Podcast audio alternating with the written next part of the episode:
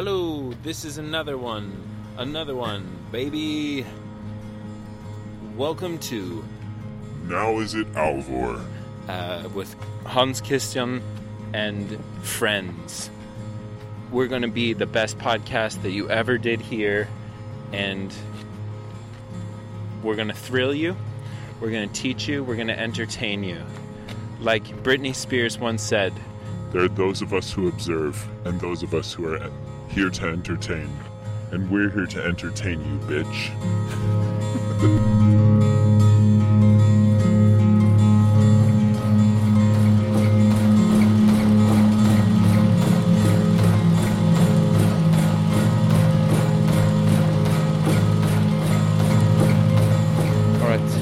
Folkens.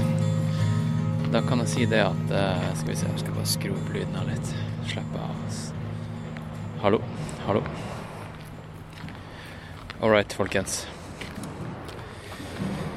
Nå, som du kanskje hører, så er jeg ute og trasker. Jeg er rett og slett på Oslos beste vestkant, Røa. Og hvordan har han Hans Christian eh, tulla seg bort til Røa egentlig? Jo, jeg tok T-banen. Og hvorfor er han her? Jo, det skal jeg si deg. Det er fordi at jeg er på vei til eh, å få litt behandling på min akilles. Fordi jeg har nemlig fått en klassisk løperoveranstrengelsesskade eh, på min akillesscene. Og det kommer rett og slett av at jeg har eh, trent for mye på monotont eh, underlag, også kjent som Bislett, i kjelleren på Bislett, som eh, rett og slett består av Ja, det er jo basically betong, da. Og um, i, eh, i forkant av det her Bislett 50-racet, som jeg er litt sånn på nøleren om jeg skal delta på eller ikke, så eh, har jeg jo da sprunget masse der nede, og jeg har sprunget noe i det siste med, med racingsko for å bli eh, vant med dem. Jeg har testa ut noen sånne her Nike Nike-sko. Em, og så har jeg i tillegg da eh, justert treninga sånn at jeg har sprunget med mye mer fart. Gjort noen drag, ikke sant. Og da er liksom hele den Hele den komboen der, det er oppskrifta på disaster. Og så begynte jeg å kjenne det etter en eh, økt forrige helg. eh, At det begynte å murre litt bak i eh, nede med hælen på innersida. eh, Med akilles. Og så mm, Ja, nå får du bare ignorere det her eh, Artig at det plutselig liksom skulle være masse traktorer rundt meg her på Rå. Jeg tenkte jeg var safe med å recorde. At det skulle være stille her på vestkanten, men det var det ikke. Um, ja, så det er jo egentlig oppskrifta på disaster å drive og springe på betong, noe som jeg egentlig aldri gjør før. Jeg begynner å løpe fort, sånn skikkelig fort. Det gjør jeg heller aldri. Og um, springe med veldig harde, minimalistiske racingsko. Så hele den komboen der det har gjort at jeg har fått litt issues med akilles. Og det skal, jeg nå, det skal jeg nå få litt behandling for. Og nå er det midt i arbeidstida, så jeg har tatt meg fri for å få, få behandling. Og mm, jeg, var, jeg har en kollega som eh, liker å gjøre noen sånne her eh, dypdykk i det alternativet. Litt som hun, eh, Camilla Elise, hvis du har hørt noen episoder med henne. Så, så drev jeg og fortalte hun i, i lunsjpausen i går om at jeg var litt på nåler når jeg skulle springe 50 km på Bislett på lørdag, fordi at jeg begynte å kjenne det i, hemst, nei, i, eh, i akilles.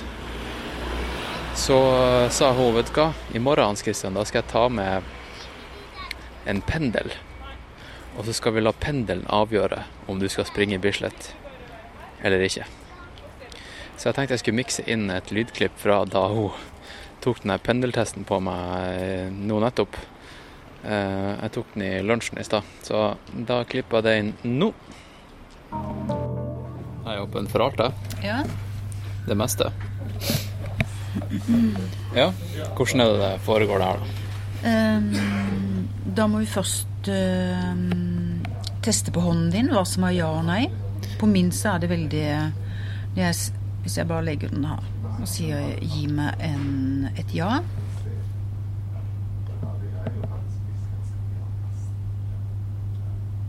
Ja, det er ganske tydelig at den går med, med klokka, ja. sant? Eh, og det, det er det ja jeg pleier å få. Og så må jeg bare få gi meg et nei. Det må vi teste på deg, da. Ja. Slik at den har den samme For det er et nei på meg. Sånn at den pendler går den veien, da. ja. Og noen ganger så blir den, har den så stor eh, Ja, den, sånn som det her, at den blir veldig aktiv, da. Ja, den ble veldig Den, den gikk ikke mot høyre eller mot venstre. Nei, den er veldig bestemt, så Ja. må vi bare teste på deg først. Og over puls, eh, Jeg kan ta pulsen klokka. din. Ja. Om det er høyre eller venstre, tok jeg spiller noen rolle. For meg blir det venstre fordi jeg holder med høyre. Så Ja. det tror jeg er, kanskje er tilfeldig. Jeg vet ikke, for å være helt ærlig, på akkurat det. Så um, hvis jeg er sånn her. Så kan du kanskje holde bare mikrofonen Så. Ja, men jeg kan holde ikke- den nå, jeg. På deg. Jeg kan holde den på deg. Så det Ja, spiller ingen rolle, bare okay. du tar hånda di opp. Ehm, skal vi se Skal vi ta et ja først? Gi meg et ja. Ah, ja Veldig tydelig. veldig tydelig. Håper ikke sjefen vår kommer nå. Rundt og rundt og rundt. Ja. Ja. Kan teste med et nei òg, da. Gi meg et nei.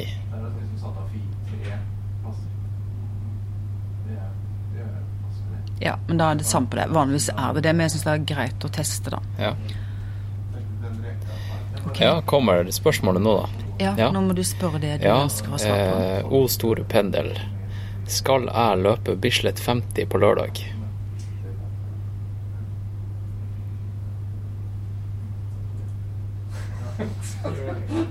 Oi, oi, oi, oi, oi. Her er det Her er det ingen tvil. Nei, det Jeg er skal ikke det. ikke stille til start. Eh, som vi snakket om i lunsjen i går, så tror jeg det handler om at det er kroppen selv som gir beskjed. Det er, det er ikke mer mystisk enn det. Nei, For det var du egentlig i tvil på, så lenge ikke det betydde så sinnssykt mye. nei, det er sant, det. Ja, men da resten av sesongen. Nå har du fått svar, Ja, så er det du svar. som tar valget. sånn det blir. Ja, og eh, da var det jo egentlig ganske tydelig. Den pendelen der, den ville jo absolutt ikke at jeg skulle springe i Bislett. Måten en pendel funker på, det er at du har en, eh, en, eh, en pendel av en eller annen, det kan være en krystall eller, eller noe sånt. Eh, I dette tilfellet så var det i form av et hjerte som hang på en kjetting, der hver, eneste kjetting, eller sånn sirkel, besto av eller de symboliserte hvert chakrapunkt i kroppen. Jeg skal ikke gå inn på hva chakra er, men uh, greia er da at du skal stille deg sjøl et spørsmål, og så skal du holde den pendelen her over pulsåra di på uh, underarmen. Og så, når du holder den pendelen her, da, så skal den automatisk gå en vei, altså en, i en sirkel. Og basert på om det er negativ eller positiv, så skal den pendelen gi deg et svar. Da. Så i mitt tilfelle så var ja at den eh, gikk mot klokka, og nei at den gikk med klokka. Så Ja, eller motsatt, jeg husker ikke helt. Men eh, den ga i hvert fall en ganske tydelig indikator på at jeg skal ikke løpe på, på lørdag. Eh, og nå er jeg hos eh, naprapaten min, Terje. Og vi skal ta og, eh, og finne ut eh, om det her er alvorlig eller ikke. Så eh, ja, da skal jeg ta og kjøpe meg en kaffe på Baker Hansen, for det er litt tidlig ute. Skal vi se. Eh, Ja, et kvarter tidlig ute. Skal kjøpe meg en kaffe, og så tar vi og recorder litt fra benken etterpå, tenker jeg. All right, snakes.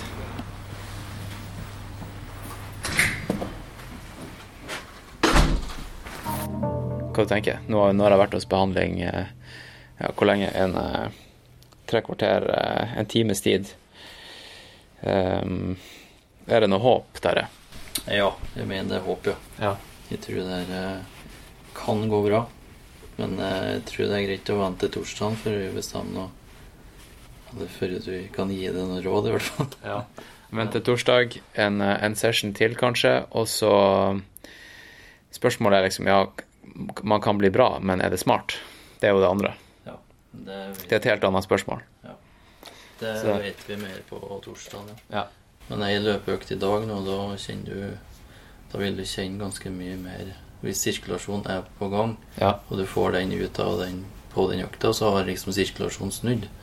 Og da dealer kroppen mye mer med sånne ting sjøl, da. Ja, ikke sant. Så det, Altså, det blir spennende. Så skal jeg ta, kanskje jeg skal ta mikrofonen med på, på mølla, få litt sånne lyder fra, fra tredemølla. Ja. Det skal jeg gjøre. Ja. Det skal jeg gjøre. Ok, eh, Og så får jo du lytter, du får god sjanse til å bli kjent med han Terje eh, i samme episode. Fordi du skal jo hjem til meg i morgen. Så skal vi snakke om eh, saker og ting da. Så det blir en, eh, en episode med veldig mye forskjellig kult innhold, rett og slett. Skal vi si det sånn? Ja. det blir perfekt. Ja. Du er sikkert ikke så langt unna, men eh, Nei.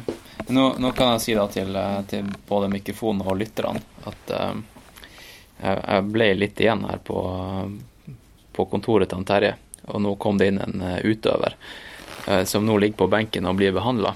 Kan, du- kan du si navnet ditt? jeg heter Silje Øyreslin.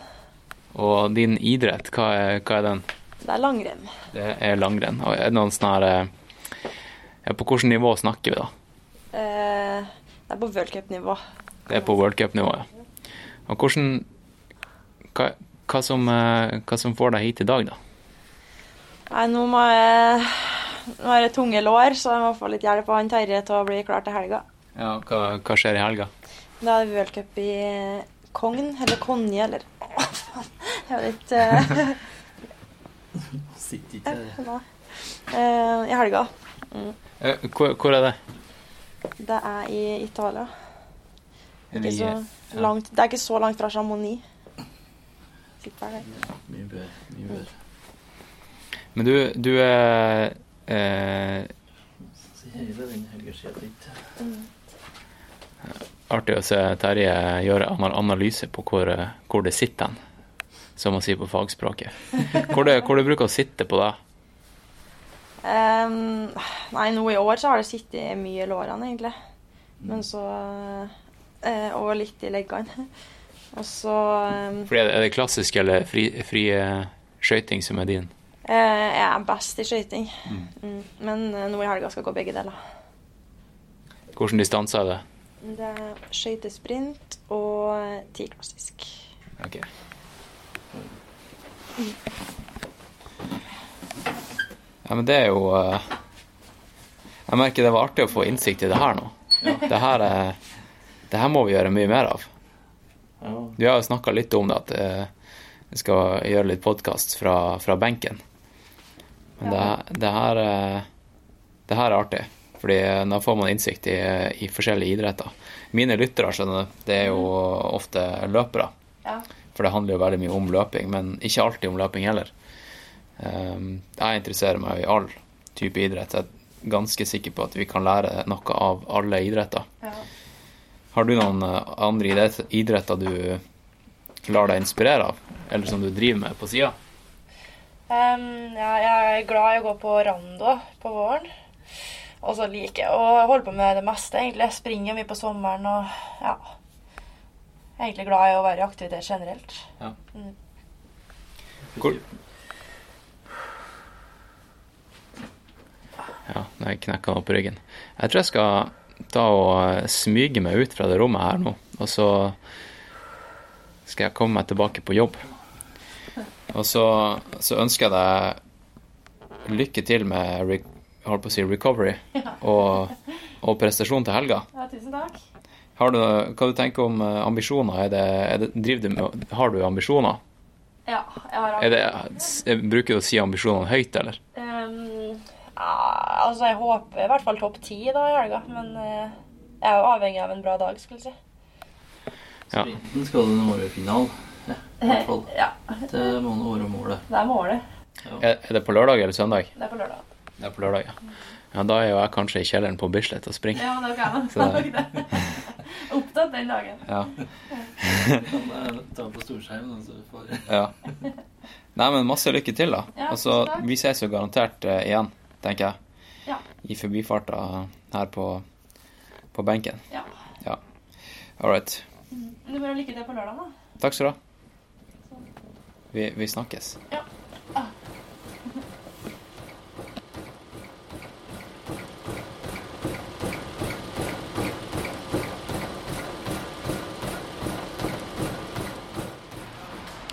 All right, folkens.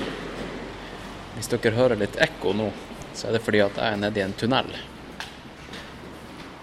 En uh, tunnel som går under Trondheimsveien. Trondheimsveien, den her uh, lange veien som går helt fra Oslo til Trondheim. Rett og slett. Um, nå har jeg vært uh, Nå har jo du hørt litt av hvert hittil i podkasten. Du har hørt at jeg eh, brukte den her eh, At hun Heidi brukte den pendelen på meg for å bestemme om jeg skulle eh, løpe Bislett 50. Du har hørt at jeg har vært hos han Terje og fått behandling. Em, og så eh, kan jeg fortelle deg nå at jeg har vært eh, i, eh, på treningssenteret i kjelleren på jobb. Og, og uh, brukt tredemølla der og testa ut eh, Testa ut foten litt. Bare for å få en litt sånn dobbeltsjekk på om jeg skal Om jeg i det hele tatt skal faktisk vurdere, vurdere å springe det racet her.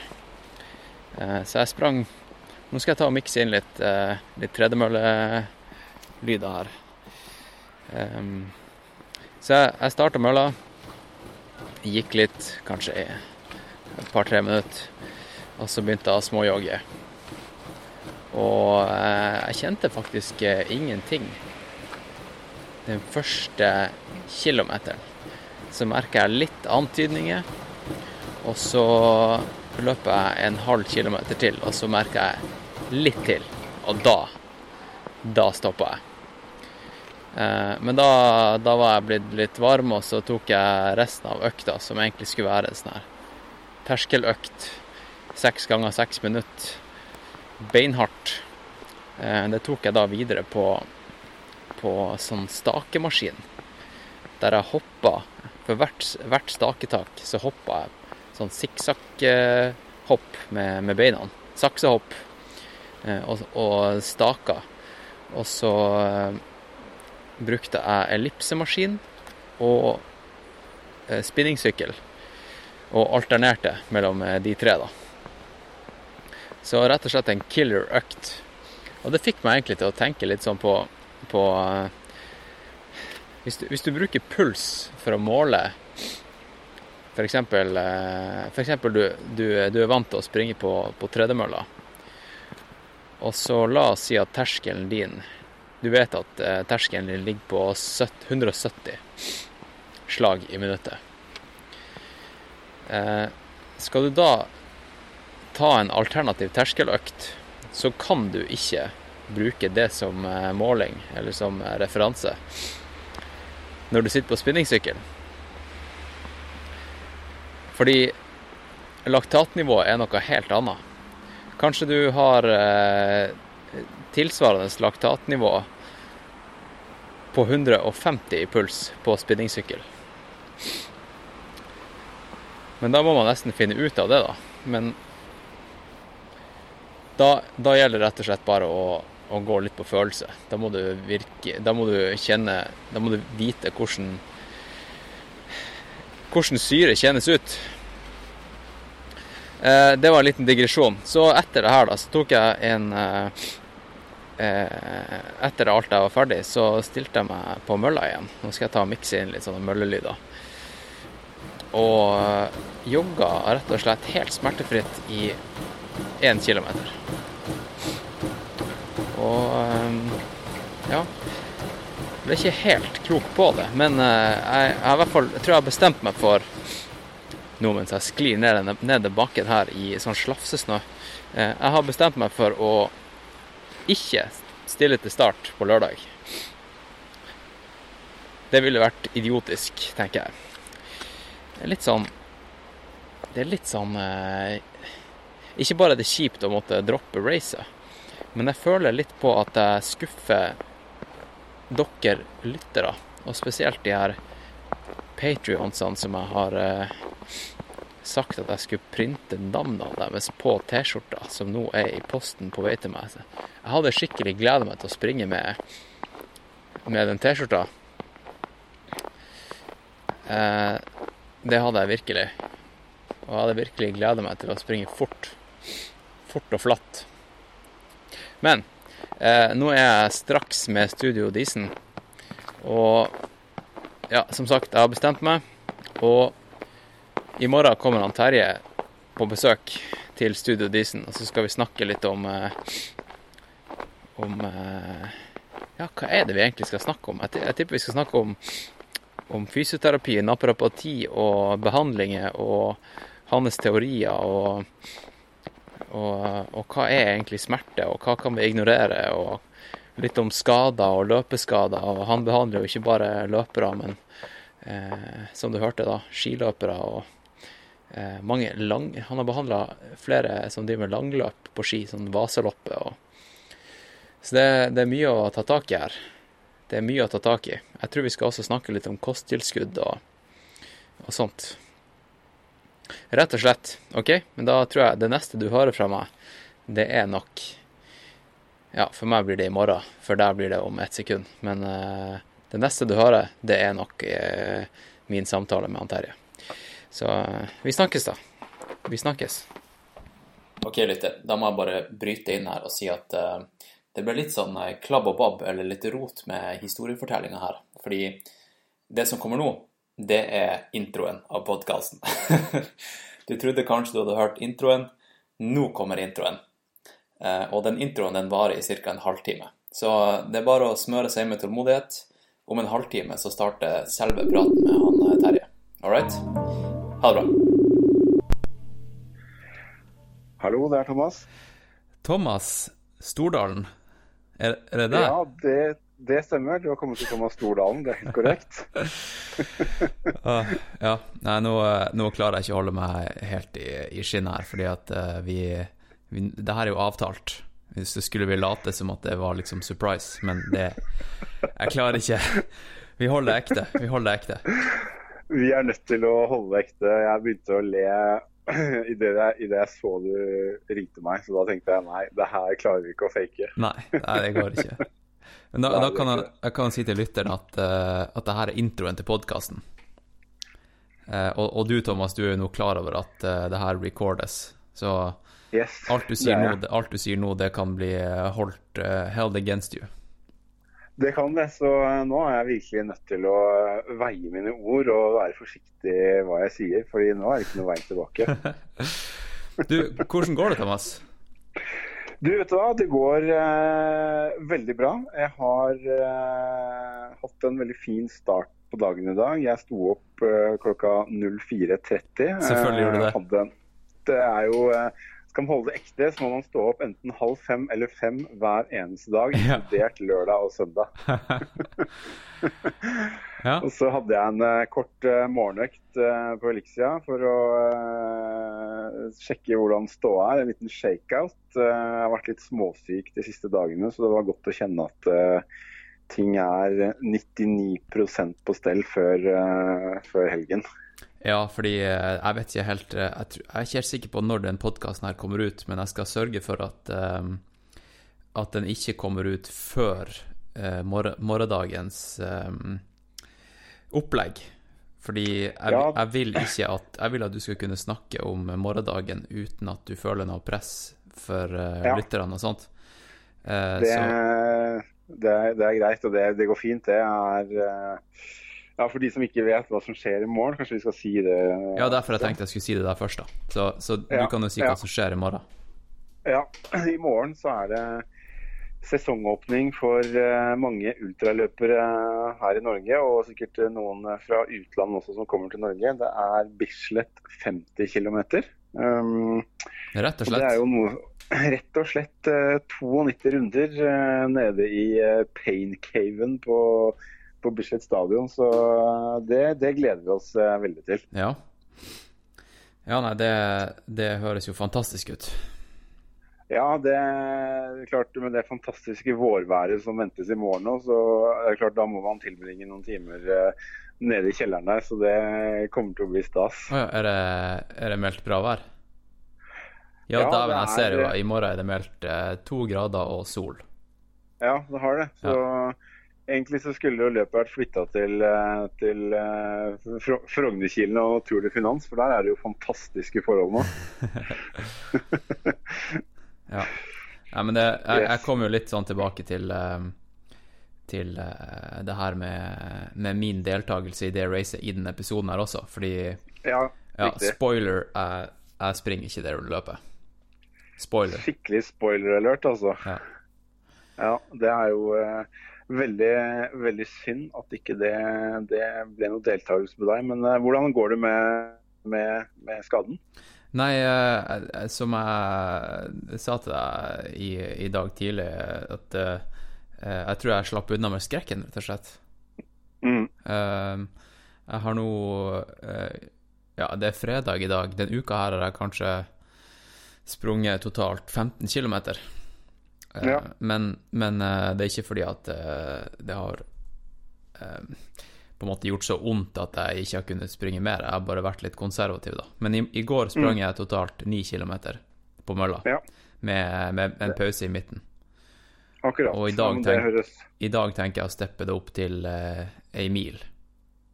ja, men så bra. Mm. Da virker det som du er, eh, er på gang igjen og slipper unna noe sånn veldig langt opphold. Det er jo eh, Ja, det er godt å høre.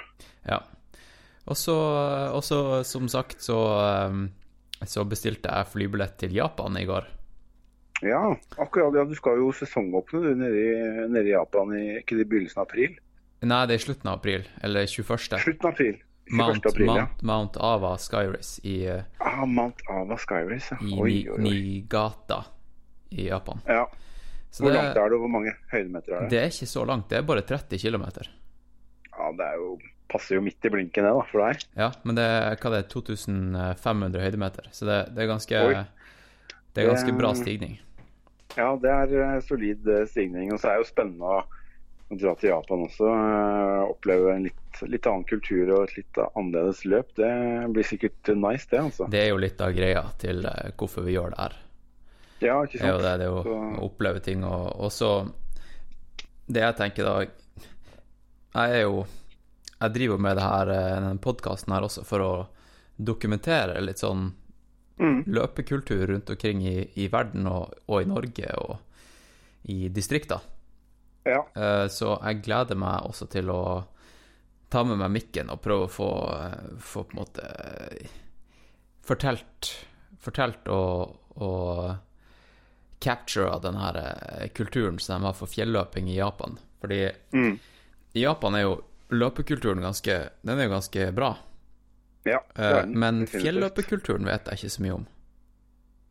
Nei, altså jeg har, Det er stadig vekk noen asiatere som, eh, som eh, er med litt der oppe. Men jeg tror ikke det er så veldig mange japanere. Men de, er, de har en ålreit uh, gruppe maratonløpere som gjør det ganske bra. Ja, ja. Men, uh, men eh, men eh, Nå må jeg bare jeg kaste ut et kontor her. Okay. Kos dere.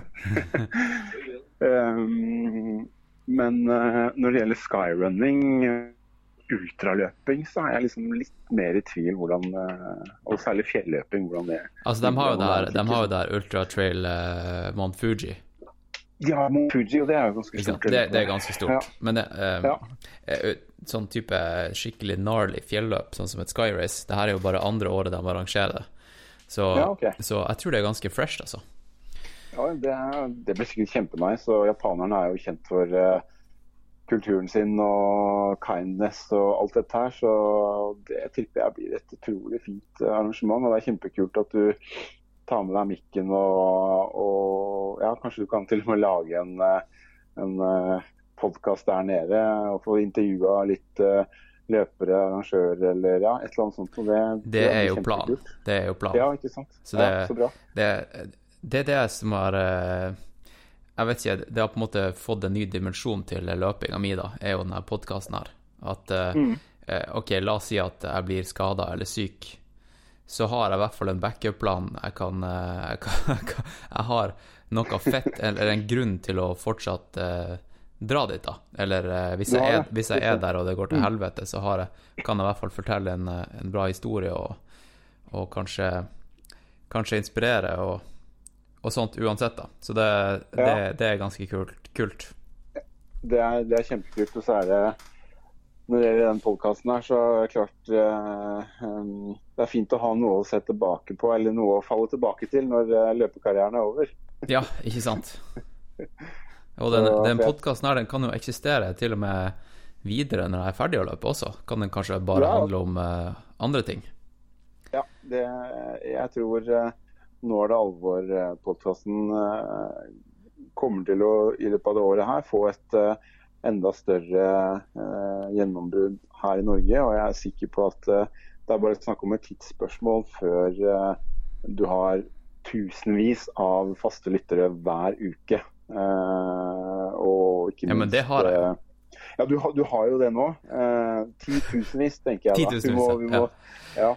Eh, fordi det skal ikke så mye til, tror jeg, eh, med det innholdet du har i dine podkaster opp mot en del andre eh, såkalte store i gåseøyne kjendispodkaster, som jeg syns er ganske dølle, mange av de. Jeg hører ikke så mye på dem, jeg har hørt på noen av de, eh, og jeg syns det er ganske sånn kjedelig og innholdsløst. Mens det du leverer og det innholdet som du har i din podkast, er veldig unikt og eksklusivt og på et helt annet nivå enn enn veldig mange andre. Da. Så, så jeg er sikker på at i løpet av det året her så, så vil du få et lite gjennombrudd i, i Norge. Det er jeg helt sikker på.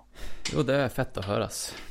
Det er Mm. fett. Jeg, jeg, jeg, det er jo ikke liksom målet å få noe gjennombrudd eller bli kjent, eller noe sånt der, men det er jo kult å kunne nå ut til mange folk. Og så eh, jo flere som hører på, jo større er sjansen for at jeg kan kanskje leve av det her, ikke sant? Ja, Fordi, det- det- og, det, er målet mitt. Mm. Og det er et eh, ja. Og det syns jeg er et veldig realistisk mål også. Eh, og du er god på vei, og jeg er helt sikker på at eh, det kommer til å vokse jevnt fremover. Så det blir utrolig kult å følge med på nå fremover. Jeg, jeg gleder meg til hver eneste episode. Jeg håper ikke sjefen min, sjefen min hører på nå. Jeg bruker det her som en litt sånn her, sånn eh, test for å se om eh, mine kollegaer hører på podkasten. Eh, fordi jeg, jeg bruker å sende ut sånne småstikk. Eh, eh, og i dag tenkte jeg å gjøre det, gjøre det også, og det er jo det at eh, Jeg håper Oi, der fikk jeg Jeg vet ikke om lytterne fikk det der, men da fikk jeg en mail. Hørte du det? Ja, jeg, jeg, jeg, jeg, hørte kanskje et Veldig høy klikk. pling i, i øret mitt. Uh, jeg skal skru av mail og på Do Not Disturb. Uh, jo, eh, planen min da, det er at uh, i løpet av 2019 så skal jeg kunne si opp jobben min. Ja. Så shout-out til sjefen. Som ikke vet om det her. Ja. Da kjører jeg en Jeg vil også ta en shout-out til sjefen til eh, Hans Christian. eh, det er synd å si det, men Hans Christian kommer nok til å, til å forlate dere i løpet av året. Eh, så bare forbered dere på det. ja. Og da, og da skal jeg si deg planen min da, Thomas. Ja, gjør det. Planen Gjør min da er at jeg skal kunne, kunne eh, podkaste, jeg skal løpe, og jeg skal coache. Det er en altså, du, du er, Jeg tror du er nærmere enn eh, enn noen gang. eh, og jeg er helt sikker på at eh, før det året her er omme, så, så har du eh, levert inn oppsigelse til eh, selskapet du jobber i nå. Og du driver 100% med podkast, coaching og ikke minst profesjonell ultraløping. Ja, og, og, og når, det, når jeg snakker om coaching, så er det ikke eh, en eh, inspirasjonscoach eller en um, livsguide. Det er snakk om løpecoaching og presta ren eh, prestasjonscoach. Ja. Ja, ja men det, det, det er kult. Jeg tror og jeg kan bare si med en gang, eh, de som har deg, de som får deg som, som løpeprestasjonscoach, de kommer til å få den aller, aller beste. Både sånn faglig sett, men ikke minst det mennesket du er, og hvordan du ser på hvert enkelt individ. Så det, det tror jeg kommer til å bli, bli veldig nice. Så hvis jeg noen gang eh, En liten shout-out til Sondre. Jeg har en melding til han også apropos det. Jeg kan jo eh, Spoiler alert her Spo, også. spo, altså Sondre, din coach? Min coach eh, Sondre Amdal er jo en fantastisk fyr og coach som, som jeg har hatt nå som coach siden desember 2014. eh, Men her for en liten stund siden så trengte jeg en liten sånn break fra opplegget. eh, Og det har fungert veldig bra. Jeg syns det har gått eh, kjempefint. Det er egentlig veldig behagelig å kunne styre ting selv, fordi jeg kan ganske mye om trening og løping. sånn at det å coache seg selv det er ikke noe problem. så Ja. I- jeg er nok litt i en sånn eh, fase nå hvor jeg vurderer om jeg skal eh, gå solo eh, etter, eller fra, fra april av. Vi, vi ble enige om å ta en pause fram til 1. april, og så skulle vi kjøre på igjen da fram til Eiger Ultratrail uh, til sommeren. Men jeg, må nok, jeg må nok i tenkeboksen et par uker til på, på akkurat det. fordi Ja. både livssituasjonen min er litt annerledes nå enn hva den var for noen år siden. og og jobben og alt dette her. Og jeg føler vel mer og mer at uh, det er ganske digg å kunne styre ting selv da, på egen hånd.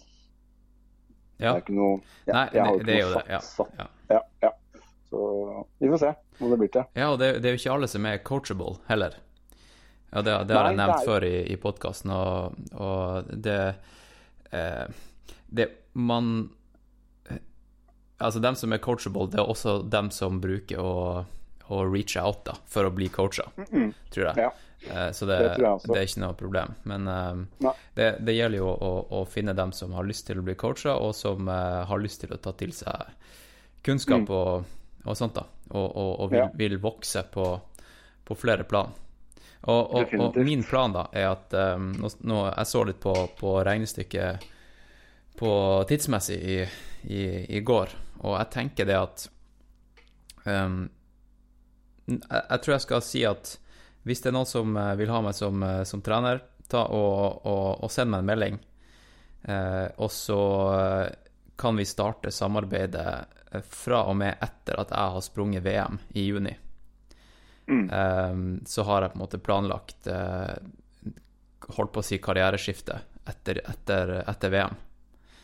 Ja. Så det er 10. juni, da kan vi kickstarte. Og da vil jeg ha Ikke vil ha, men da, da, kan vi, da kan vi starte. Men vi kan bli kjent før den tid, men eh, da kan vi på ordentlig starte, da. Ja. Og det er en Ja. god, høres ut som en veldig fornuftig plan også, for da får du på en måte eh, ja, god tid nå frem til eh, VM til å virkelig forberede deg og bruke mye av din eh, energi på det. Og så blir det fullt karriereskifte da, hvor du kan fokusere enda mer på, på coaching og, og det andre da eh, fra, fra 10. juni, 11. juni. ja. Eh, ja. Og når det er sagt, da, når vi er inne på det på sånn der type snakk, så er jo Du vet jo hva introen bruker å inneholde, Thomas? Hva er, det, hva er det man eh, bruker å snakke om i introen? I introen så snakker man om ganske mye rart, egentlig. Ja, men jeg, jeg bruker jo å gi, gi litt shoutouts.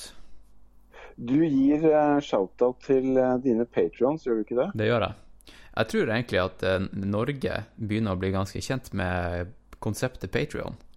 Det er flere og flere som snakker om det. Jeg var ganske tidlig ute med det. Ja. Og i starten av da jeg begynte med Patrion, så var, var folk veldig nysgjerrig på, på hva det egentlig var. Og det er ikke alltid at, det er ikke alle episoder at jeg har faktisk forklart hva Patrion er. Jeg har bare gitt en shout-out til mine støttespillere.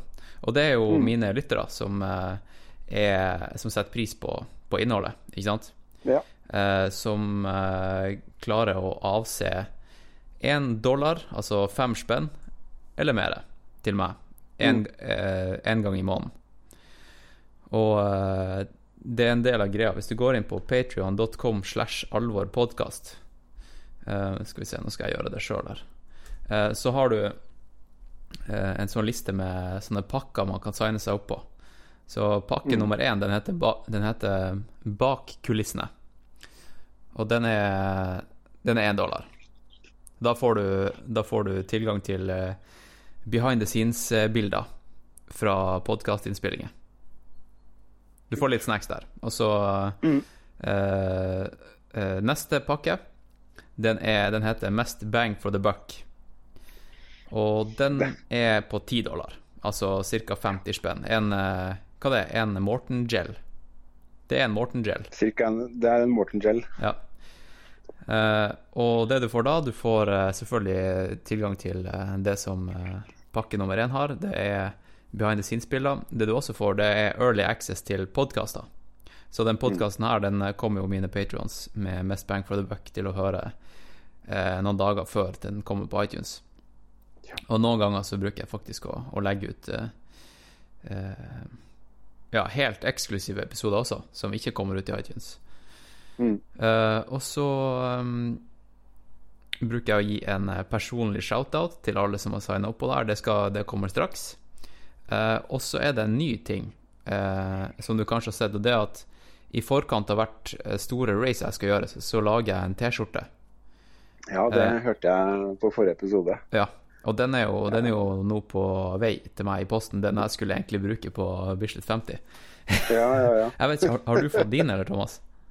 Du, jeg eh, I og med at jeg ikke Det var så lang leveringstid på den normale Og da fikk jeg den ikke før Bislett. Så, eh, og så var jeg litt eh, low on cash rett før payday, som da har kommet denne uka her. Så jeg kommer til å gjøre en, en bestilling eh, til uka, og da skal jeg bestille meg flere eh, Jeg tror jeg skal bestille meg to Nå er det alvor T-skjorter. eh, og så skal jeg bestille meg to capser. Og da Eh, Ja, ikke, ikke ta helt av. jeg må ha, to, T-skjorter, eh, sånn at jeg kan bruke, bruke på race. Eh, Så planen da er å eh, kjøre Nå er det alvor-T-skjorte på mitt neste race etter. Bislett 50. Så det blir nice. Det, jeg, det jeg kunne tenkt meg òg. Jeg kunne tenkt meg en sånn hoodie også. Så det må du få ordna etter hvert. OK, jeg kan ordne hoodie. Eh, men eh, Sånn da jeg kan, ja. eh, eh, Dem som eh, er på den mest bang for the buck-pakka, de får også navnet sitt eh, på eh, min race-T-skjorte som jeg skal springe med gjennom fjellet. Det er, Så det er så nice. hvis du går inn der nå Nå er det, nå er det jo februar 2019. Eh, hvis du hører det her i mars 2023, så er det kanskje er jo helt irrelevant. Men for da er det Har det ingenting med saken å gjøre. Men, Da eh, har det men ingenting med saken å gjøre, men eh, ja, da får du i hvert fall uh, mulighet til å få ditt navn på uh, ryggen min når jeg springer i Japan. ja. Det er fett. Og så har du neste, uh, neste pakke, da. Og den, den er veldig ny, og den har jeg faktisk, jeg har faktisk ikke snakka om den i podkasten før. Og Ah, den okay. heter Mukbang. Oi. Har du hørt om den? Ja, det er den der full eh, Der er du Det er coaching og sånt. eh, Nei, nei, nei. nei, nei. Mukbang. Nei, nei, altså, det mukbang det, Jeg lagde jo en podkastepisode som handla om konseptet mukbang. Og det er okay. jo virtuell spising. Altså at man, Virtuell spising. Ja, altså at man, man deler et måltid eh, over eh, Skype. Ja, OK. Så, så det, det du får da, er, er at eh, jeg samler mine patrions som har signet seg opp på det her, én gang i måneden, og så spiser vi eh, middag. Cirka klokka åtte på, på en avtalt eh, dag. Og så okay. rett og slett så, så, så møtes vi på, på Google Hangouts eller noe sånt, og så, så Ja. bare spiser vi og prater om uh, tema i podkasten og ultraløping og egentlig alt man måtte lure på. Så Det er jo bare helt konge. og selvfølgelig så får du da alt det de andre pakkene også får. Ja, jeg skjønner. Så Du, det, det, det, der, det er en spennende pakke. Den, eh, den eh, må folk sjekke ut, altså. jeg tror det jeg, jeg, jeg har så lyst til at det skal bli stort, for jeg har så lyst til å Jeg har så lyst til å dele Bryte brød med mine lyttere, hvis du skjønner. Ja, det, ja, det, skjønner jeg. Det, Ja. det, gjør jo på, det gjør jo til at uh, podkasten blir mer eh, altså Den er jo i dag 100% ekte og autentisk. Men det er klart, med, med sånne muligheter, så, så, så vil det bare gi, sånn, gi, ting en ekstra dimensjon. Da. Så det er kult å tenke litt annerledes, litt utafor boksen, eh, litt kreativt. eh, på, på veien mot eh, toppen, så det, det, det er veldig Det støtter jeg 100% Ja, fett. Og jeg, jeg hadde én sånn session i, for ja, nest, ja, tre uker siden.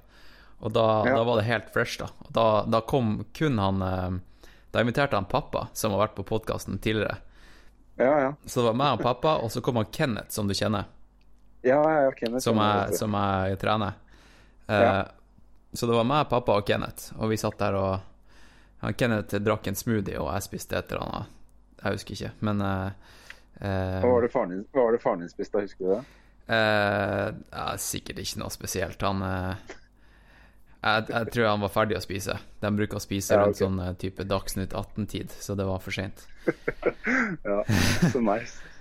Eh, men, Ja, men det, det, det der er kult. Jeg skal med på en sånn hangaround en gang. altså Det må jeg, det må jeg med på. Ja, ja men det, ja, det, det ordner vi. Og så Ja. um, Ja, selvfølgelig gjester i podkasten. De får jo alt, alt er jo eksklusivt for dem. De får jo De får, eh, skal få masse. Er du gjest i podkasten, da Da får du alltid noe greier. Da er du, det, det er eh, Folkens, er dere gjest i podkasten til Hans Christian, det, da er det VIP lang vei, for å si det sånn. Det er eh, mer eksklusivt enn det kan det ikke bli. Men du, la meg gi en shout-out til alle mine, mine patrions, da, som, som Du, kjør på. Ja. Det, er- det er viktig. Det er viktig. Det er det, altså. Og, og eh, igjen, tusen takk, folkens. Det em, Ikke bare er det hjelper det på finansielt, men det gir meg også et um, uh, Det er på en måte Se for deg den, den lille rusen, rusen du får når du, når du får en like på Facebook eller Instagram. Den lille idiotiske dopaminrusen. Ja. uh, når jeg får beskjed om at det har kommet en ny Patrion, så, så tenker ikke jeg Yes, nå kommer det masse spenn inn i kassa. Jeg tenker her er det noen som virkelig digger podkasten. Eh, og, og det gir meg ekstremt mye og, og motivasjon for å fortsette. Så det, det er dødsfett. Så uh, tusen takk til eh, Anita, Arthur, eh, Atle Skal vi se, nå har jeg Nei, skal vi se. Anita, Arthur, Asker, Atle, Bernt, Bjørn Otto, Bård, Bård, Chris André, Kristel, Fred, Fredrik, Gorm, Iselin, Janne, Joakim, Johannes, John, Jørgen, Kenneth, Lars, Mats, Marie, Markus, Mathieu, Ola, Ole Anders, Pål, Rasmus, Reidun, Remi, Remi, Robert, Ruben, Rudi, Sigrid, Silje, Ståle, Svein, Tarjei, Terje, Thomas, Thomas, Tor Erik, Torbjørn, Tyler, Vegard, Vegard. Ja, det var det. Det er fantastisk. Ja. Der er en fin bukett med mye bra folk altså, som, eh, som støtter, deg. Så det er utrolig morsomt og veldig fint at du gir en shout-out til de. eh, Og ja, det, det, det, er, setter de veldig, veldig pris på. Er garantert. Du, jeg, jeg, jeg, jeg, tok, jeg tok hele den lista der, og så eh, la jeg det inn i en sånn her eh, R2D2 translator. Ja, akkurat. Eh, jeg skal se om jeg kan Jeg skal klippe det inn, eh, skal vi se.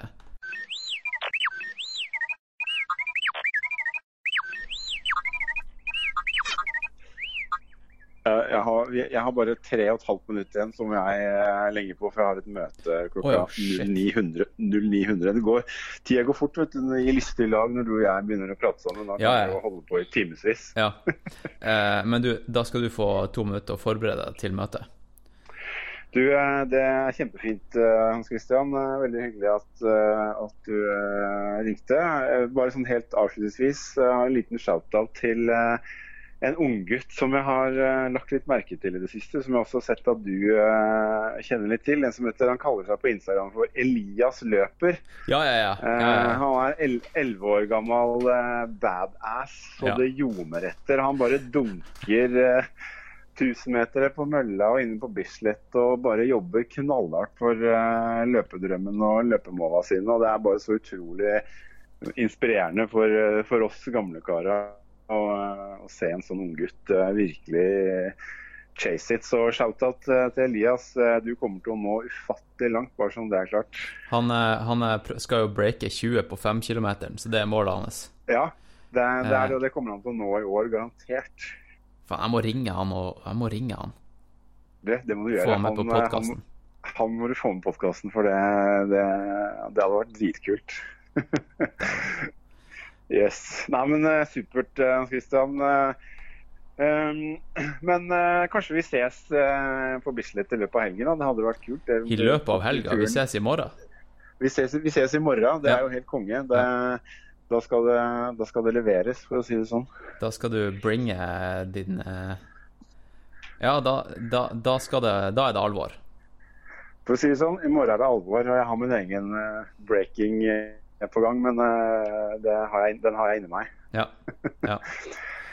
Tvi, Yes. tvi, Nei, tvi, men, tvi. eh, Tvi, tvi, Hans Christian. Ha en eh, nydelig dag, og så snakkes vi veldig snart igjen. Ja, da skal jeg fortsette mm. introen litt, for jeg har litt uh, ting jeg må si også, som Ja. ikke kom med her. Men du må i møte, og da må jeg bare ta det solo. Så da fortsetter jeg. Ja. Yes, greit. Vi snakkes, da. Vi snakkes. Fint, ja. Ha det bra. Over og ut. Ha det. Ha det. Ha det.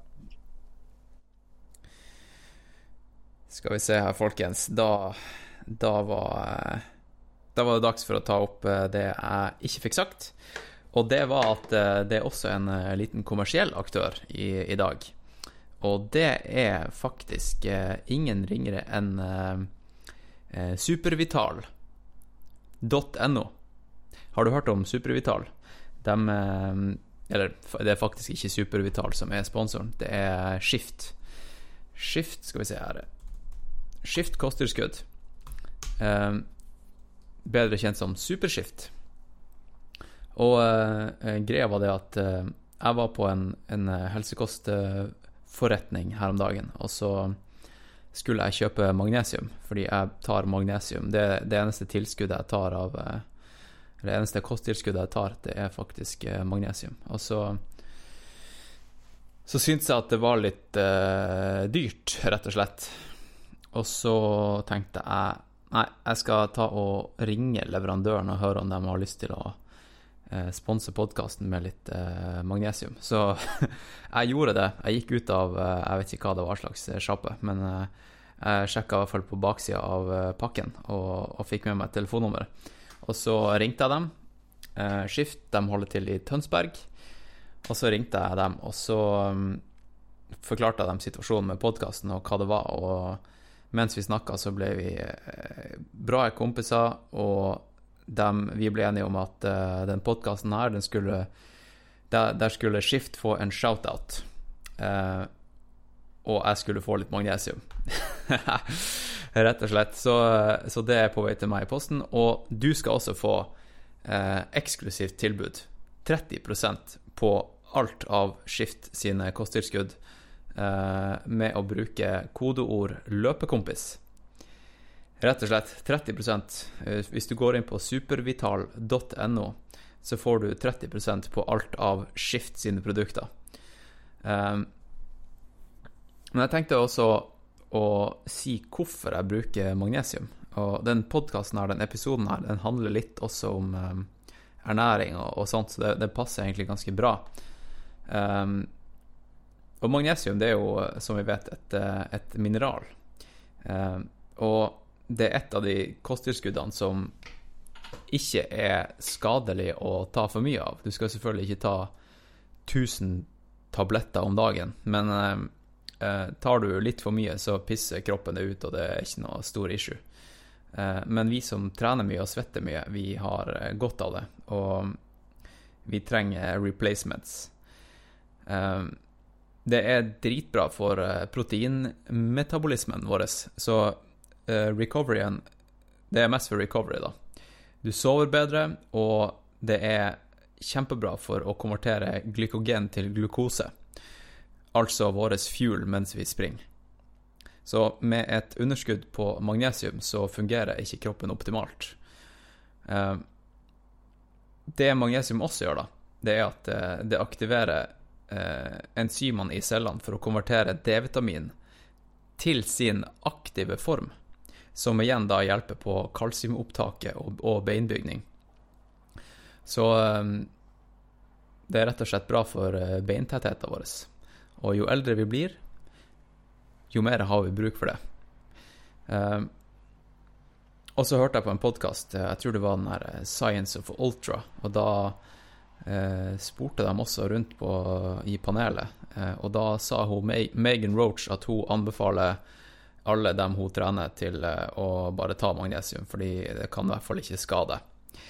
Eh, og mye tilsier at det er veldig bra for oss. Så, så jeg anbefaler ta og sjekke ut eh, Skift sin supermagnesium. Det er også tilsatt eh, vitamin B6 for å gi et økt opptak av, eh, av magnesiumen. Så sjekk dem ut, supervital.no. Um, det de også ville at jeg skulle si Eller det her, de har ikke bedt meg om å si en dritt foreløpig, men uh, nøkkelordene til skift, det er topp ingredienser, naturlige råvarer, høy effekt og opptak. ok, da Da, folkens, da skal vi starte dagens episode, tenker jeg. Nå har du venta lenge nok. Hvor lenge har introen vart nå? Den har vart i 34 minutter. Ok. Eh, da setter vi i gang.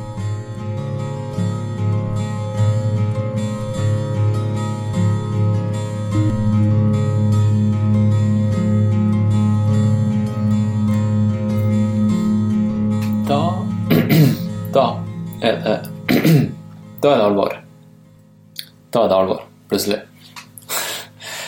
Da er det kjempealvorlig. Kjempealvorlig. Og sist, eh, sist gang jeg hadde noen som satt akkurat på den plassen foran meg her, det var ei og en halv uke siden. Og da var det en som het Amir, som satt der.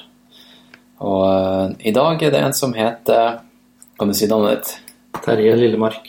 Terje Lillemark. Og du har jo faktisk hørt podkasten med Amir. Nesten hele. Nest, nesten hele. ja. Det er ikke så mange enda som har fått tid til å høre hele. Nei, det skjønner jeg. Eh, jeg, fikk jo, jeg sa det til deg før, før recording at jeg fikk nettopp melding fra Monica. Eh, En lytter av podkasten. Hun eh, har nettopp blitt ferdig med, med å høre hele, hele driten. Og det tok hun to gåturer, én løpetur og en del husvask. Så det er også en måte å konsumere, konsumere podkasten på. Ehm, ja, Terje, jeg, ble, jeg har blitt kjent med, med deg med ja, på en måte Hvordan skal jeg si det? Jeg, jeg springer jo i denne løpegruppa Skyblazers. Og så eh, Ting sprer seg jo veldig fort, da. Ikke sant? Så enten det er løpesko eller eh, en eller annen type gel-ernæring eller eh, staver man bruker i race, så spredde navnet ditt seg ganske fort også. Eh, det var et par som hadde vært hos deg til behandling, for du er jo en naprapat. Ja. Eh, er, det, det som er på en måte det du sier når du introduserer deg på middagsselskap? Sier du naprapat, eller sier du manuellterapeut, eller Nei, det, det er naprapat som er tittelen, ja. Ja, Så den er en- den er en beskytta tittel i Sverige. ja ok. Så, men ikke i Norge. Ja, så da sier du det på middagsselskap i Sverige? På surstrømningsselskap? Det er litt enklere i Sverige, for dere vet alle jo hvem naprapat er for noen ting. ja. I Norge så vet du at du får oppfølgingsspørsmål hvis du ser hva du er for noe. Ja, I hvert fall for ti år siden, da var det ingen som da var det ingen som visste hva det var for noen ting. ja ok. men, Men det er litt, litt bedre nå, men eh, det er fremdeles mye folk som ikke vet hva det er for noe. Vi, vi skal komme inn på, på hva, hva det er. Eh, og så, men jeg tenkte bare å si Jo, det var et par kompiser som hadde vært hos deg. Og så sleit jeg med, med et par ting, og så eh, Det var i Det var vel i høst, i forkant og etterkant av eh, Limone Skyrace. Med litt sånn eh, runners knee og ja, litt, litt forskjellige saker, da. Foten og Det har nå egentlig vært ganske mye med meg det siste året. Det er rart med det. Og, og nå i det siste også så har jeg slitt med eh, med med, med, med anker, eller akillessena. Eh, ja, en betent akillessene. Det kommer jo Det er sånn som skjer når man eh, fra å aldri springe flatt på flata og på hardt underlag, til å plutselig begynne, begynne å gjøre kun det i en måned i strekk Og bare mot venstre. bare mot venstre, rundt og rundt inne i kjelleren på Bislett. Eh, Så da lyt, lytterne mine, de Kanskje den podkasten her kommer ut etter lørdagens Bislett 50. Eh, Og da vet de da at eh, jeg, stiller, jeg stilte ikke til start, rett og slett. Det, det ble ikke noe. For det er ikke vits å ødelegge sesongen med å springe 50 km på betong. Det, det gidder jeg ikke. Men nok om, eh, nok om meg. Hvem er han Terje? Skal du ha en lang versjon, eller? Vi har, vi har Skal vi toppe forrige episode, så, så har vi seks timer. Og nå skal jeg, før det skal jeg åpne dagens, eh, ja, dagens drikk. Og det er Carlston Colston Press Elderflower Lemonade. Ja, rett og slett. Hylleblomst er jo veldig in. Så, så det er hylleblomstlimonade. Da blir vi med på den. Ja. Skål. Skål. Det var imponerende. Jeg syns dere som driver med ultraløp, etter det jeg har begynt å se, så er dere veldig sånn detaljorientert. da. Så det syns jeg er veldig Nøysommelig. Ja. Ja, men jeg syns det er både på utstyr og andre ting, og, og mat, ikke minst. Så det syns jeg Der skal dere ha kledd, altså. ja, takk. Det, Ja. ikke over snittet interessert, i hvert fall. ja, det vil jeg tro. Det vil jeg tro. Men det gjenspeiler i hvert fall en del av dem som jeg har jobba med før. I hvert fall som dem som jeg har inntrykk av blir best, er dem som er mest, eh, mest opptatt av detaljer og liksom få ut det som går an å få ut av hver forskjellige ting. da. Ja, for du har jo da erfaring med å jobbe med folk som har vært best og er best, og mange i mange forskjellige idrettsgrener. Ja, faktisk så har jeg begynt å høre til noen Ja. del forskjellige, forskjellige, forskjellige idretter. Ja. Ja.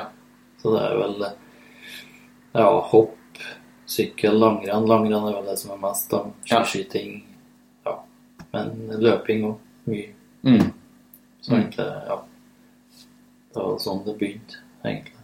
Ja, men hvordan begynte hele greia da? Hvem, eh, jeg spurte, hvem er han Terje? Så få, få den lange versjonen. Ja. Men uh, the juicy stuff. Ja. Ikke sånn her uh, uh, Ikke sånn Amir eh, Amir-intro. Men Nei. eh, en, en medium av Amir. ja. Ja. Ja, Men han eh, gjør oss en refleksjon etterpå, når han først skal fortelle noe sånt, så ser han liksom hvorfor han, hvorfor han er blitt som han er blitt. Han Amir? Nei, i. Ja, du, ja. Ja, ja, ja ikke sant? Når han ser på i ettertid, så jeg tror det er viktig for folk å kunne gjøre den refleksjonen. Ja. Bare fortelle noen hva, hva han kommer fra, og hva han har gjort. Ja, og det her er jo også ikke bare for lytterne sin skyld, men de kjenner jo ikke hverandre egentlig sånn skikkelig godt personlig. Nei.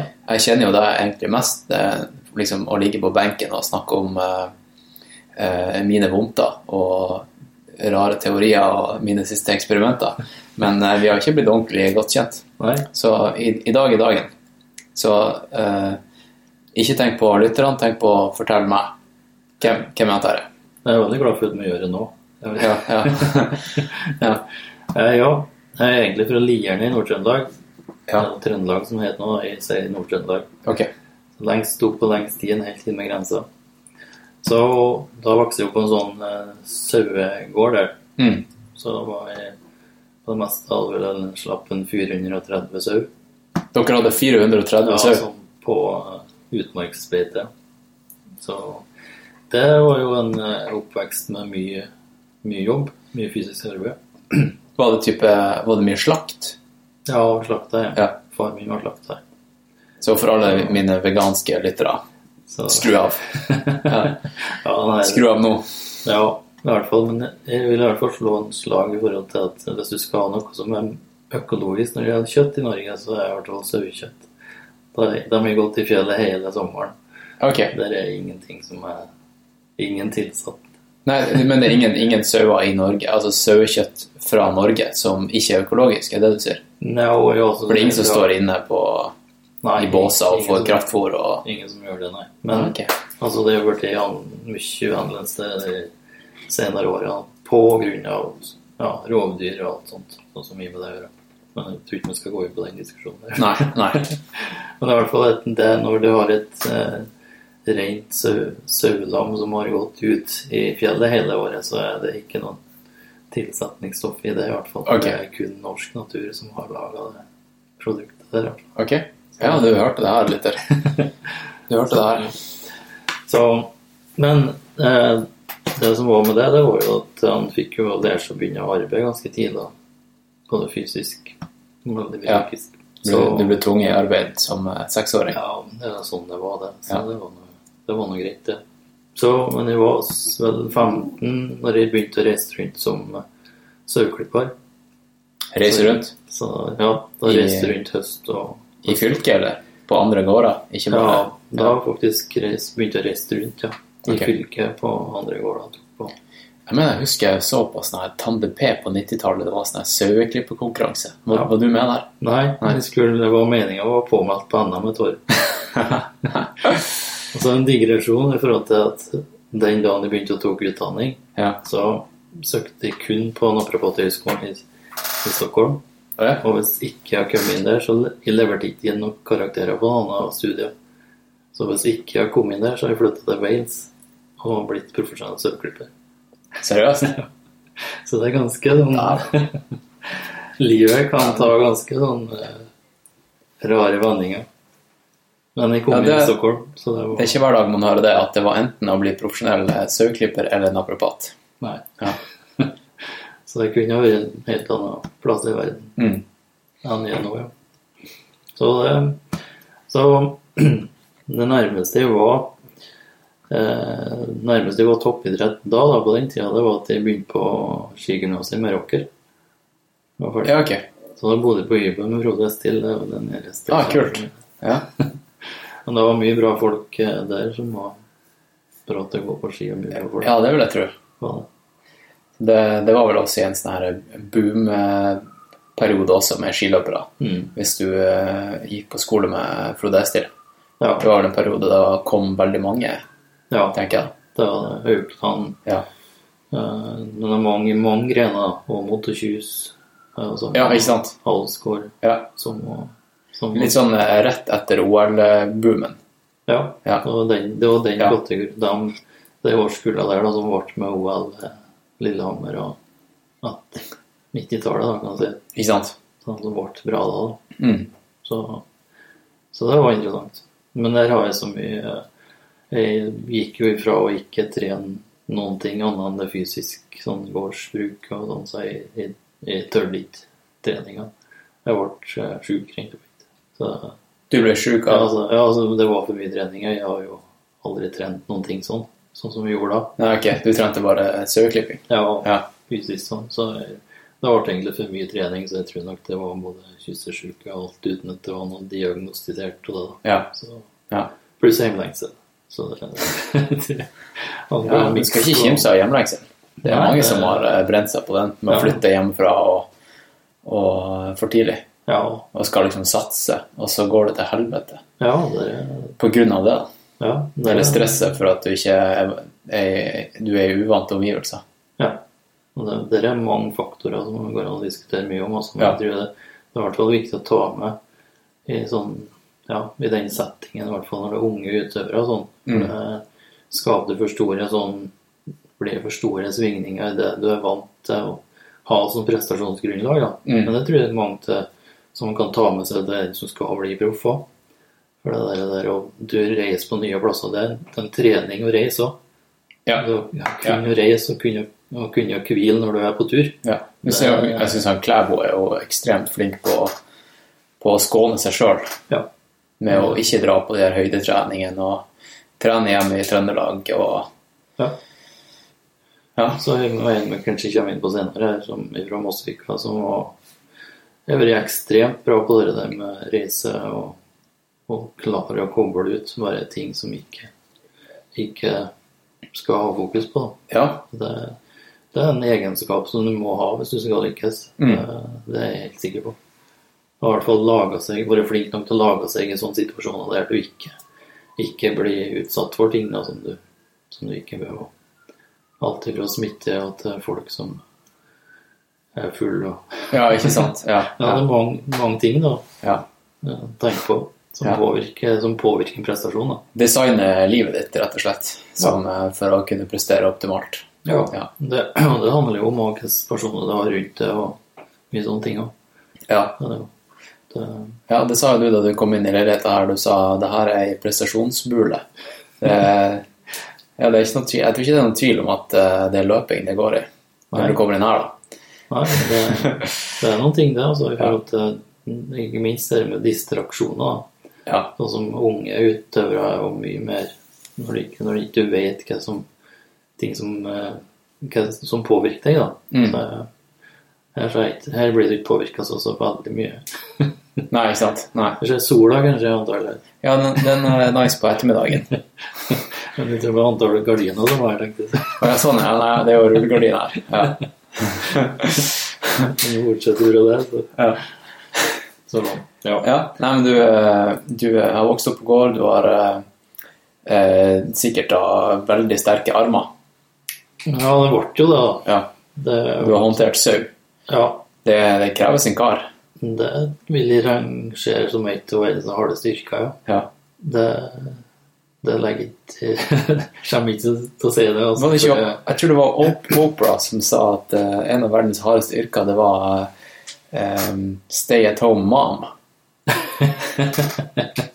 ja. Så da får du ta den kampen. Ja. Ja. Nei, men det- hatt noen diskusjoner på det, ikke hva som er mest vondt òg, i forhold til dem som har vært gravid og født. da Men en mann som har skikkelig feber, det liksom, det går ikke an å matche det, tenker jeg. Altså, nei, jeg skal ikke gå dit. Da får jeg lyt- lytterne mine på nakken. Ja, men Ja. jeg tror nyrestein tror jeg er noen ting som ganske mange samles Og det gallestein tror jeg det tror jeg det er som samles om at Ja, okay. det kan være det verste. Ja. Ja. Det det nærmeste man kan være en fødsel, i hvert fall, etter det, etter det jeg hørt. Ja, nei, ja. Bank i bordet.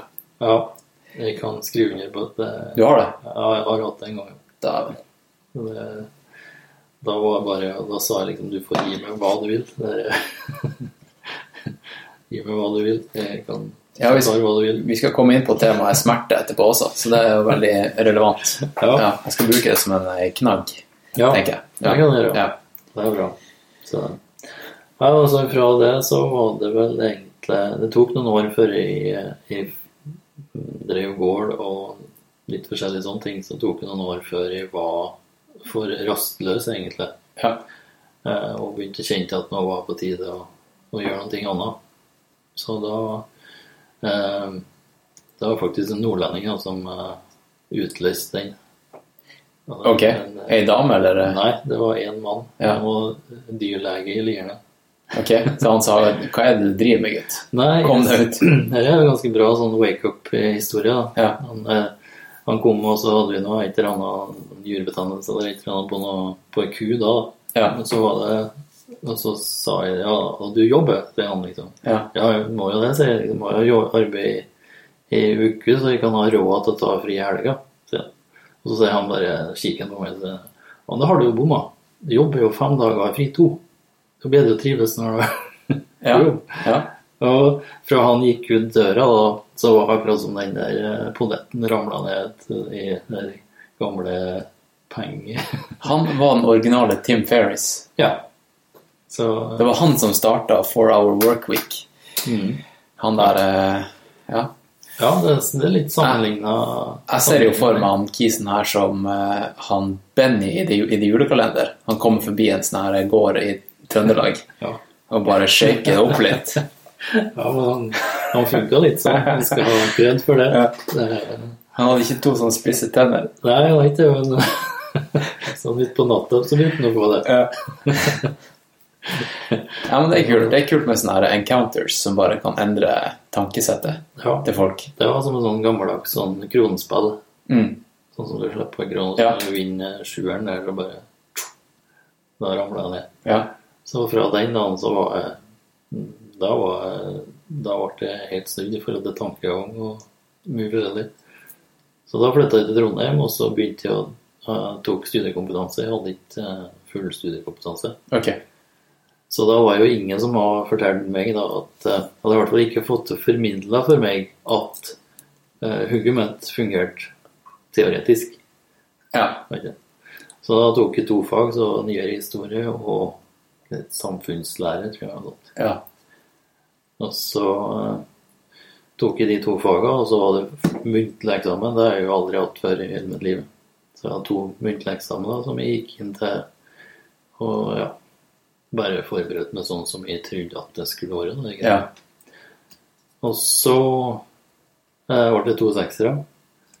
Hvorpå den ene historie Altså sensoren kom og lurte på hva jeg skulle gjøre etter jeg var ferdig med Ja, ok. Ja.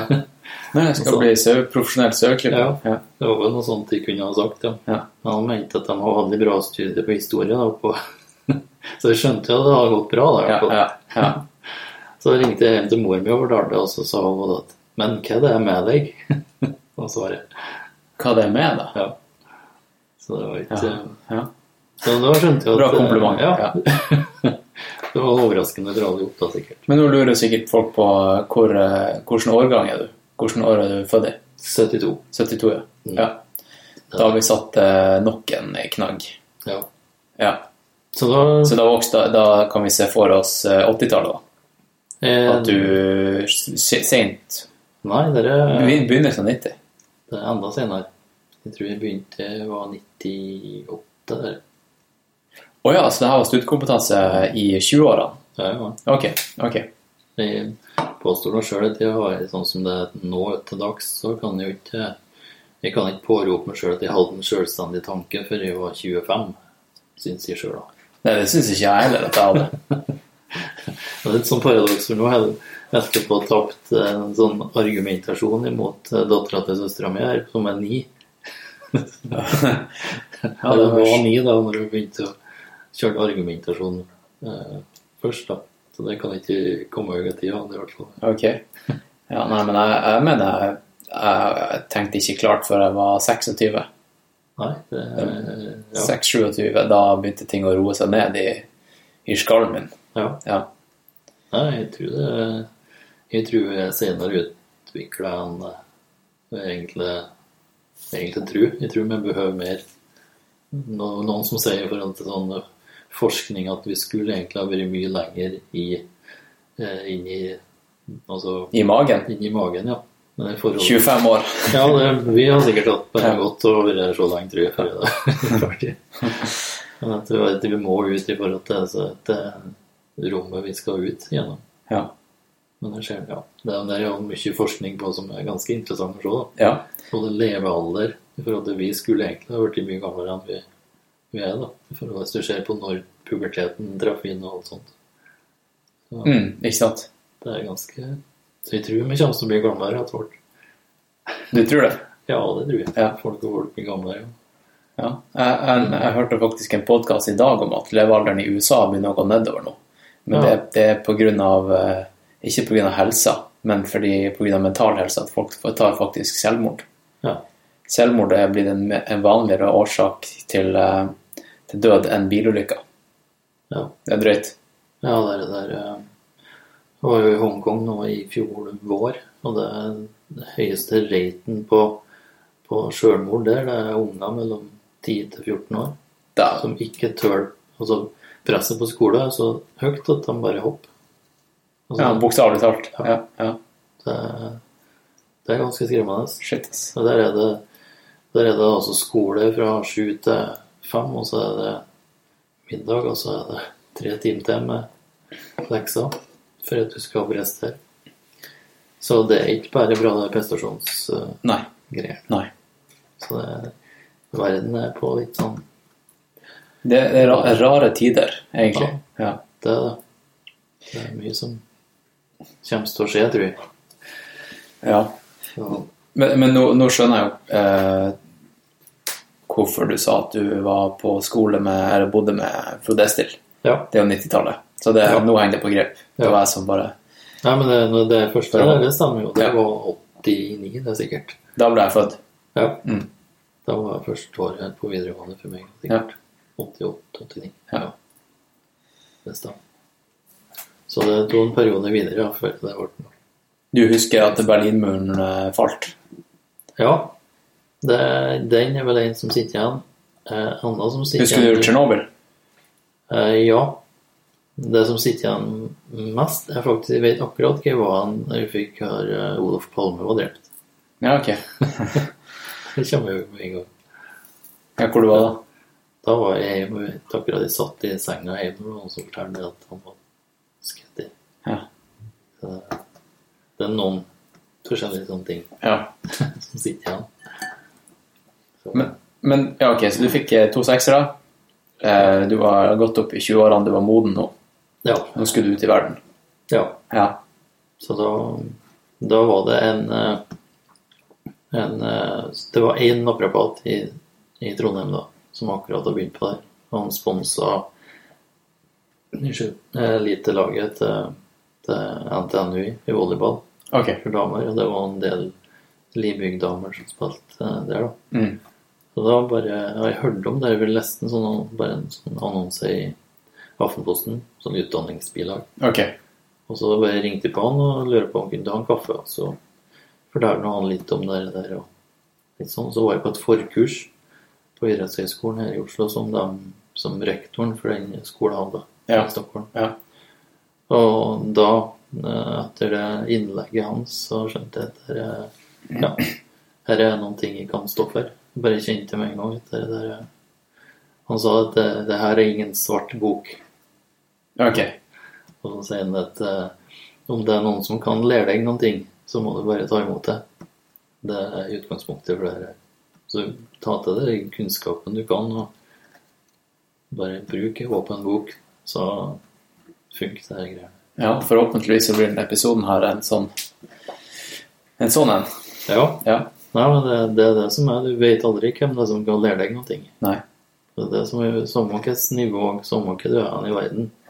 Det er, et av min, det er mantraet min, i hvert fall. Det er et, et, et samme skal som til deg, òg, når du ligger på benken og vi diskuterer et eller annet. Mm. Hvis jeg kan Samme hvilken idé jeg kommer med, så den kan være så dårlig som helst.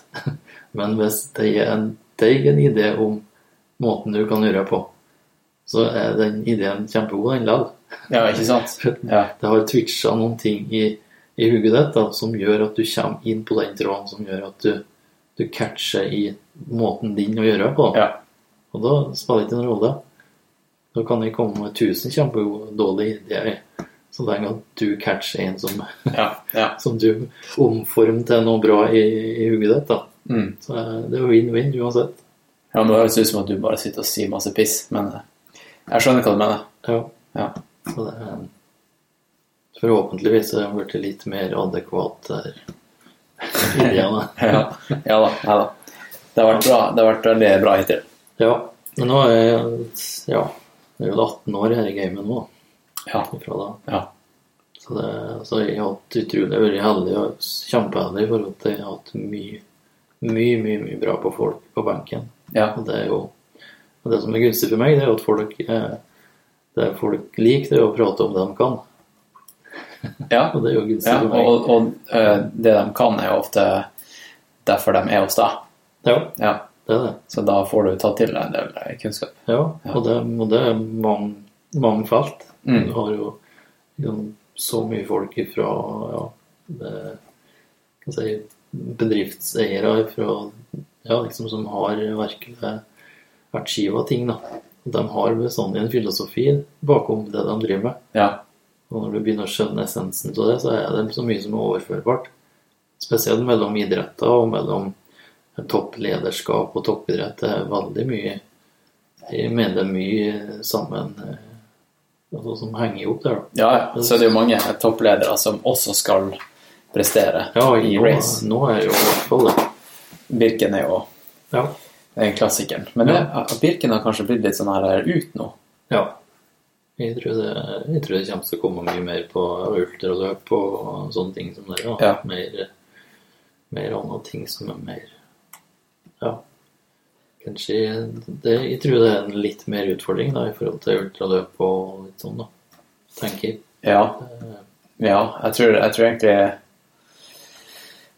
Jeg tror eh, verden har på en måte skjønt at det er mulig å fullføre et ultra Mm. uten ekstremt mye trening. Ja. Men litt trening skal til. Ja. Men det å prestere på høyt nivå i ultra, det er en annen, annen ballgame nå. ja. Men jeg Da- tror det at det er bare sånn jeg, bare jeg ikke sprunget noe ultraløp enda, Mm. men jeg ser det at både det og triatlon liksom det, det er mer en jeg synes det er mer en seier for deg sjøl, egentlig, mye av det der. At du har gjennomført det på den måten du vil. I stedet for Birken så er jo ja, Blir du jo slik med tre sekunder, så får du noe hør. Det er et år, da. Ja, ja ikke sant? Det er ikke, det er ikke sikkert alle som er så keen på det lenger. Nei. Ikke- Nei. Når er ultraløp, bare at du har gjennomført det på den måten du vil, så er det mer den opplevelsen tror jeg er større. Du får med deg Ja. mye mer opplevelser og Ja, nå, nå prater jeg bare at jeg kjenner, men Ja, ja, men det er helt klart det er jo en ekstrem mestringsfølelse også. ja, jeg tenker Og så er det jo ofte i fine omgivelser. Ja, Sant? Så du absolutt. må melde seg på race ikke bare fordi at du vil eh, eh, være høyt oppe på rankinga nede på Barcode, som eh, ja, blir, blir sett opp til eh, når du tar heisen opp til eh, etasjen din eh, og har litt smalltalk. Ja. Eh, men eh, ja, det, det er kanskje mer en sånn personlig, personlig gevinst, da. ja. Ja, ikke så mye eksentrisk. Nei, en personlig reis. Ja. Eller forhold til både opplevelser og hele opplegget. Ja. Men det ser du jo på tror jeg Det skjer ser liksom på reiseaktiviteten til nordmenn òg. Det, det blir jo lengre og lengre og verre. Ja, det, det er jo på en måte på vei Ja, det er jo det, men samtidig så er det jo veldig mange som er veldig flinke til å kritisere dem som gjør det også. ja, det, Så det er sant. jeg får nå høre hver gang jeg er ute og reiser, at eh, kanskje du burde droppe den turen der. Ja, Kanskje du burde være litt mer eh, ja jo miljøvennlig. Det var jo det som var Det er jo sånne ting som trigger meg noe veldig, da. Og det, det er for eh, Hva da? Ja, akkurat, Miljø? Nei, men akkurat det der. Ja, ja, i forhold til den biten, ja. Men i forhold til det folket som sitter og sier akkurat det der. Ja. til- Ja. Før så var det ikke så mye som tenkte på miljøet, men da var jo mer at nei, nei, du må jo heller være, jo hjemme. Og det var litt derfor jeg tror sånn inni meg at de tok den apropatstudien for det var jo ingen som Det var jo det andre andre trønderen, tror jeg, som var på som flytta til Stockholm. Og, det. Så det På det studiet. Ja. Ja. så det var jo ikke det var ikke Kanskje i 20 Kanskje norske som best, eller som har vært på studiet, og som har begynt, da, cirka. Mm. Begynt. Så det var jo Og da var jo ikke noe studielån eller studie Ikke noe. Ok, så alt var fra egen eh, Ja, så, jeg, så det, det er jo en sånn eh, Det var bare sånn det, det jeg visste det, det skal jeg gjøre. Det var bare sånn det var. Og da ringte jeg på en sånn banksjef oppe i Grong Sparebank, Jon Håvard. Han eh, shout-out. Ja, det er en skikkelig shout-out. Så da ringte jeg på han og bare spurte om det var mulig å, å få et lån til de, til de skolepengene. Ja. For det er jo privatskole, så det var jo dyrt allerede da. Og så fikk jeg Så sa han at ja, det begynner å være tid for å begynne å satse på humankapital. Sånn. så, var det en, eh, en kompis som, som sa det. På det møtet der så var det Det var første gangen jeg har møtt opp i tide og forberedt. Hele mitt liv. Så da betydde og da han skjønte at det betydde kanskje litt mer enn det har gjort før. da. Ja. Så da fikk jeg lån 100 000 det første skoleåret. Og da Ja. Og da visste jeg ikke om jeg kunne fortsette heller. Men jeg bare, jeg bare måtte bare ta den sjansen da. Fett. Når jeg, når jeg endelig kom inn. da. Ja. Det var jo ja, sånn greit snitt for å komme inn allerede da. Så ja. Så jeg klarte den, klar den målsettinga. Og da ble faktisk studiet Vi jobba jo for det underveis òg. Men da ble faktisk studiet godkjent i Sverige, da, i og med at eh, liksom, Nordisk råd eksisterer, så skal det automatisk godkjennes i resten av de skandinaviske landene. Okay. Så da okay. fikk vi da fikk du studielån og stipend? Nei, da fikk vi stipend, men ikke lån. Ok, ok. Det var ikke berettiget til lån. Men da fikk jeg fortsatt den dealen med han da, på å betale renta fram til at de var ferdige. Så da betalte renta og da. Det kosta vel en ja, 600 000 og de greiene. Ja. Så, Ja. men det er greit. Det, er, det, er jo, det skaper jo motivasjon. ja, når du er finansielt eh, bundet, så gir du jernet. Ja. Så det er mange Ja. måter som gir, som gir motivasjon. Ja. Men det som er så rart med det, det er at når du er på rett Tror jeg da det er sånn som lytterne kanskje kan eh, kjenne seg igjen til det, når du er på rett spor, at du er på rett vei i livet, tror jeg, da er det så mye lettere for at ting ordner seg sånn som det skal gjøre. Mm. Så jeg følte jo ikke at jeg nesten løfta en finger i før jeg var ferdig der, selv om det, er, det var heavy greier når du måtte arbeide i tillegg og alt sånt da, for å få det til å gå rundt. Så Ja. det var jo heavy. Det, men det så en jo ikke før i ettertid. da. Nei, men tida, tida går fort når man har det artig, da. Ja, Ja. det er det. Og der var jo Der var tempo hele tida for å liksom å få gjort og holdt på med alt du gjorde på det for å få, få det å gå rundt. Men for hva er en Eh, Hva, hva er liksom, har du definisjonen i hodet? eh, det, det, kan, det kalles egentlig å korrigere årsak til lidelse. Det betyr egentlig Så et gresk og et tsjekkisk ord. Napra betyr å korrigere. Og så patos det er lidelse. Ok. Så det er egentlig det, hvis du oversetter akkurat det ordet der, så det Så er det egentlig det som fenger meg, at hvis du, hvis du ikke gjør noe med årsaken til at du blir dårlig, så da, Du må gjøre noe med den, Ja. ellers så blir det aldri fullstendig bra. Det høres ut som eh, Ja, Det høres ut som hælsena di. hva du sa Ja, det høres ut som hælsena di. Ja, det gjør jo det. Ja.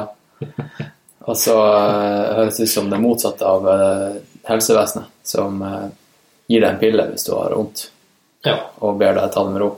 Det er en helt annen approach, ja. Ja, Der de eh, behandler symptomer og ikke årsak. ja.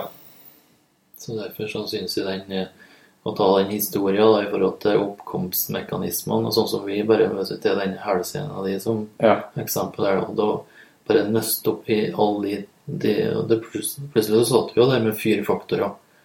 Og det, det er summen av de fire faktorene der Ja. som gjør at den helsehjelpa ryker til slutt. da. og da når, hvis, hvis vi har kommet på bare to eller tre av dem, da, Mm. og du har fortsatt med de to andre tingene, så har det aldri blitt bra. Nei, sant. Så det er som må liksom nøste opp i det greiene her, og så finne Får du kartlagt eh, alle i hop der, da, da kan en ta det rett valget for å få unna. da. Løsner det. Ja, Mm.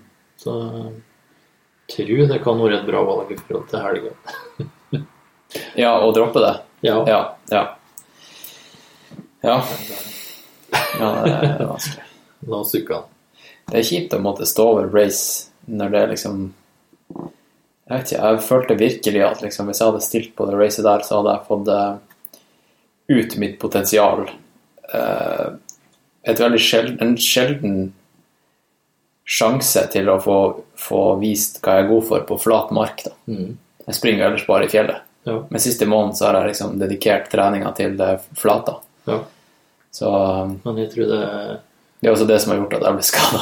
Ja, det er det. Men det er også at det, det, er som, det er det som er, Vi kjenner jo ikke hverandre så bra. Han har putta på litt tidligere der, Mm. og jeg har liksom fått med meg virkelig hvor mye hvor mange team som du la ned, så har vi kanskje vi har, kanskje vi har unngått det. da. Ja. Vært mer, Ja. mer på. Så det er det, som, det er det som er læring i å bli proff. Ja. Det er greia, det som Ja, er nå, viktig. og nå vet jeg i hvert fall hvordan jeg reagerer på Mm. eh, masse mengde, og da å mikse det opp med litt fart i tillegg. Mm. Eh, og, og det monotone å springe bare mot venstre. Ja. Så neste år, hvis jeg skal springe Bislett 50, da kommer jeg ikke til å gjøre akkurat samme. Nei.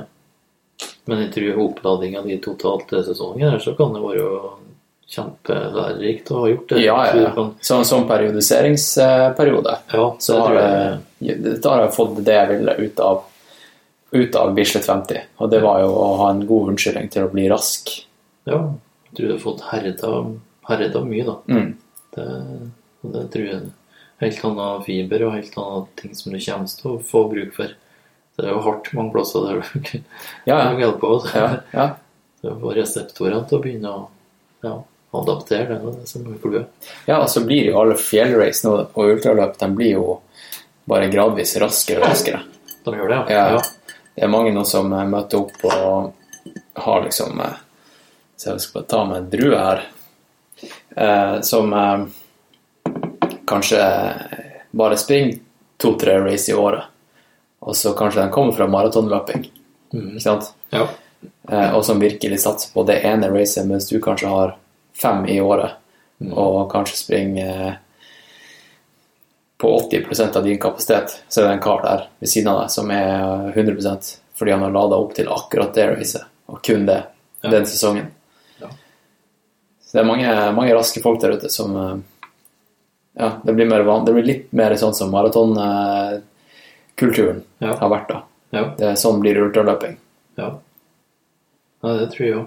Og, og det er interessant når det kommer folk fra flere andre kategorier med andre forskjellige oppladninger. Ja, ja. For det er alt. Og det er jo sånn for din del òg. Du må finne din måte. Approachen til hvert løp må jo Det er det som er læringsprosessen. ja. Å finne akkurat hva du vil at eh, hva du vil gjøre før i dag og få, for å få den rette følelsen. da. Mm. Det, den er veldig sånn Det er i hvert fall de årene jeg har arbeidet med toppidrett, der det er, mye mer det, det vært form. Det, formen den kan skapes med den følelsen når du virkelig er i form. Det, det, det skaper et annet moment. Ja. Mm. Og det tror jeg har mye mer Da er du mye mer på følelsesregisteret og feeling. Og, og så, sånn Ja, det er vanskelig å si, men i hvert fall på sånn som på det på langrenn, så tror Ja. jeg det at, og ikke minst skihopping eh, der, der tror jeg det er den følelsen du sitter med på bommen der når du skal når du skal sette nedover. Det tror jeg er det viktigste. Altså. Da klarer du å skru på den bryteren. For det, I skihopping der kan du ikke ha mer enn to arbeidsoppgaver, maks. Har du tre, så blir det for mye, og da blir det bare kok. Ja. Og det, det, er som det er ganske interessant, da. Det er interessant, for det, det hørte jeg også i eh, da jeg var litt skøytetrener, at når du skulle gi instrukser til elever Du kunne ikke gi mer enn to. Nei. Ja, det, og spesielt skihopping der det er så teknisk, da, så du må ha drilla inn så at det, til slutt så mener jeg at du er på, er på, på feeling, da. Har du, har du behandla mange skihoppere? Ja. Ja. Jeg hadde jo hadde kombinert det første året som jeg var med til Det var egentlig sånn jeg kom inn i Det var sånn jeg kom inn i idretten, egentlig, etter skolen. Eh, Så det er en bra fortsettelse på den storyen Ja, ja. der, da. Eh, Naprapatstudiet er veldig knyttet opp mot idrett. Ja, det er veldig idrettsrelatert, og veldig mye idrettsmedisin i, i naprapatstudiet. Mm. Og I Sverige så er jo nesten bare naprapater som er med landslag i nesten alle så å si alle Jeg tror ett år så var det var sju forskjellige naprapater som var knytta bare til svenske alpinlandslaget. Okay. Så det er, det er mye mer liksom, naprapat som blir brukt. Da. Så det, det i Sverige er veldig innarbeidet, og det, det er veldig mye kunnskap på deg òg som blir tatt med tilbake til skolen. Så at du får får naprapater på alle liksom, fotballandslag og alt sånt. Mm. Zlatan i boka si. Man brukte jo naprapat i forhold til denne han var Det står i boka, altså. Ja.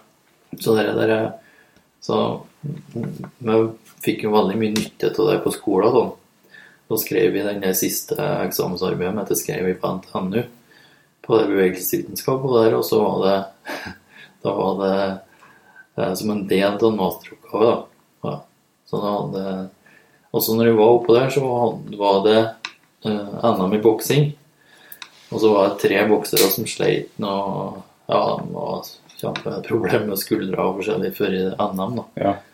Og så var det en, eh, en doktor oppå der som har hørt om, hørt om meg, da. Og hørte om at naprapater kunne eh, var bra. da. Ja. Så sendte han som ordna det, de treene der var som meg, da. Når jeg holdt på å skrive den der oppgaven der. Ja. Eh, og så ble det vel Ja, to av dem vant vel sin Så var det det var en som tapte finalen, da. Så to gull og en sølv på de treene der som egentlig var usikre på om de skulle stille. da. Så da ble det jo plutselig en sånn jippo på de greiene her. da. Det er fett. Ja, det var jo det. og, så, og så visste jeg at han var jo da eh, doktor for kombinertlandslaget. Så ble jeg spurt om å være med på sånn treårig satsing da, med kombinert-landslaget fram til mm, OL i Torino. All right. Ja. Så første OL jeg var på, så var da var jeg eh, i Torino med kombinert landslag. Torino, ja. Det er litt sånn OL som har gått litt sånn i glemmeboka for deg.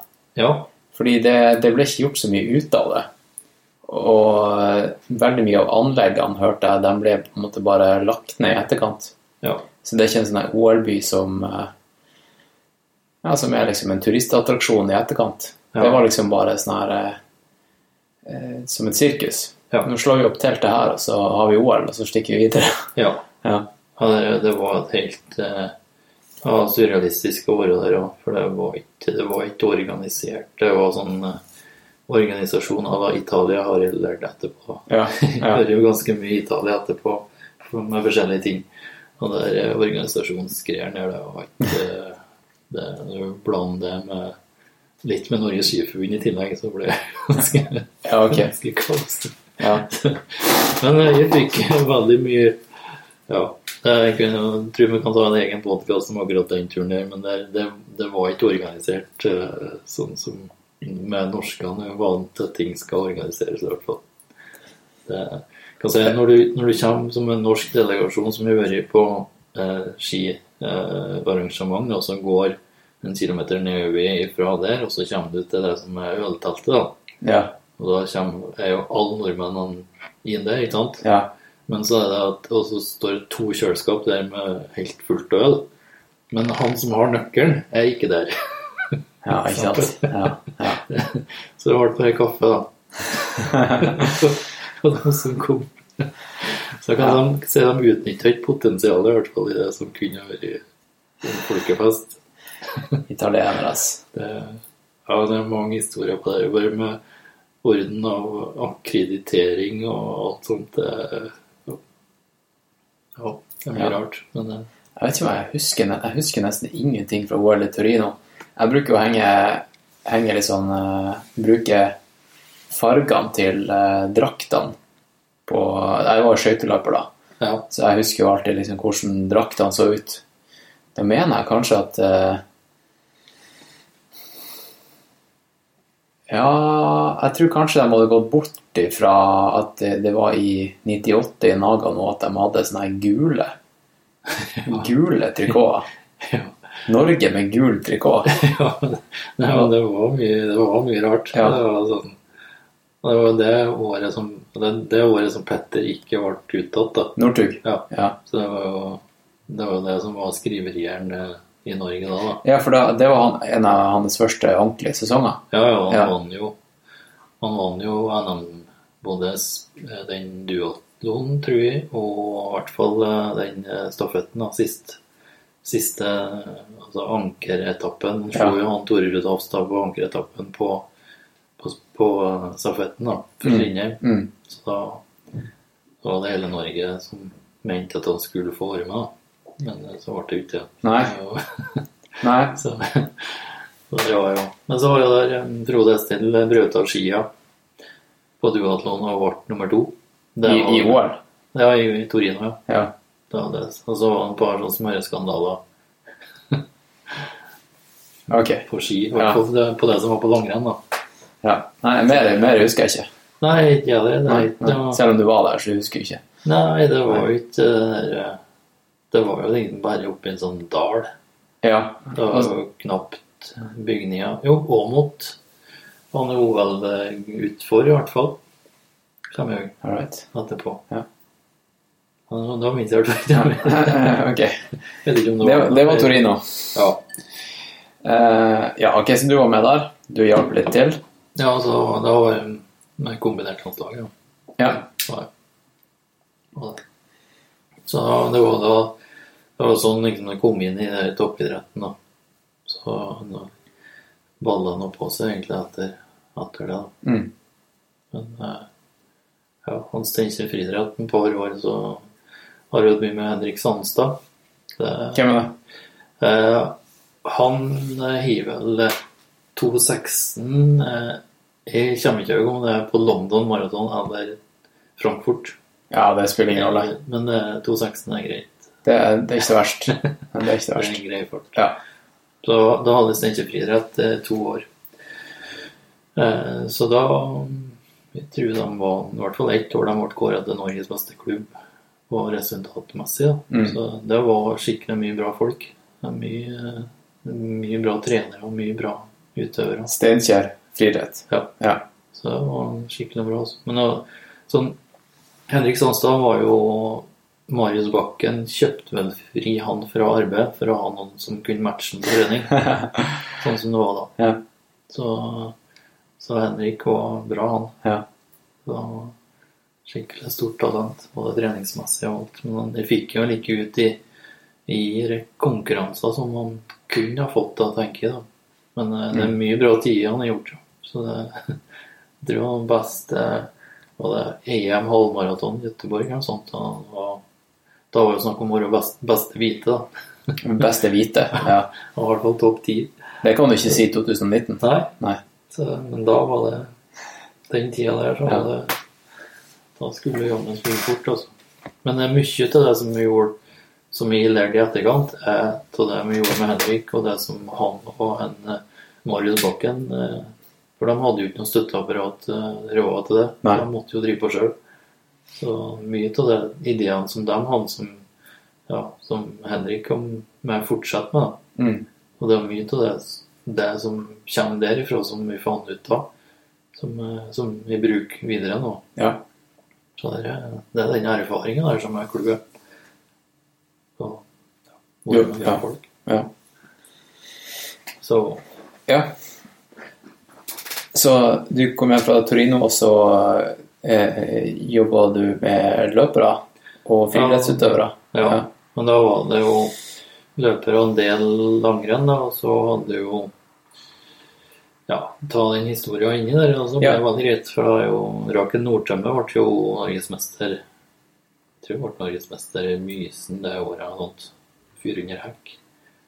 Og da hun var jo da i lag med en Vest-skirenner fra Mosvika. Ja. Så eh, var det vel hun som trumpa han til meg, tror jeg. Ok, fordi jeg eh, Rakel Nordtømme, hun Det var vel egentlig Jeg fikk aldri med meg hva hun faktisk drev med. Hun ble vel egentlig mest kjent for å være dama til. Ja, Ja. det ble vel det mer og mer det ja. etter hvert, ja. Ja. Men hun har jo Jeg tror jeg må nå det, hun var i hvert fall Jeg lurer på om hun ble norgesmester det året, ja. I Mysen på 400 hekk. Ja. Skal i hvert fall, i hvert fall ballen. Ja, ja. Og, da, og sånn, eh, sånn ble du kobla opp mot eh, Mot eh, han eh, Petter. Ja. Selveste. ja. Ja. Så det var hun som tipsa han i forhold til det. Og så Ja. Da Det var vel eh, 2009, det. Høsten 2009. ja. Det var jo gullår, gullår de, eh, rundt det. Det Da begynte det å ta av. det ble bra, det. Ja. Ja, det var mm,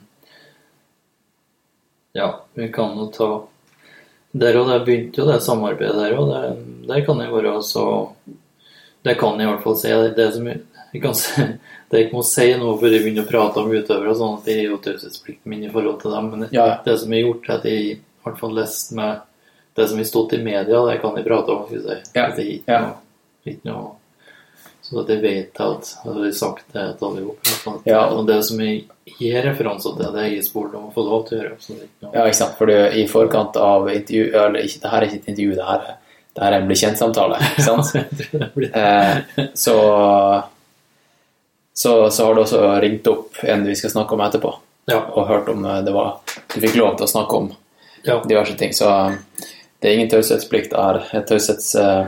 ja. Nei, den, er- den er jo ikke noe Den er lovpålagt å forholde meg til. Så det er Ja. ikke ja, ja. Men historien rundt og alt som har stått i media, der kan jeg i hvert fall kommentere på Ja. ting som jeg Men i, i hvert fall det første møtet der, så sa jeg akkurat det som vi sa til, sa til deg i starten her. At jeg forbeholder meg retten til å komme med alle mulige ideer som jeg kan komme på for at du skal bli verdens beste skiløper. ja. Og så, så lenge at du sier at det er greit, så er det greit. Og Ja. da, det var eneste dealen som jeg hadde. Var. At de kunne få lov til å si akkurat hva jeg, hva jeg ville ja. i forhold til ideen. Som sagt, og det var, det var med den basisen som vi sa at samme hvor dårlig den ideen i, eh, hvis du finner du kommer på noen ting som du løser på din måte, som gjør at det fremmer prestasjonen din, eller på noe vis eh, kan dra nytte av det, så Mm. er jo win-win. Mm. Uansett. Mm. Så ja. Så med den eh, Det var egentlig det som begynte samarbeidet. Så hadde vi en del behandlinger, og så så nå får dere noen hele historien her, da. Så var det vel 2. januar, kanskje. Da ringte Jon Northug, det var en onsdag. Og så lurer jeg på om eh, kan du få på Tour de Ski? Eh, ja. ja, det var jo da den sist kan si sist helga, da. Det var sist eh, Da er det jo Val di Fiemme på lørdagen, og så er det, er det jo Val, ja, Alpservice, er vel den monsterbakken på søndag. Ok, Det var litt annet, litt, litt annet opplegg da. Mm. Men da hadde jo Så da så lurer jeg på når, når da? Ja, i morgen kanskje? ja, ja. Ja, ja ok, da ble vi enige, da, kunne, kunne gjøre da. Så da ble vi måttet boke om litt og ordne da. Men da, så da var det fly til München, og så, jeg hadde jo ikke følt med noen ting på hva de var. Jeg visste at de var i Europa en plass, Ja. jeg gikk på ski. Ja. Jeg hadde ikke noe peiling på, har jo aldri vært, aldri vært fra München noen gang. Det har vært andre plasser i verden, men ikke, Ja. ikke det da. Så da var det leiebil da. Og jeg visste at det var langt, så jeg prøvde å få til med noen sånn litt skikkeligere biler, men jeg fikk jo ikke når jeg så at jeg skulle til Italia, så fikk jeg jo ikke noe. Er det til bil, og så ble det en Opel Safira eller et eller annet. Og så skulle de begynne å lete hva de var hen, da. ja. Da, var de jo, da var de litt tåplagt, da, som var på tur derifra, antallet til Val di Fiemme. Så da brukte jeg hele den torsdagen da, på komme meg derifra til, til å finne fram hva da. ja så, så han, han Jon hadde bare sagt 'kan du komme ned i morgen', Ja. så må du bare finne ut av det. Ja. Så måtte du bare gå på Ja, de har booka fly, ja. Ja, ok. Og Ja. så måtte han ordne resten sjøl, for de fikk ikke ordne noen heller. Så. Nei. Men jeg har jo aldri kjørt noe autobahn, jeg har aldri kjørt eh, Aldri vært i Tyskland. ikke, og ikke Østerrike og ikke Italia. Nei, nei. Så da kan det jo en brukbar bratt læringskurve. Ja, ja. Det er sånn det må gjøres. Ja, det Ja, det. er sånn man lærer. Og da når du får utlevert en, eh, da, en eh, sånn GPS som kun var på tysk, og du ikke uh, fant ut noe av det, så da var det bare ingen på bensinstasjonen og kjøpe kart. Ja, det, var noe, det var ikke noe Tesla i 2009. Nei, da var det ikke var det ikke det, altså. Nei. Så det var en, det var en utrolig bratt læringskurve. Men eh, Ja, men du fant fram. fant fram. Ja. Og så og da Det året da Det er vel det, det nest nederste Petter har vært og vunnet vunnet i eh, Tour de Ski. Da var han eh, skikkelig bra, altså. Ja. Men det var en uh, sjekker som var vanvittig mye bedre. så Husker du hvem det var? Eh, hva heter han? det? Lucas Bauer. Ja, ok. Ja. Så ja. Jeg vil bare si på den måten at han var i hvert fall i veldig bra form. Ja, ja. Petter var i hvert fall i veldig bra form, men han måtte i hvert fall være i bra form, han som lo. ja, ja selvfølgelig. Eh, men uh, Tour de Ski er vel ikke Petter Northug sin type sin type skirace heller. Nei, men da kunne han ha vunnet, for det, Ja. det, det var første som var han i så bra form, og så eh, Det som var Det som ble gjort Jeg vet Erik Myhren også mye Jeg tror jeg tok tida på Når de begynner på den monsterbakken der. Ja. De kjørte Bauer kjørte på hoppende padling, tror jeg. Jeg vet ikke Erik har i den der tiden der. Men det, det er så sinnssykt at vi vil se den som gjør det igjen. Altså. Det, det er så rått at det Mm. Ja, så det var Så Men det, da, da var han bra, altså. Ja. Men året etterpå var jo da, Men det er som sier, han ble jo tyngre og tyngre. Så det er jo derfor monsterbakken blir ble tyngre de siste åra. Mm. Pluss at de gjorde om reglene så at det, det gikk jo ikke akkurat i Petters favør, de regelendringene. Hva var det regelendringene? Ja, i forhold til et sprint eh, Sprinten regner oss jo mye mindre mindre poeng fra sprintene, da. Ok. Så okay. det ble jo gjort om mer. Så Men det er et av Ja, det er jo noen av de beste løpene gjort. Det òg. det er jo der, men det er ikke alle som har fått med seg at de, at de var så bra, da. Nei. Men du, nå ble jeg nysgjerrig, fordi skiløpere og sånt vi eh, I samme episode som det her, da, altså som av den her episode 45, så starter vi jo også med at jeg er på eh, på kontoret ditt og så recorder jeg med ei en skiløper. Mm. Hva er det typiske skiløpervondten? Hvor er det hva er, det, er det en gjenganger? Ting du behandler hos skiløpere? Veldig likt løpere, egentlig. Det er det. Det var hofte Få i gang bevegelighet i hofta. å få kontroll på hoftemuskulaturen. Ja. Det tror jeg det samme egentlig. Det det er veldig mye likt, i hvert fall. Og den som blir bra på det, og bare å, å få i gang eh, spesielt setesmuskulaturen, da. Mm. Gluteus maximus, medius og minimus, som, for dem som er ekstremt interessert. ja. Det er ikke første gang vi, eh, vi benevner muskler Nei. og eh, eh, rare at- anatomiske begrep her i podkasten. Ja. For dem som husker jo eh, Ingrid Lid, så snakka hun om skaden sin i eh, den her eh, episoden med fem badass ultraløpende kvinner. Da hun sa hvor hun hadde vondt, så var det tror jeg mange som, som fikk eh, hakeslepp. Ja. Ja. ja Det det er bare en referanse. Ja, men det er den som viktigste muskelen tenker nå, skal vi, hvis vi skal inn, det er hoftebøyer. da. Det er det, ja. Det tror jeg er den viktigste som eh, Men den er skrevet veldig, veldig Det er mye, mye litteratur om den. Soasen. Ja. Ja. Og det er spesielt kan jeg si, hvis du begynner å be deg inn på eh, yoga, litteratur og Ja. sånn i forhold til mer både filosofi og litt hvordan den er oppbygd, da, Ja. opphengt i hele systemet.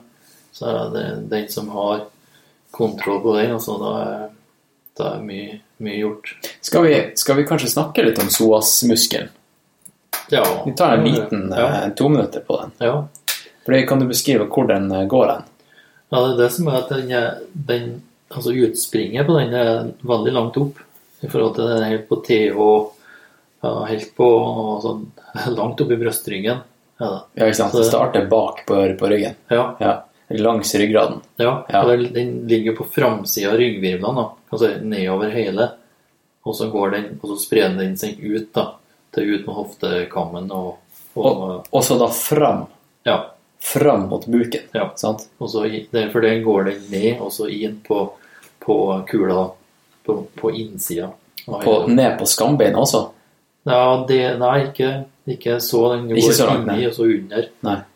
Inn, innunder de ligamentene som er inni der. da. Ja. Men den, den kommer ut helt ifra opp eh, ved diafragma, og hele, så det gir jo en påvirkning på pusten òg. I forhold til de stråkene som Ja. ligger helt til diafragma. Så det der, når det, det ligger spenning, og det ligger eh, si, ene sida, rotasjons og sånn spenning på ene sida som ikke er på motsatt side, ja. så vil det også skape en rotasjon i ryggrad, og det skaper mye dårligere forutsetninger for andre ting. For det, det er en eh, interessant muskel, for den eneste muskelen, correct me if I'm wrong, som, som eh, binder sammen overkropp og underkropp. Ja, du kan Ja. Det er selvfølgelig mye annet Ja, som gjør at vi henger sammen også, Ja, ja. men uh, Men den går i hvert fall over to kan si, store ledd i forhold til at ja, både hofteledda, ryggen og ned til, til beinet. og, det, og du, du behandler sjelden selve psoasen. ja, det, Det- Den er, som jeg forstår det, da, så er den ofte Har du vondt i psoas, eller eh, problemer med den, så er den mer en sånn symptomindikator på at noe annet er galt. ja, altså Det er noe- det er én ting, og så er det at si, Den er jo avhengig av en nerveinnervasjon fra muskulatur, eller fra ledd som ligger i Eller der nerver går ut i korsryggen. òg. Ja, den, det som er virkelig dens innervasjon. Da. Men hvis du ser på korrelasjon på andre nerver som styrer den muskelen, gjennom sånn spondylogent reflekssyndrom, er blant annet et som er diskutert. da. right. Det vil si at andre, andre virvler i kroppen, og spesielt hvis du gir referanse på det, så er det C4 i nakken som styrer den, eh, den referansen da, til den muskelen. Mm. Så det er jo sånn det skjer da, nå prater jeg bare ut ifra min erfaring, det er Ja, ja. mange, mange, mange terapeuter som har kjempemye meninger om det her. Men det skjer det at ofte nakkeproblem og sånn, så kan det liksom det sekundære bli, bli lenger ned. Da. Ja. Eh, Så det, det er derfor det er så viktig som vi prater om, å se på her helheten og finne årsaksmekanismer på det. Da. Tror du kanskje smartphone har forårsaka masse drittskader nå de siste årene, der folk står og stirrer ned i telefonen og får sånn smartphone-nakke? Ja, jeg mener det. Ja. Og så har du jo Du kan jo dra den enda lenger. Jeg tror jo både regnstråling og både fra smartphone og fra klokka. Ja. Det kan du jo ta en egen podkast på. Ja, ikke sant? Da, da tror jeg vi, vi, vi får mange, Ja. mange innringere Ja, i etterkant. Men det er et interessant tema, da. Men Ja. jeg i hvert fall eh, sier ikke jeg vet at, det, at vi blir påvirka av det på noe vis. Men jeg har ikke noe belegg for hvordan det blir påvirka. Men nå har jeg testa på så mange at jeg ser at det er en sammenheng. Ja. Men eh, vi, kan ikke vi, kan ikke bevise at det er sånn. Det bare skjer at eh, majoriteten blir påvirka av det. Mm. Det- så men det som er i forhold til den eh, som jeg, som jeg sier kommer der, er altså yoga altså Yogafilosofien, de mener jo det at eh, Tar av meg klokka her. Ja. De mener jo det at eh, De kaller jo iliopsoas for sjelens muskel. da. Er det. Så det, det, derfor så mener jeg at det er veldig mye med følelser og hvordan du har, som, som den blir et resultat av. da. ja. Pluss at alt og indre organ eh, ligger framom den muskulaturen. da. Og det tror jeg blir påvirka begge veiene. Altså et dårlig miljø i, i, eh, i, altså i tarmsystemet. At tarmene ikke fungerer. Det tror jeg òg vil påvirke muskulaturen. da. ja, selvfølgelig. Ja. Og vice versa. Ja. Ja. Så derfor, Er du stressa, så, så kommer den muskelen til å være tight, Ja. og du får uh, kjipe tarmbevegelser. det tror jeg òg. Og selvfølgelig er det derfor du driter på deg hvis du er nervøs. Ja, blant annet. Det, det, det, det henger i hvert fall i hop med Ja. Tanker og følelser har veldig mye å gjøre med ja, muskelandspenninger og ja. Har tegn på grep. Ja, alt Med alt. eh, fra feedback fra hormonsystem liksom alt det der er jo Det er jo et feedback-system vi vi lever med. Ja. Så blir er feil feedback, eller kommer feil signal opp, så får du jo feil du, Ja, du, du tar feil eh, Hjernen vil sende feil altså signalering ut, da. Feil respons. Og da ble jo i hvert fall det noen sirkel. Ja, og han Amir snakka litt om det her forrige podkast. Jeg tror kanskje det var mot, mot slutten, men eh, Eller kanskje du hørte han sa det. Han sa at han begynte å få vondt i, i, i leddet og sånt eh, før han skulle gjøre det han gjorde. Ja. Jeg skal ikke gi noen spoiler på det han gjorde, ja. fordi eh, dem som ikke har hørt podkasten, gå tilbake og hør, hør den med, med, med han Amir. Ja, eh, det er et eh, fysiologisk prosjekt. Ja, ja. ja og, et, og et psykisk, eh, psykologisk prosjekt. Eh, eh, jo, han, han spurte meg om jeg også har brukt å få vondter i forkant av store eh, idrettslige eller sånne race, da. Jeg sier ikke at han Amr gjorde, gjorde et race, men han, han gjorde noe fysisk anstrengende. Noe ganske heftig. Eh, og selvfølgelig gjør det det. Eh, man kjenner jo ekstra etter. Og eh, jeg, har lest en bok flere ganger som heter The Brave Athlete Calm the Fuck Down, heter den boka. Den er sjukt bra. Ja, bra tips. Ja. Den er dritbra. Og der snakker de mye om Først går de inn på hvordan hjernen er bygd opp, og amygdala og, og, um, og frontal eh, cortex og Og eh, de kaller det for eh, the professor brain, og jeg tror det er the lizard brain. Ja. Ikke sant? Og hvordan du må vite når de to eh, Eller hvem det er som snakker. De snakker, de snakker om the monkey brain og, og the professor brain. Ja. Og eh, de sa det, jeg hørte faktisk eh, Jeg hørte litt av lydboka i dag da jeg trente i morges. Og en av de tingene de sa, var at um, ofte så kommer uh, the professor brain til å si du skal kanskje ikke løpe det triatlonet her, eh, gjøre, det, gjøre denne ultraløpet her, uh, for det er nok ikke det beste for deg. Du burde kanskje backe off, ikke sant? Og da, da hører Monkey Brain etter. Og Monkey Brain er notorisk, ikke sant? Det, den bare tar det lille hintet og, og spiller videre på det. Og, og sier sånn, vet du hva, det, du sier noe der, du sier noe der, kanskje du burde ha litt vondt. Og så gjør den det sånn at du får ekstra vondt. Sant? Ja. Eh, og da er du i en farlig sirkel. Men måten du kan eh, bli flink på det her på, da, er å skjønne at hjernen virker mot deg i forkant av sånne her prestasjoner som du skal gjøre. Og lære deg å, å, å la de tankene bare gå forbi. Ja. Og ikke bli nervøs av det. Og, og det er jo litt artig, for nå sitter jeg her, jeg er tre dager før Bislett 50, som jeg egentlig skulle løpt, og betent eh, ankel. Og jeg føler på en måte kanskje at det er akkurat det som At jeg er et offer for det her, da. Men jeg tror nok ikke det, for at i utgangspunktet så er ikke det her et race som jeg var redd for, eller som eh, jeg følte at jeg hadde alt å, alt å tape på. Så eh, jeg tror det, akkurat i dette tilfellet så er det ikke akkurat det som har skjedd. Nei. Det er jeg ganske sikker på. Men eh, jeg, har- jeg har kjent på det før andre race. Ja. Absolutt. Ja. Og det tror jeg ikke er alene om. Nei. Jeg tror de fleste andre har følt på det. Ja, og det, er, det, det kan vi skrive under på. Det, jeg tror ikke det er mange, mange seire over Norge som er gjort på lite søvn. Ja. ja. Så det, det er jeg nok eh, helt sikker på. ja. Det, er det vet jeg. Men det er det, at, eh, men det er det som er så viktig å, å få med seg, det er at det, er- det er, som jeg har sagt mange ganger, det er at form forsvinner ikke. Den formen den skaper du med det året med arbeid du har gjort før.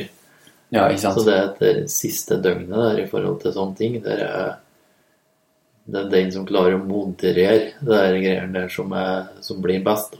da Ja. tenker jeg. Det, men det er bare at han må gjøre noen gang for at eh, for at han skal komme inn i den modus, modusen som du vil at du skal være. Og det er en treningssak, da. Ja. Men har du gjort det én gang, så er det så mye enklere å gjenskape. Ja. Da, da vet du, kan du bare legge opp tre faktorene der gjorde det for å få til det. Ja.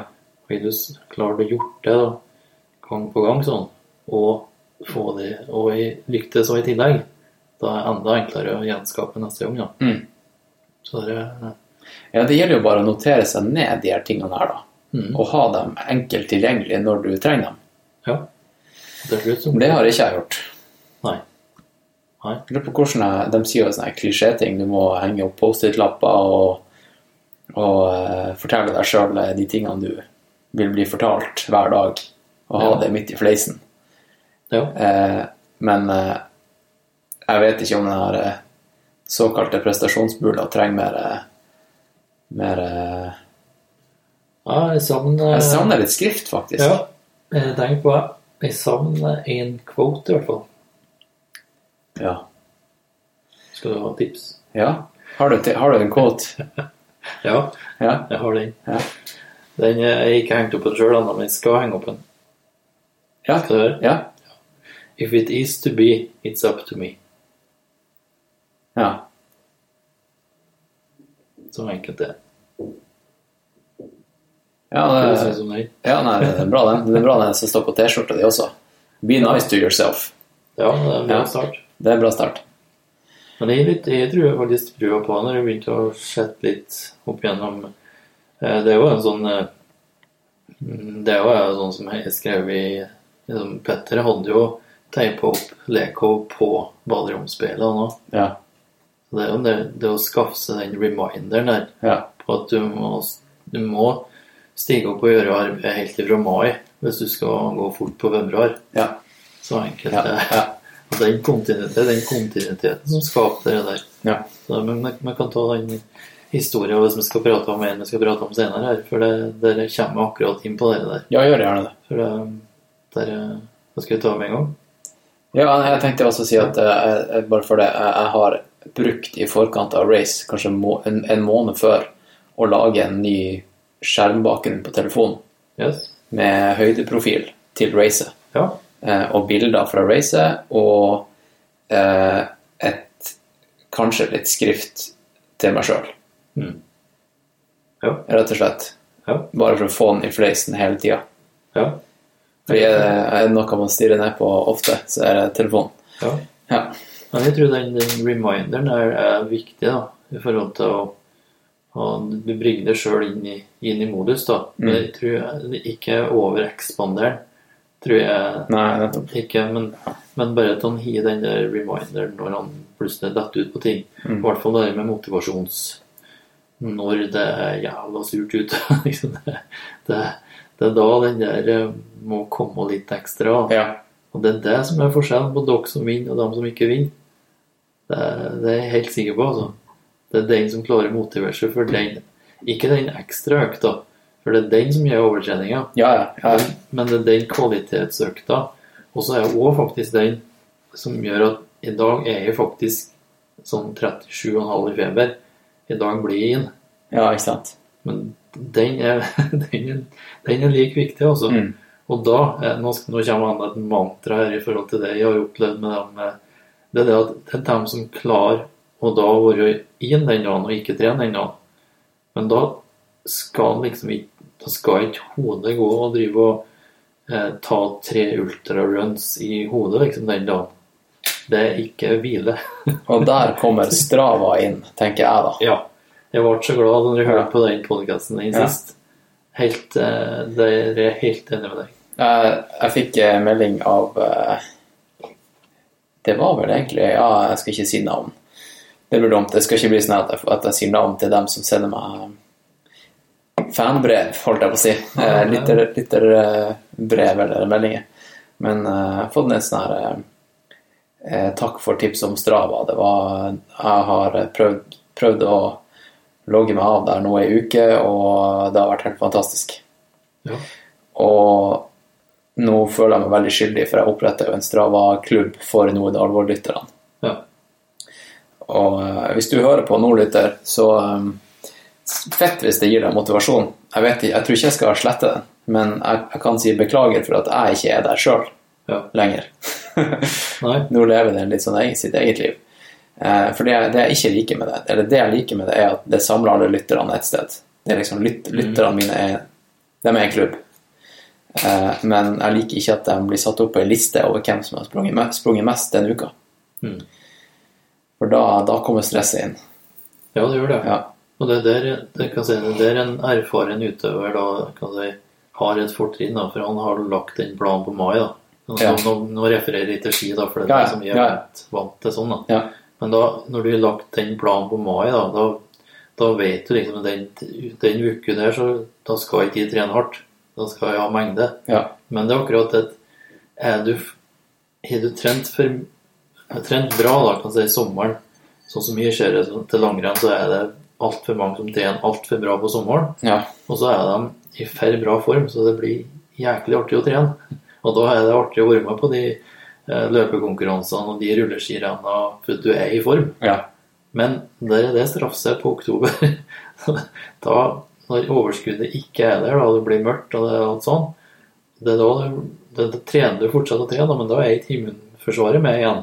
Nei, sant. Da er du, da er du brukt opp den der eh, overkompensasjonsgreien der.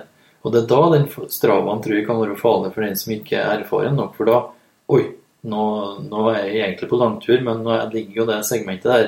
Ja. Og det, nå går det jo egentlig bra. Og så tar du det segmentet der på den turen som skulle være langtur og rolig og restitusjonstur. Ja. Det, da, det, det begynner å bli feil, da. Ja, for det- har ikke vi så mye av, vi som springer i skogen med GPS-klokke. Da, da sier jo ikke klokka håper, Jeg håper ingen har, har det her, denne funksjonen som sier ifra at snart kommer det et segment, Ja. nå må du gønne på. For det vet jeg at sånne sykkelcomputere har. Ja. Jeg har hørt flere på jobb snakke om at når de sykler hjem fra jobb, at de bare blir så sykt trigga for at computeren sier 'nå skal du gønne på'. ja. Og det, det er i hvert fall med dem som jeg har hatt som jeg presterte best. Det er det der som, som klarer å ta roleturene. Ja. rolig. Og det, det er ikke i tvil om er det som er det. Det trenes absolutt nok. Det, ja. det er ikke Jeg kan si det er, ja, det, er sånn som jeg vet at han har pratet om eh, Jerry Alin, blant annet. Han har vunnet Vasaloppet. Han har ikke vunnet Vasaloppet. Han har vunnet alt annet. Ok, av langløp. Ja, Ja. Det, ja, det beste svenske langløps... de langløpskarene. da. Ja. Men han sier jo det at kan si at det året Det året, altså han altså Han sprang for mye på sommeren, da, for da, ble han i for bra form. Ja. Og så fikk han den duppen på oktober. Når han gikk over til mer og mer rulleski på sommeren, så at ikke du fikk det der eh, altså det løpet sånn, det gjør at du blir i form. da. Liksom Du springer på det form. Ja. Og da blir det for artig å trene, og så tar du ei ekstra ekstraøkt fordi det gikk så bra, og så tar det ei til, og så det plutselig fylt opp der. Mm. Hele, hele både juli og august. da. Mm. Og de åra han gjorde om på det der, da kom også resultatene. For da ble han ikke sjuk, og så begynte han å gikk med overskudd i stedet. Det, så det er det å klare, klare å ta en ro og, og holde fokus ja, over tid. ja. Ja. det er også å legge bort den Da kan du heller legge bort den quoten når du er sjuk, da, så ta en annen quote, Ja. for eksempel. Ja. Eller på noe vis få da Det er i hvert fall det kan jeg si helt sikkert. Det er ikke den største egenskapen til Bøtter Northug. Det er det å klare å ta med ro når du er ikke er i stand til å gjøre noe. Ja. Og det å klare å koble ut. Ja. Er, det er ikke den samme hvila hvis ikke, hvis ikke hodet er i hvilemodus. Hva, hva tror du er den beste måten å hvile på, eh, bortsett fra å sove? Tror det godt kan være Jeg tror det kan godt eh, altså være noen ting som ja, Det som har sjakk. Altså, jeg tror det er bra å bruke hodet Ja. på altså, noe som interesserer deg, og noe som, og som utfordrer deg. Ja. For det gjør jo at du, du kan få bort litt den trangen til å trene òg. Ja. Når altså, du bruker hodet på noen ting som du virkelig må konsentrere deg om. Og sånt. Og det er sånn mange som drev sånn som var veldig negativ til poker, da. Det, det er helt motsatt. Poker er strategispill. Og sånn som det på vårt på Ja, ja, men det er jo, det er jo gamblinga som er, Ja, det er gamblinga. De, som er problemet. de begynner, men hvis ikke du har en strategi, der, så er ryker du jo. Ja, ja. ja, ja selvfølgelig. det akkurat det. Og det samme er når du har, skal gå en speedkonkurranse på, dag- på en dag òg. Det, det er ikke så mange som jeg tror skjønner hvor fysisk hardt det er, pluss eh, for hodet, da. Ja. Pluss du må først på prologen så må du være på, du må være på så at du kvalifiserer deg. Og så må du Da gir du hit, da. Da gir du fyr hit. Da er det tre hit, da. Og da må du være på. Og så må du være helt av imellom, der så ikke du sliter ut det mellom hita. Mm. Pluss når skal du ete, når skal du varme opp, når skal du Det krever mye erfaring altså for å klare å time de greiene der. Ha én dag med sprint, det er, da er du rimelig ferdig, altså, Ja. både fysisk og psykisk. Så det der, jo den biten der er ikke så mange som Men da må du ha en strategi først. Nå som det er til nå, så er jo all forskninga viser jo at det ikke er en fordel å gå altså siste semifinalen, for da er jo den som får minst, minst restitusjonstid. ja. Så det er Det er interessant. Ja. ja. Så det, du, du må liksom være på da, i forhold til både plassering hit du- hele, hele opplegget. da. Mm. Så, så, det er det jeg tror det er strategitenkinga, både, både i sjakk og, og poker. Det, ja, det kan hende det er noe du gir med deg i ryggrad. da. ja. Det er bare en idé. Eller programmering. Programmering, Ja. Det, Det er en veldig fin måte for meg å, å komme meg ut i en sånn zen-modus Ja. på. Space ut, komme i flow. Yes. Det er det som er poenget. Ja. Finne den måten som gjør at du ikke tenker på det du det som du, Altså ikke tenker på springing, da, Ja. for din del, kan jeg si. Jeg, jeg hørte en, en, en som har vært en kjempebra triatlet, jeg husker ikke navnet på han. Han sa det året han gjorde det best, det var da han hadde abonnement på en av de lokale kinostedene. Rundt, det er i USA, da. Der har du sånne her små kinoer rundt omkring. Ja. Han, da, da dro han dit og speisa ut da, mellom økter og på kvelder, og bare ikke tenkte på Ja. idrett. Nei. Ja. Helt enig. Og det, det der, der kan se ut som et eh, Det er litt samme også i, i, temaet der òg, for sånn som på, på skihopping, da, så er jo den som prater om den følelsen der, da. Ja. Men da, da er jo mange, da, da blir du nesten bekymra for at du skal bruke opp den følelsen. Ikke sant? Så da er det så viktig Ja. å klare å komme seg ut fra den modusen, og så på, da. Sånn som det er i, Ja. på sprint på ski. da. Ja. For du må uti den Du kan ikke gå med adrenalin i fire timer.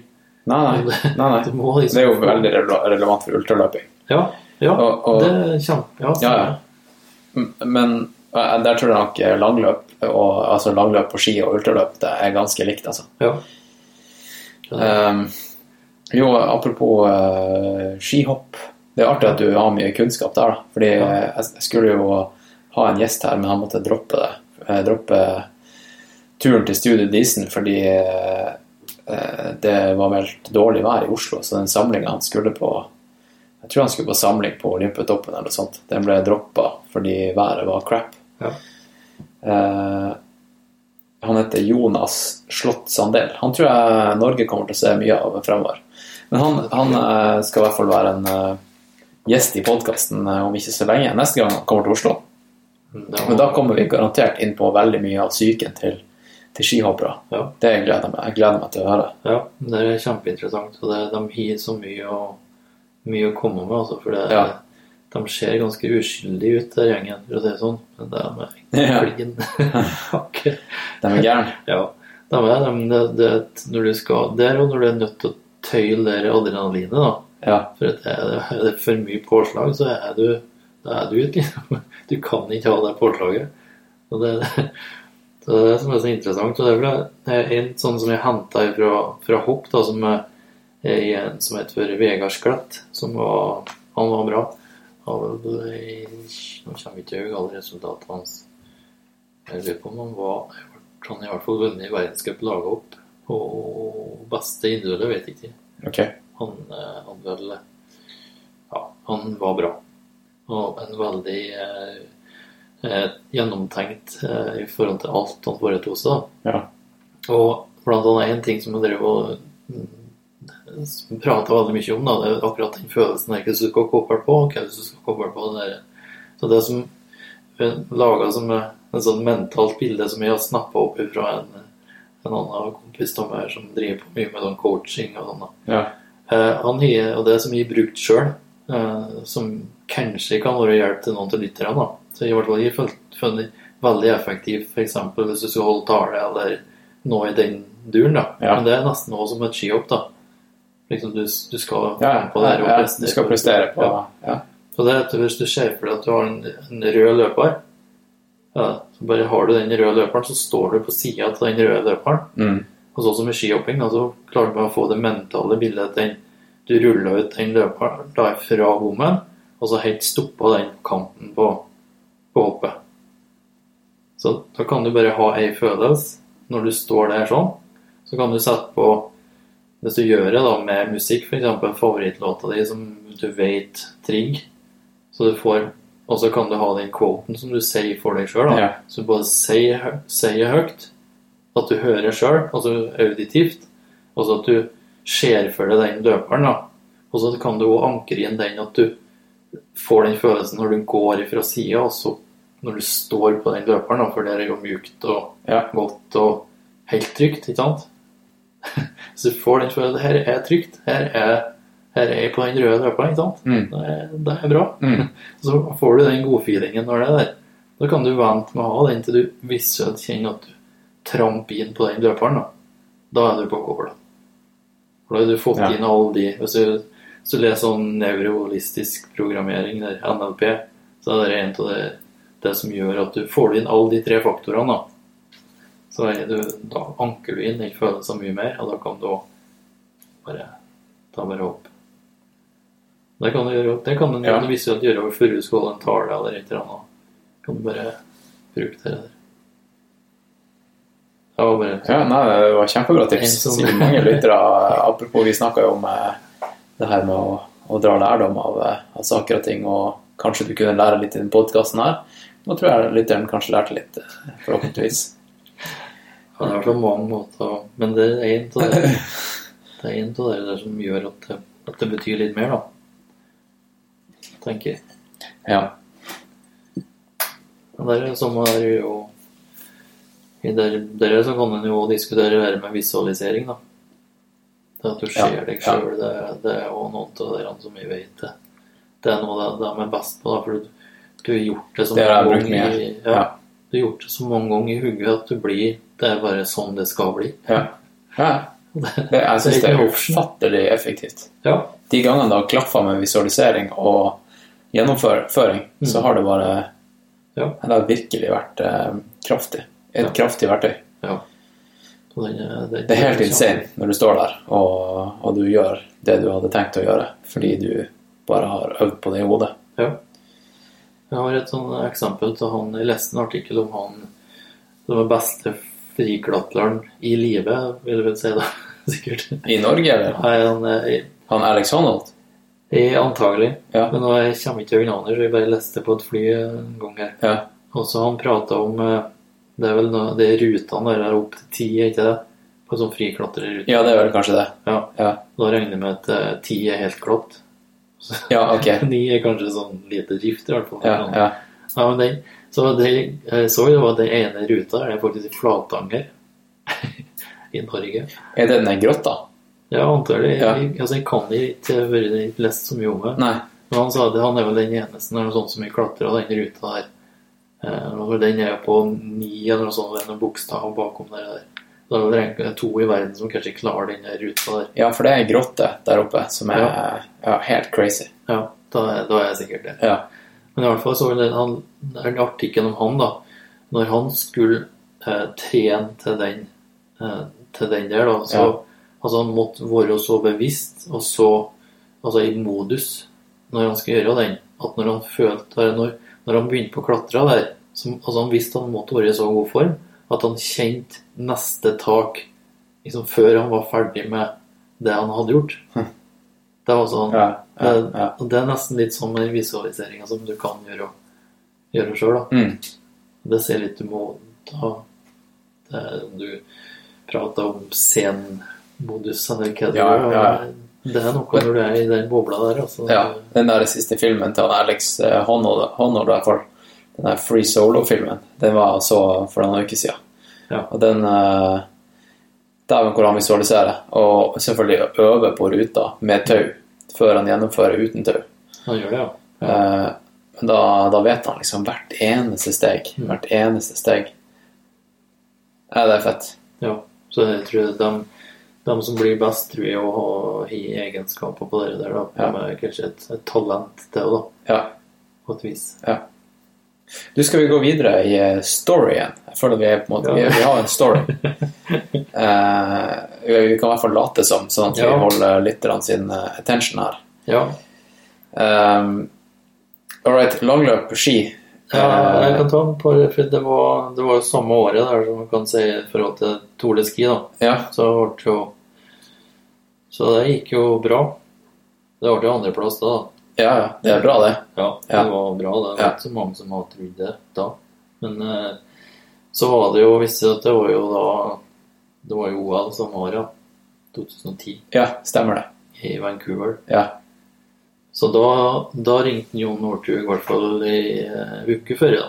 ja, Ikke, ikke, hvert fall ikke Ja, ja. dagen før.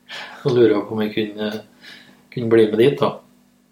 Så, uh, så vi fikk det en deal på det, og de fikk faktisk så til, til, til leilighet da, i Whistler.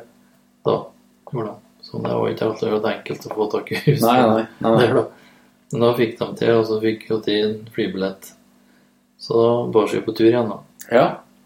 Så da havna det etter Etter mange timer reising så hoppa jeg inn en taxi i Vancouver, og så sa jeg Whistler, og så sovna jeg. Og da var jeg veldig glad for, jeg veldig glad for at han taxisjåføren kjørte dit. ja. ja. Det er ikke, nok å minne til før han vekket meg i Whistler. ja men hele verden skulle vel dit, da, så det var vel ikke noe Ja, det noe var, tvil? Nei, det var ikke det. Så han kunne ha robba meg bra. Ja. ja. Nei, altså, da, da, var, da var jeg nesten der i 20 dager, ble det egentlig. Sammen. Så, Kun behandling av eh, han Petter. ja. Ja. Så da var vel eh, Jeg tror det var to stykker i Norges Skiforbund som visste at de var der. Ja, det, er jo, det er jo litt har vi snakka litt også om ellers, da. Liksom. Det skråblikket den gjengen hans har hatt da, på, på, holdt på å si, systemet. Ja. Gjort litt eget. Ja, det var det. Det var mye eget, og det var Men eh, det skaper jo motivasjon òg. Ja. Så det Og det Jeg mener det var mye som var med på det som ble gjort på en ny måte, men sporten ble forandra ganske mye da. Og det, så det var jo vinn-vinn, men det var Mm. Som jeg har sagt, eh, jeg sagt det flere ganger nå, så jeg kan si igjen at vi jeg sa jo da, at, det- og det mener jeg fremdeles, at eh, langrenn det er en neandertalsport. Så her, eh, her er det muligheter, Ok. sa jeg da. Ja. For det er så mange nye måter å tenke på, da. Eh, både i forhold til hvordan du skal gå, hva du kan gjøre for noe under løpet. Masse ting som du Mm. kan gjøre for Mm. at alle opp skal liksom i utgangspunktet gå bare fortest mulig fra A til B. Men det er utrolig mye du kan gjøre underveis. Det er det jeg tenker på, sånn som vi ikke kommet inn på den i Ja. forhold til ultraløp. Men sånn som med langløp, i, i den filosofien fra langløp, da alle jobb ser liksom hvor sliten kan du være liksom på ni mil. Men det er ingen som spør hvor mye krefter du kan spare underveis i ni mil. Mm. Det er det som er clouet. Mm. Det er den som vinner. Mm. Det er greit med avslutningsegenskaper og sånn, du må ha alt det greiene der. Men det går an å gjøre ganske mye underveis, tenker jeg. Ja. Og det tenker jo er sikkert muligheter. Og jeg tenkte at når du gir den innstillinga der, se muligheter hele tida. Det, det det skaper en helt annen motivasjon. da. Kan jeg bli bedre på den detaljen der? Altså, kan jeg bli bedre på 50 meter nesten rett opp? Liksom.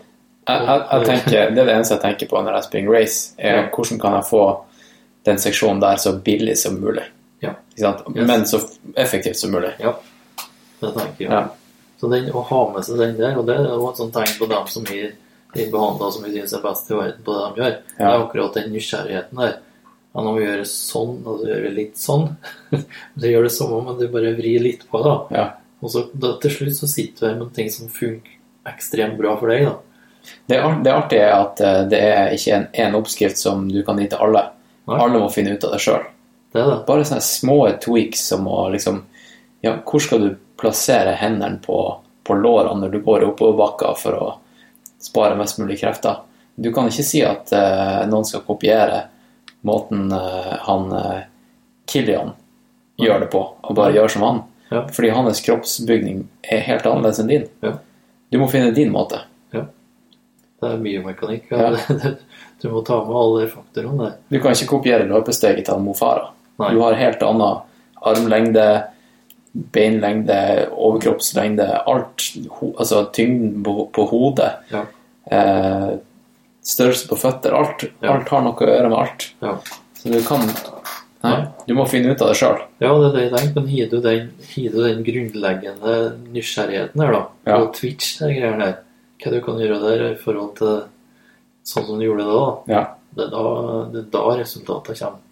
Det så i hvert fall med Petter. Kunne begynne å gjøre ting. ja, han var flink på det. Ja. Ja. I forhold til den eh, å gjøre ting som mange andre ikke gjorde, da. Ja, det, det er jo det han er kjent for. Ja. Ja, er det. Ja. Og det er det som når du, når du har den grunnleggende nysgjerrigheten, altså når du har altså Du er i modus, da, for da kommer valget mye enklere. Det kommer fra ryggraden i stedet for at du må tenke at du skal gjøre. Ja. Det tror jeg er en Ja. kjempestor forskjell da, når du driller så at da, Og du er da i tillegg da har gjort den visualiseringa at det er jo du som vinner uansett. Ja. Så du har vunnet det racet i hodet så mange ganger. Og du har gått gjennom løypa. Eh, Det kan, du- når jeg, var ikke med han i Falun, for å si det sånn. Så det- det er ikke noe kunnskap om. Men hvis du ser på det linjevalget hans på femmila før, før, eh, før i, altså han vinner det er, altså han, han er 50 meter bak på toppen der. Men det er linjevalget der, og det er research på hva snøen er sopa unna han, så det går fort. Mm. Det, det er ingen annen av han som har det linjevalget han har ned den bakken der. Og det er det som gjør at han plutselig er i ryggen på dem før oppløpet der. Så der Det er er fett.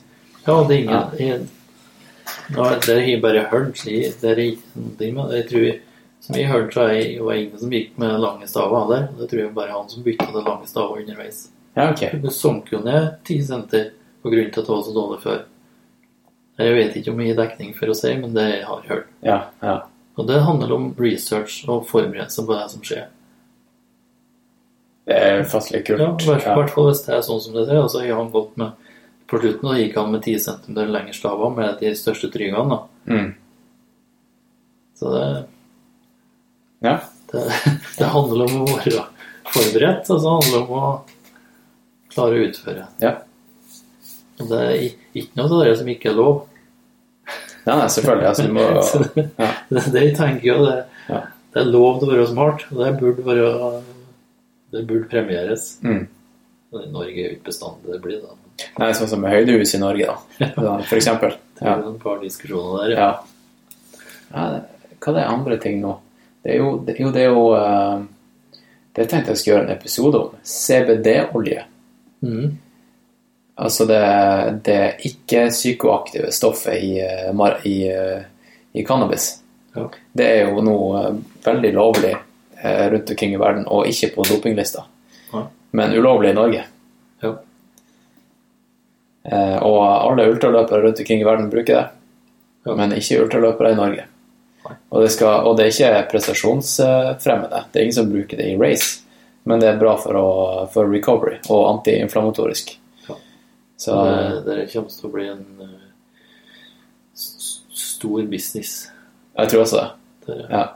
det, og virkestoffene er jo der, så det er jo ja, Sånn er jo bare. Ja. Det er bare Det kommer sikkert noen luringer som pakker dette på noe vis, men det, det er bare nesten det noe med det er det er jo nok Jeg tror nok folk skal være obs liksom, på kvaliteten på det der. der. Jeg tror det kommer mye produkter som kommer til å hause opp til de greiene der. Men Ja, ja, så, ja.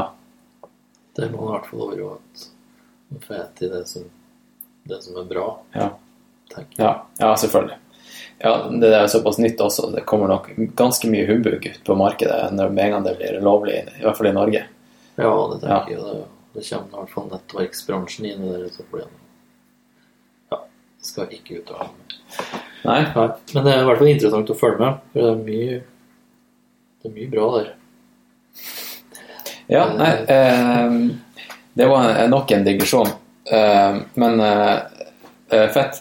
Da har du um... Ja, det var i Vancouver. Ja.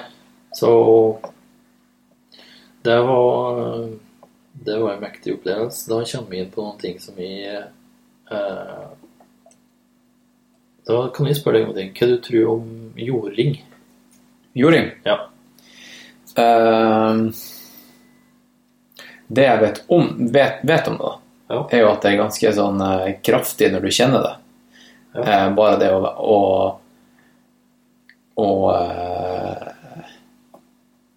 gå barbeint i gresset og kjenne deg connecta med jorda, eh, kontra det å være liksom det motsatte, som jeg vil si være i et fly med med headset og Bluetooth og, og telefon og, og alt sånt der. Den forskjellen der, da, den er ganske stor. For den sånn merkbar forskjell Ja. innerst inne i kroppen. Det er min umiddelbare tanke. Ja. At det Ja. føles rett når du går barbeint i gresset. Ja. Ja. Og det der tror jeg det er en kjempefordel når dere får holdt på i fjellet. Sånn, Ja, ja, ja. Helt, eh, og det er jo ganske mye litteratur på det der og i forhold til eh, altså, den hertsen som er i jord, i forhold til den vi med hi, da. For den connection der, den er grobunn for, for heling, da. I hvert fall en del litteratur som sier det. Ja. Men jeg tror det å fungerer inn på så mange andre måter. Og det, det er også rart når det kom til Whistler. Den eh, eh, Jeg har vokst opp i Lierne, og det, er jo, det var noe veldig mye fjell der før. Og, Ja. og liksom, vi vokste opp sånn. Og så når vi kom dit, og altså, de åra der, så da bodde jo Petter i Meråker og, og trente i Meråker, i fjellet der. Mm. Og så kommer du til, til visen liksom, du, du kjenner bare følelser liksom, når du, du bare, Ja, når du går ut i bilen der, da er du det jo ganske mange Ja, var, det, var det fjell og natur og sånt? Ja, ja. Ja. Det, det liksom, du kjenner det trøkket da, liksom, i brøstet. Ja. Du kjenner her er, her er jording. Mm. Mm. Det er groptømmer. Alt er bygd i groptømmer. All bruene er bygd i tømmer. Det, Ja, nice. det er liksom, du hører liksom den Twin Peaks-melodien som, som, Ja. som går i bakgrunnen. Sånn. Som, eh, du kjenner, det tror jeg Ja, jeg tror det er noe, det er noe med de greiene da, som gjør at, at eh, i hvert fall å trene i sånt terreng og ha eh, Det tror jeg er bra, altså. Mm. Bare en sånn Ja, ja, ja, absolutt. feeling jeg har. Absolutt. Jeg merker jo det at når jeg, når jeg, når jeg springer på tredemølle på sats et, rett etter jobb, når alle er der, og alle, alle tredemøllene er nesten opptatt, og det er komboen med sånne her løpetimer der det er noen som står og skriker ut i høyttaler, og folk står og ser seg i speil og hører på musikk, og er bare kaos, rett og slett. Ja. Det, det, det er de verste øktene jeg har. Ja. Da, da, kan vi, da kan vi komme over på det som, det som er på nevrofysiologi nå. Da. med Ja. liksom en fysiologitime her, da. Ja. Og det, det som kommer på forskning på, på nevrofysiologi nå, og som har kommet eh, Sånn som jeg skjønte det, det må ta en klype salt her, men eh, 90% av alt som vi vet om hjernen i dag, det har blitt funnet de siste 15 åra, kanskje. Okay. Det, vil, det er mye, det vil si. Det er mye. Altså 90 av alt som er funnet ut. Så det som skjer på hjerneforskninga, som ja, det er Moser og dem vi fikk der Nobelprisen Ja, for, og ja.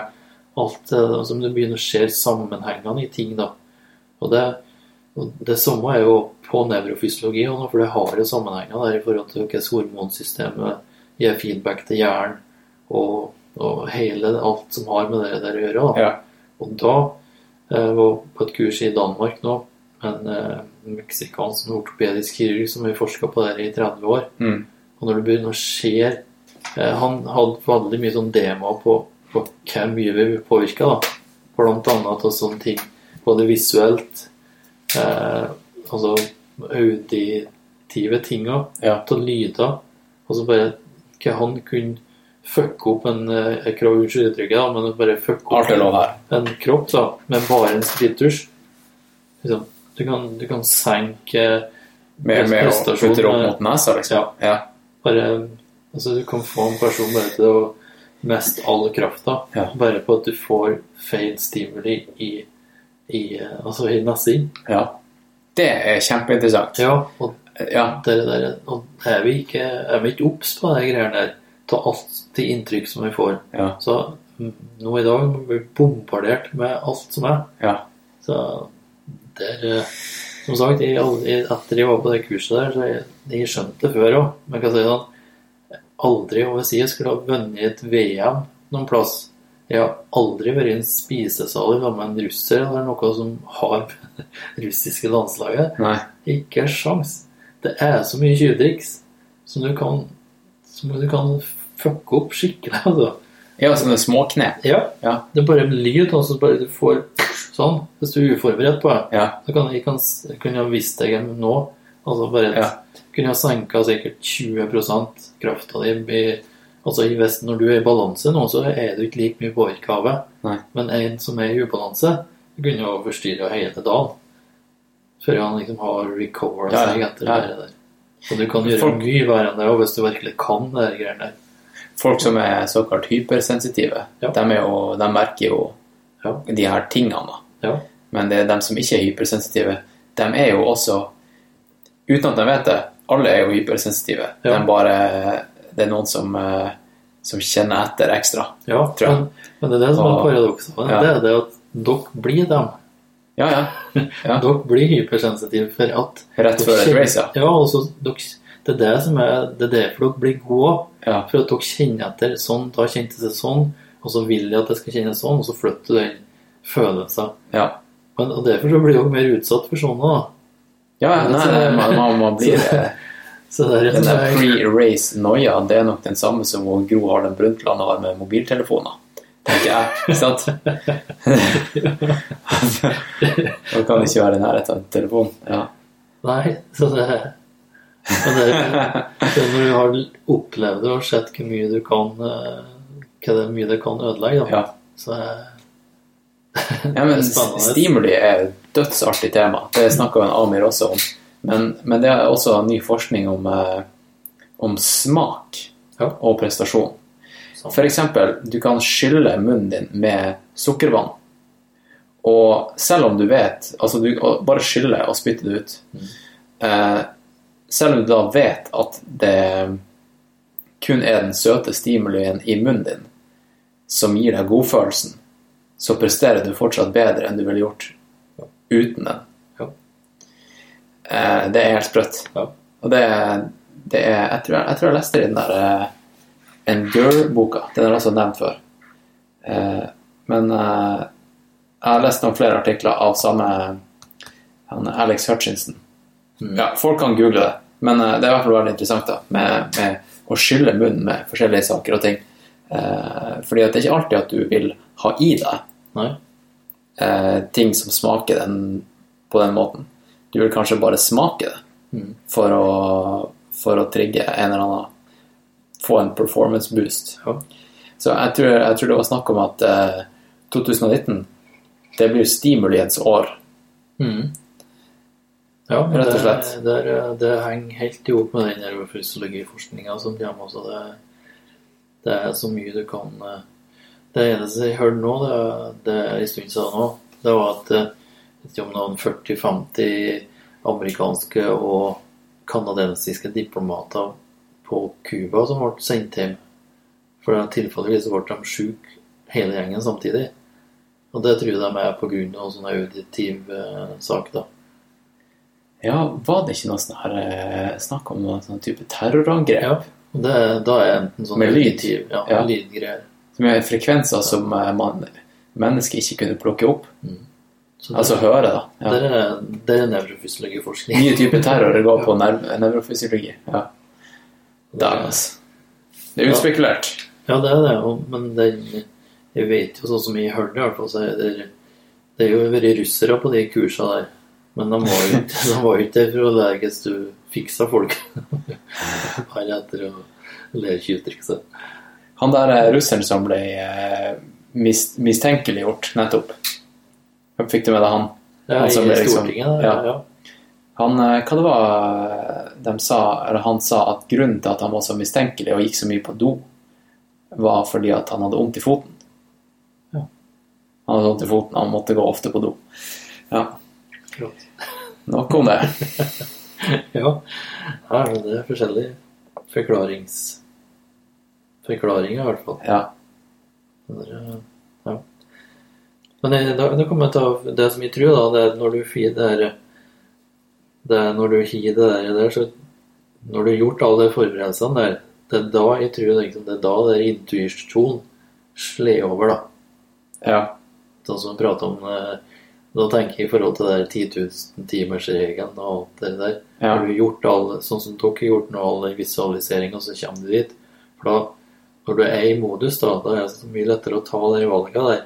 Og da kommer det på intuisjon, i stedet for at du må tenke. Ja. ja. Det er sånn jeg tenker at det funker, da. Ja. Ja. Og det er som er grunnen til at det Du slipper å koble på din professor brain. Da er det monkey brain som tar avgjørelsen. Eller det, monkey brain tar den riktige avgjørelsen. Ja. Altså kan professor brain din ta, ta seg av de, de viktige av, Ja. avgjørelsene. Strategisk underveis. Ja, det tenker jeg. Ja. For den, den, den må komme fra ryggrad. Ja. Det er samme som Ja, det, nei, behøver ikke ta det. Men det, det, det er der det kommer når du, når du kommer over på den modusen der, da. Det koster mye mindre energi òg. For du behøver ikke å tenke den. Det kommer over ryggrad. Det er akkurat sånn som spesialsoldater arbeider. Det må, altså, drillen må sitte så den går ubevisst. Mm. Ellers så går den ikke fort nok. Mm. Da, da er du død. Hvis du må tenke. Ja. Den ting skal Det er en litt annen konsekvens for dem. Men, uh, Ja, ja. Men det er samme greia. Ja, det er det. Og der, der, det, det, må liksom være den drillen, da. Når du kommer opp på det nivået, det er det er så mye mengde trening, og så mye der, da kommer du på den 10 000 timers-regelen. Det er samme med meg, og når de har 10 000 pasienter, så kommer du Du kjenner ikke Det er bare at du vet at det, du har hatt 100 stykker, og da kjente du det sånn. Og da kjenner du nummer 101, for da er det noen ting som ikke er som det skal. Ja. Det er litt sammenlignbart, da. Har du hatt noen pasienter som bare Ingenting stemmer. Altså, alt er galt. Du bare merker det på dem når du fra liksom første den kommer inn i rommet og bare Her er det mye å ta tak i. Ja, det, men det blir mer og mer. Det blir det. Ja. Folk er mer eh, Ja, det, det syns jeg, altså. Det er mer og mer altså, Mye mer komplekse ting. Er det en trend du ser, eller? Ja. Hva, hva er trenden? Ja, men folk er Det er stress, og det, det er for mye til slutt som bare Det er stressrelatert. Det ja, altså, det, liksom, det er total overload, vil jeg si. Nervesystemet henger ikke med lenger. Ja.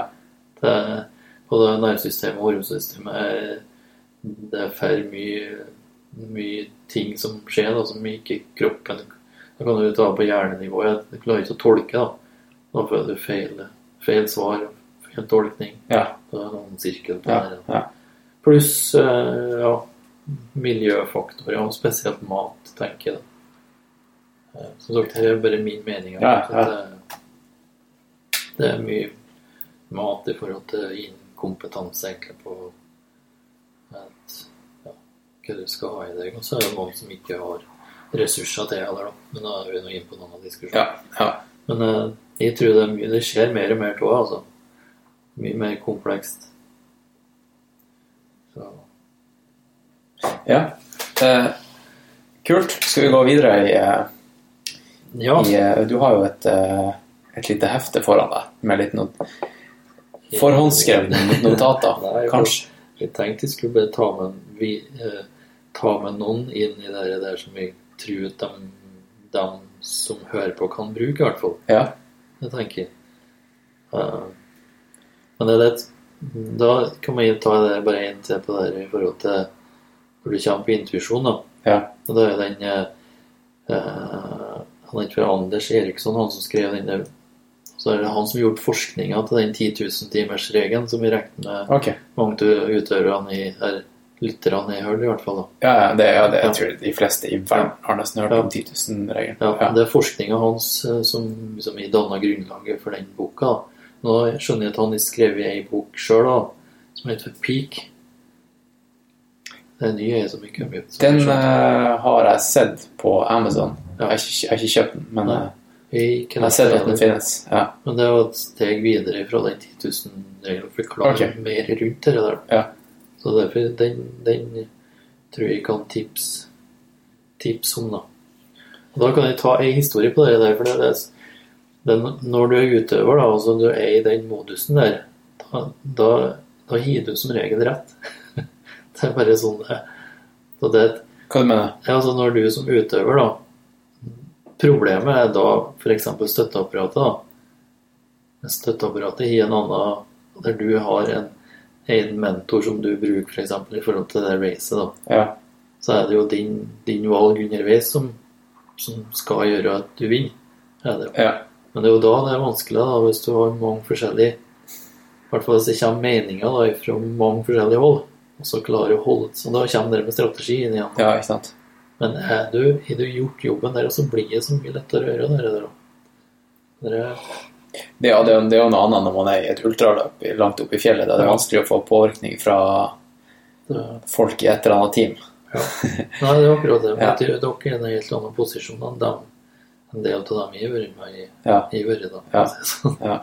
Da er ikke like Ja, for du ser jo i skisporten, der springer jo sekundatorer langs eh, med, med skistaver og jeg bare hyler dem i, i ansiktet med Ja, det, det er mye input. Ja. ja. å si det sånn. Så, men det må jo dere regne med hvis dere skal opp på highest level. Eller så. Ja, altså, Vi har jo aid stations og, og sånt der vi møter crewet vårt. Ja. Ja, så eh, påvirkning får vi. Ja, jeg, tror, jeg tror det er smart å legge en, legge en plan på det òg. På hva som blir sagt underveis. Det er mange som gjør det. Ja. Ja. Det Det er mange som eh, For eksempel da i, i et løp som Western States, hvis du har hørt om det. Mm. Uh, Da er det vanlig, vanlig å ha en pacer.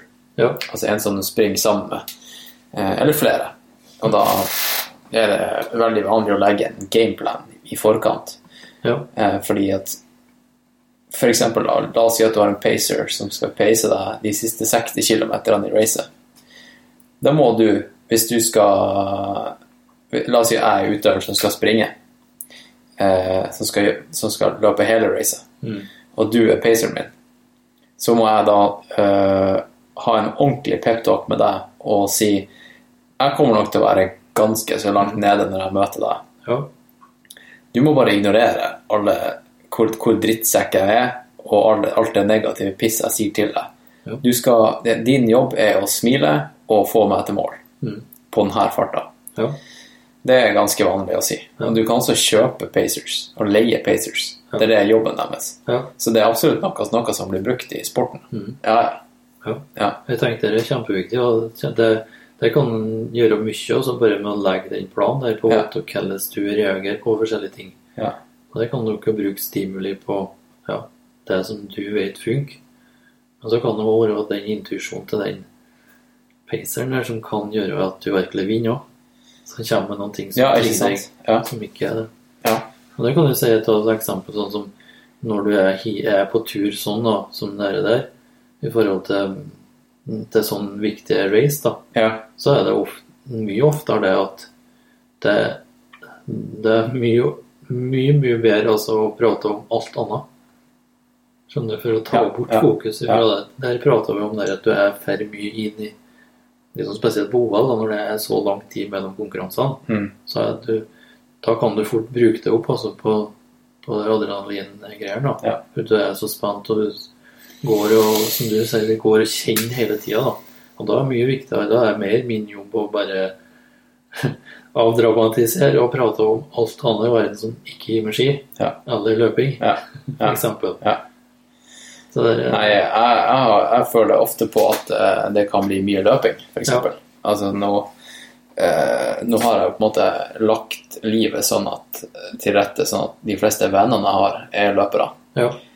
Og eh, det meste jeg gjør, er jo løping. Ja. Og, og nå driver jeg en podkast som handler, om, handler mye om løping. Ja.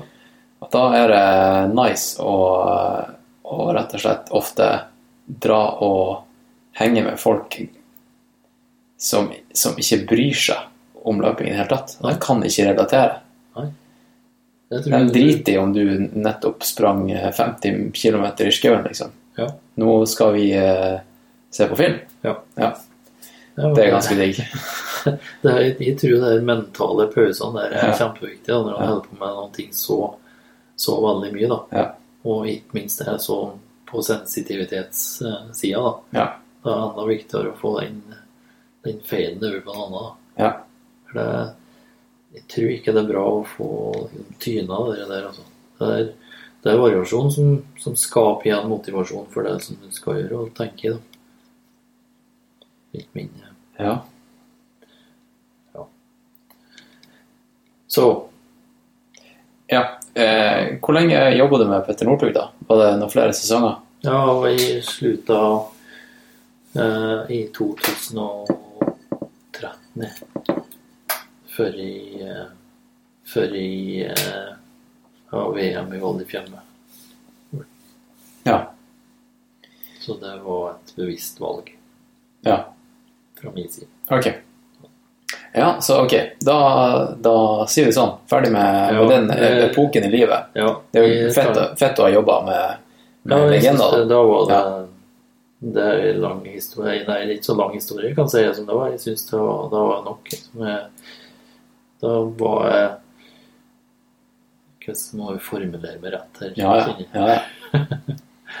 Nei, men da var jeg såpass mye eh, Han har i hvert fall vært veldig dedikert de luxe i de åra som vi arbeidet. Og Ja. da, du, du merker egentlig da Ja, du merker litt når, det, når piken er der, da.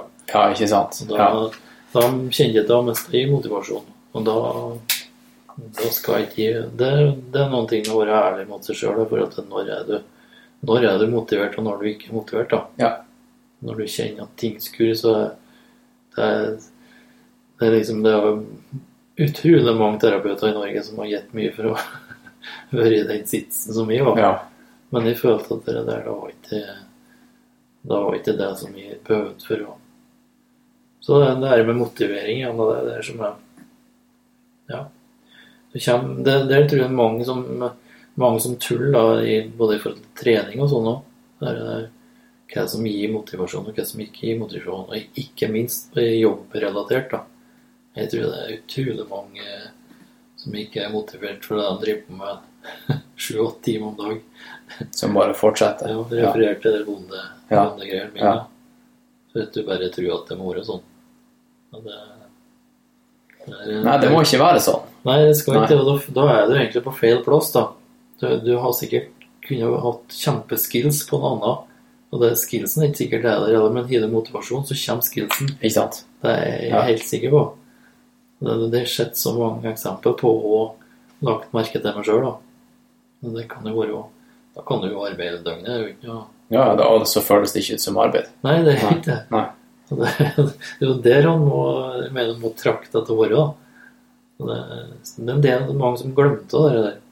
Det er, ja.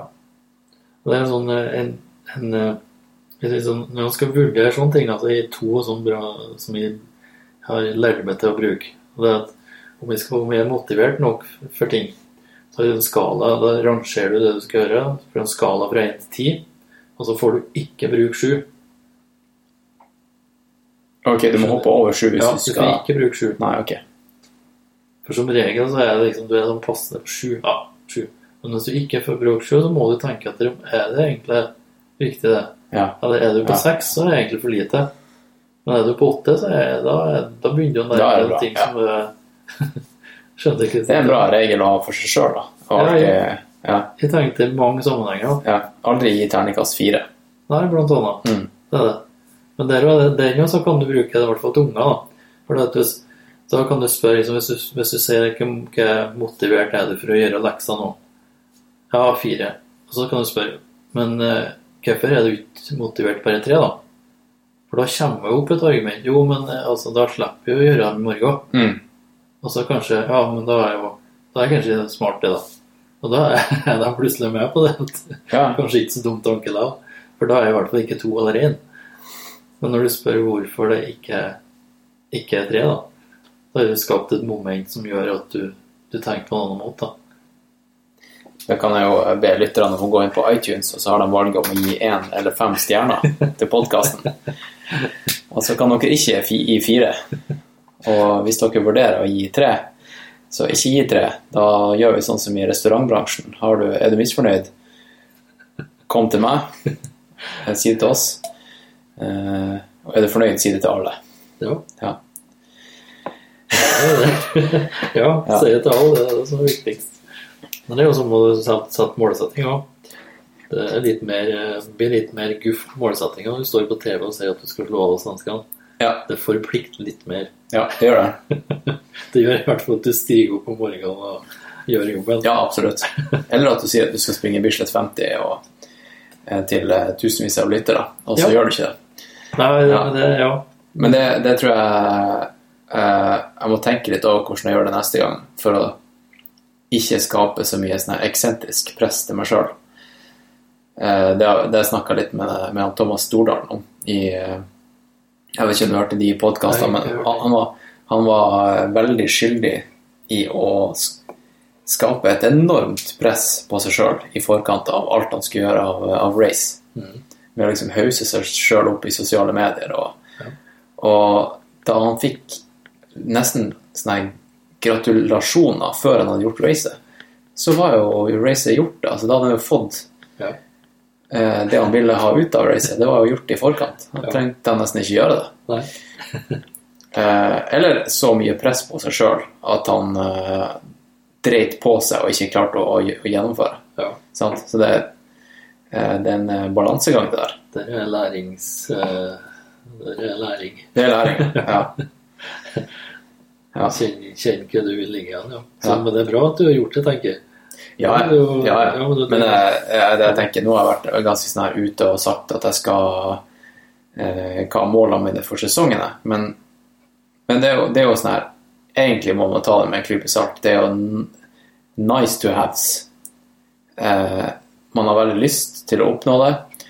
Eh, hvis det skjer, så er det, dritfett. Men man, man må også være klar over at det kan Livet kan komme i veien, skader kan skje. Og ikke bli for stressa om det skjer heller. Nei. Fordi eh, det er Selv om løping er viktig, så er det ikke alt. Nei, det er ikke det. Helsa kommer først. Ja, den gjør det. det er, sånn er det bare. Ja. Så. Men jeg tror det er veldig bra at du er kjent på det, og bare Ja, ja. slengte ut det sånn òg, for det, det, det, er det, du må finne ut hva som skaper motivasjon for deg, og skape det rett presset òg. Ja. Og det, det Ja. er mange som bom, da. Og det er noen som trives med å skape skikkelig Ja. høyt eksternt press. Ja. Ja. Og det, det er så kjempestor forskjell. Og det å finne din, din måte å få det akkurat rett presset. Ja. Det, Ja. det jo en treningssak. Så det er bra du gjør det. ja. Da jeg dro til Limone i, i Italia i høst, så tror jeg nesten ikke at jeg la ut noen bilder eller sa noe til noen om at jeg dro dit. Nei. Jeg sa det bare etter racet at jeg hadde gjort det. Ja. Det var ganske nice, egentlig. ja men, uh... Faktisk. Bare fortsett med det. ja, test ut i hvert fall hva som er Ja. nivået. Inkognito. Ja. Men det er jo litt om å ta gradene der òg. Ta steget der òg for å heve liksom alt, da. Ja. Så, eh, ja, det er mye som henger opp med det der. Men du har jo, du har jo fortsatt samarbeidet med, med skiløpere. Ja. Og én skiløper. Skal vi hoppe rett til, til storyen hans, eller? ja vi kan, Eller skal vi Nei, innom noe imellom? Nei, men vi kan gjøre det. Ja. Så vi kan eh, for det fortsetter jo ganske mye med, med det der eh, eh, med ski. Og det ble liksom ikke kommet med ut der. Det har blitt spurt om å være med United Bakeries. ja. Team, da- team United ja. Bakeries. Ikke Nei. å behandle dem som baker boller. Ja, nei. Det, men det var han sjefen der som hadde ansvaret for hele den satsinga der, da. Ja. Som var i langløp eh, fra var det 13-14, kanskje, noe sånt. til 14, ja. Og da Ja. Så da, da var jo mye penger i, i langløp òg. Ja, da Thomas Alsgaard var engasjert og, Ja. og sånt. Ja. Da var det jo Leasplan og Bakeries, og det var jo Ja. Det var mange lag da som var Og mye bra mye bra skiløpere. Mye bra utøvere. Ja. Hva som gjorde at det kom en sånn pengeboom i langløp på ski på den tida? Eh, jeg tror det var det, det Var det, var det folk som var engasjerte, som satt på pengesekken, eller var det noe annet? Eh, Jeg vet ikke alt om det der. Jeg Nei. bare hørte rykter liksom om at eh, altså, altså fra Europa at den Ski Classic, den vis, nei, det som er Visma Ski Classic nå, Ja. at Klis, Ski, Ski Classics, at eh, det lå hva var 300 millioner euro eller sånt i den potten i TV-rettigheter. da, Ok. Bare på det der. ok. Eh, Da, da. Så da de begynte å åpne for det, der, eh, og så kom jo norske sponsorer hovedsakelig inn og putta på med de lagene som de hadde. Mm. Så da var jo Som United Bakery så var jo et helt landslag. Så nesten, Ja, de var jo det, de, ja. nesten alle der kunne jo ha vunnet World Cup hvis, hvis det var sånn som det var da. Så det var jo så Det er kult. utrolig mye erfaring i det laget der, da. Ja. Som ble, eh, men de hadde jo sine utfordringer, dem òg. Det er ikke bare, bare å komme som World Cup-løper og catche det der greiene der. Altså det, Nei, det er jo som å komme fra maraton og skal liksom lykkes i ultraløping. ja, Ja. det er, det er en helt annen ja, jo delvis mindset òg i forhold til hvordan du Og det var jo si, Johan Kjølstad, for dem som husker han, og Jon Christian Dahl. De gikk jo i beit dag lag eh, Jeg tror det var det som var utgangspunktet for United Bakeries, kanskje i 12 og 13. da. Mm. Men de, de var jo topp ti der på Vasaloppet det året der. Og da, men jeg håper at vi kan få dem til å fortelle den historien sjøl. Ja. For de måtte virkelig De måtte hjem og tenke seg om, hva for de fikk grisebank. det var, De hadde ikke sjans. Så de måtte hjem og tenke seg om på Back to the drawing board. De måtte hjem og bare så det er Johan Kjølstad er hjemme og trene. Ja. Det i alvor. ja. Men jeg håper på dem til å fortelle den historien sjøl, for det, det, de måtte gjøre om ganske mye. Også. Ja, for det, du snakka med Johan Kjølstad i forkant av podkasten. Ja, jeg hadde det, han og Jon Christian Dahl. Jon Kristian Dahl. Ja. Eh, og han sa at han eh, kunne godt tenke seg å være med på podkasten. Ja. Ja. Så får vi se om vi klarer å få til det på noe vis. Det hadde vært dødskult, for det er jo veldig mange paralleller å dra mellom eh, ultraløping og langløp på ski. Ja. I hvert fall nå med det eh, Nordenskjold-løpet på 22 mil. Ja, ikke sant? Den er jo den er grei, den. Ja. Vasaloppet er jo Du kan jo springe vaseløp også, ultravasene, men eh, det er jo Kan du bruke fire, ja, fire og en halv time bruke den på, på skiløpet. Ja. Mens eh, jeg husker ikke helt hva de bruker på, på løpeløpet. Nei, det er ikke tenkt. Men eh, jeg vet at han Jeg tror det er Jonas Bud som har Det kan jeg google nå, skal vi se. Ja. Eh, dra. Didrik var ikke han med i fjor, da? Eh, Didrik var med i fjor, ja. Ja. Eh, skal vi se Ultravasan, eller Ultravasan, som de sier på På amerika amerikanerne sier jo, sier jo det. Skal vi se eh, Der var vinnertida i fjor, i hvert fall. Det var en eh, Fridtjof eh, Fagerlund, svenske. Han vant på 6.01. Eh, Jonas Bud har rekorden på 5.45. 5.45. Det er så sjukt fort, det. Jeg tror det jeg hørte snakk om at det var Snittfarten var på 3,50 på kilometeren. I 90 km. Det helt. Det er helt crazy. På, I terreng, liksom. Det er jo da flatt terreng, men det er jo fortsatt offroad. Ja, men det, Mye grus og sånt. det må jo bare, den, eh, den må jeg bare ta bort med en gang for dem som sier at baseloppet er flatt. Det er bare tull. Nei, men i forhold til Tromsø Skyrace. Ja, ja, sånn Ja. i forhold til Ja. det, så er det Men det er så mange som tror det er, bare staking der Vasaloppet. Men, Ja. men når du har gått Vasaloppet, det er kan- Det var ikke han eh, Skinstad som sa det, at det eh, Vasaloppet er forbausende kupert for å være så flatt. Han, er- han er Jim Walmsley. Han vet sikkert ikke du hvem er, men han skal eh, løpe ultravasene i år. Ja. Og han er, han er jo Han var kåret til Ultra Runner of the Year. Han vant, eh, vant eh, Western States i fjor og et par andre av de store, store klassikerne. Ja. Og han er en av de der ekstremt raske. Og han sprang nettopp et eh, halvmaraton på, på 64 minutter. Så han har steget, da. 1-0. Ja. Det gjorde han bare for å bevise at en ultraløper kunne gå ned og, og bare trene i åtte uker spesifikt og eh, kvalifisere seg til eh, det her Olympic Trials-løpet som de har i USA. Ja. Så han gjorde det, da. Ja. ja, men du var jo på samme, samme mentaliteten, du. Ja, ja. Ja, ja. Jeg, jeg tenkte på, på Jim Walmsley da jeg trente til Bislett 50. ja. Ja. Jeg var, jeg var inne på noe der. ja, det, det du har gjort der, er bra. Altså. Ja. Det er jækla synd, det greiene. Ja.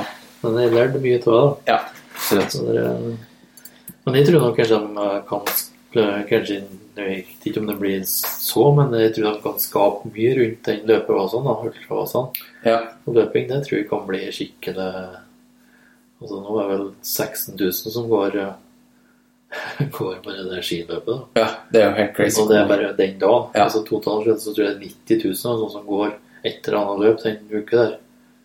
Det er big business, altså. Ja. Så det kan fort hende at de gjør det på den der eh, Sånn som Sælen satsa nå, så jeg tror jeg det får internasjonal flyplass oppå der. Og så, så Ja. da har de skapt noen ting rundt de greiene her som er helt vilt, egentlig. Ja, det, de har klart å få folkefest. Jeg vet ikke om eh, han eh, Johannes Rummelhoff, min løpekompis i Skyblazers, klarer å engasjere like mange i sitt eh, prosjekt. Jeg tror det skal være i mai. Det er eh, Langevann rundt 24-timers i Lillemarka. det kan jeg si til lytterne nå at eh, det kan dere Det er ikke noen nettside, det er ingen event dere kan melde dere på engang. Du må bare komme tilfeldigvis den datoen han skal Han og eh, også et par andre skal finne på der. Ja. Men, eh, Fyre opp bål og ha en aid station som du kan springe innom hvert eh, kanskje, jeg vet ikke, hvert tiende minutt. Rundt og rundt og rundt i lange, lange vann i Lillemarka. ja, er det er så, det er så galt at det kan bli mye folk. Det, Ja, ikke sant? Ja. Og det, det er ikke noe offisielt race, det er bare en happening. Ja. Og eh, ja, det er ikke vits å registrere noe offisielt race for det, fordi at du, du kan bare komme og se hvor mye du klarer å springe på 24 timer. Ja. Trenger ikke å registrere det i noe forbund eller noe sånt. Nei, det er jo Nei. Nei. Det er ikke søk om lov for det. Nei, det Marka er for alle, liksom. Ja, det, Det koster ingenting. Ja. ja tøft. det, det liker. Ja. Det- Neste år er vi sikkert sponsa av Red Bull eller et eller annet. det tipper. Han Johannes han har jo litt eh, en deal med Red Bull nå. Så det Red Bull de sponser sikkert. Ja, det kan fort skje, det. Eh, Det er bra. Nei, den er apropos sponsorer. Ja. Den podkasten her, det kommer jeg til å si i introen, den er jo uh, uh, Nei, det har ingenting med det å gjøre. Det har litt å gjøre med det å gjøre. Uh, men det, den er sponsa av um, Skift. Har du hørt om Skift? Nei. Jeg skal ikke det skal ikke være noen sponsor-shout-out-sekvens, det her, da. Um, skift kosttilskudd. Uh, og eh, det som er fett, er at jeg bruker det fra før av med magnesium. Ja. Jeg tar magnesium. Uh, så det er ganske fett. Ja, Jeg vil høre mer om det hvis du ja, det, det Vi kan kanskje komme tilbake til det. Det og alt jeg har lina opp her. Nå har jeg uh, lina opp litt saker og ting her som er på en måte aima for å ta, ta knekken på kosttilskuddbransjen. Ja. Ikke sant? Men det er enkelte ting kost, kosttilskuddbransjen eh, kan levere. Og det det jeg liker med, med skift, da. Er at det er mineraler og, og sånne ting. Da. Ikke, ikke så mye pushing på på ting som vi vet ikke, ikke fungerer. Nei. Og så er det norsk. Ja. Ja. Men, eh, men nok om det. Du kan eh, hinte meg, hinte meg om å komme tilbake til, til det sporet om eh, det jeg har lina opp på benken her. Det er jo sånn det blir i hvert fall den arbeidet som jeg gir, så blir det i hvert fall forespeila blitt forespeila ganske mange produkter opp gjennom åra. sånn. Ja, du har det? Ja. Ja, og det er veldig mange som visste at de behandla Petter, f.eks. Ja. så ville de ha inngangen på, Ja, ja. på sånne ting. ja, ja. Så det er, jeg, prøvd mye. Men du, jeg kan jo bare si det som ligger der. Ja, ja. Jeg må bare si det. Eh, Jeg skal hente det. Skjer det, det blir bra. Ok, jeg har, her har en pakke med gammelost. Um, god gammeldags gammelost.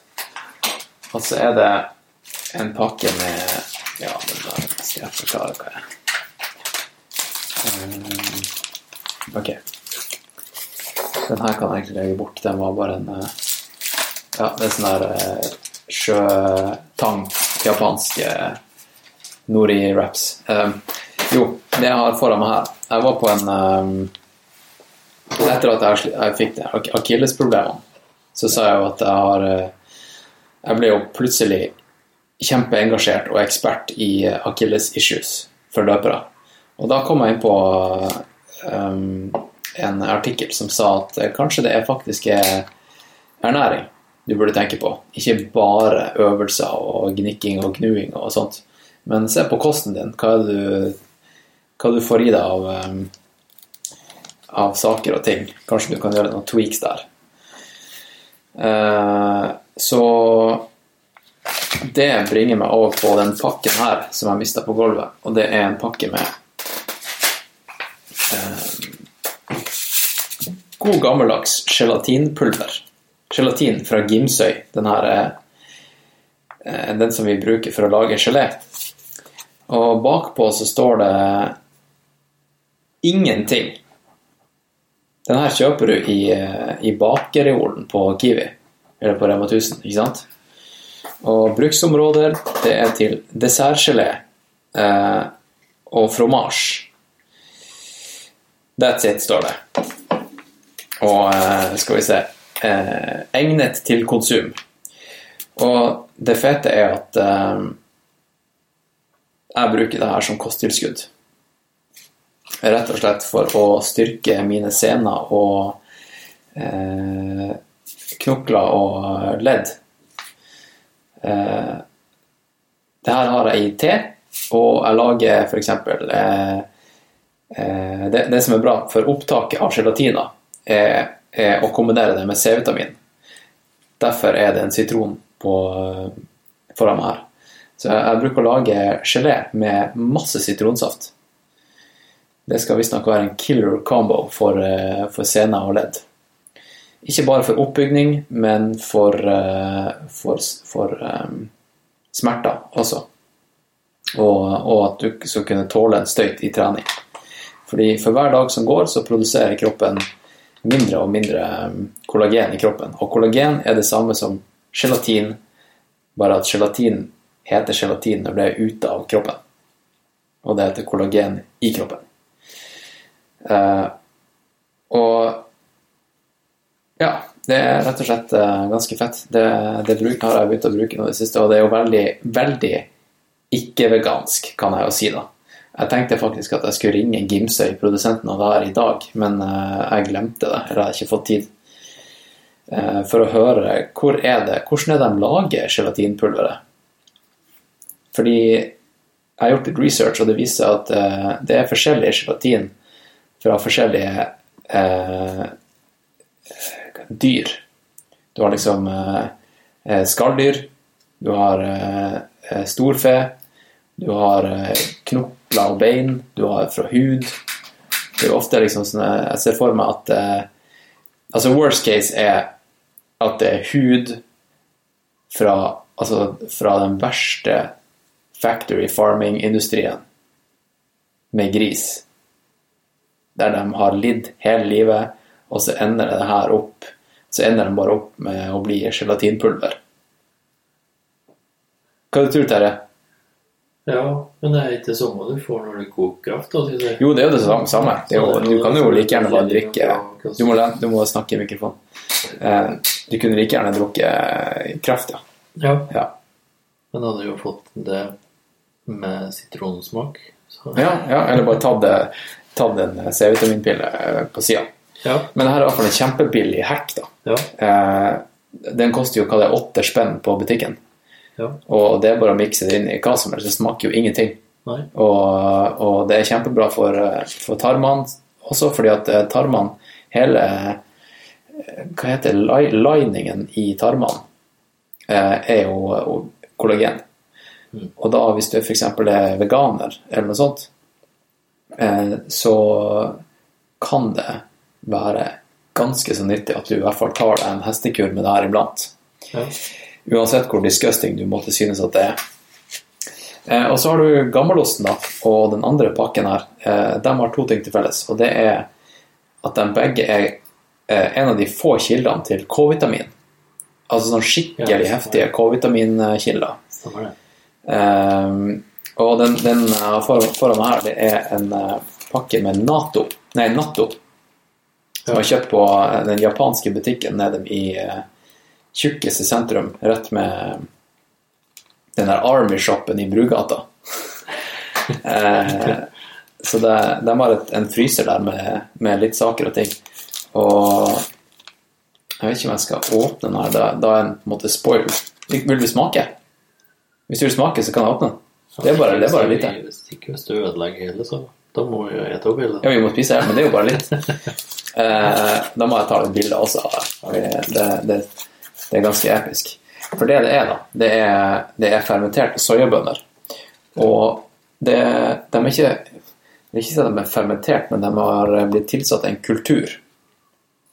Og de bakteriene da, de danner en sånn slimhinne. Så det gjør at soyabønnene er, har slim rundt seg. Ja. Det er ganske spesielt og kult. Eh, kan du bare skal, Nei, jeg. Jeg kan hente. To sekunder litt til.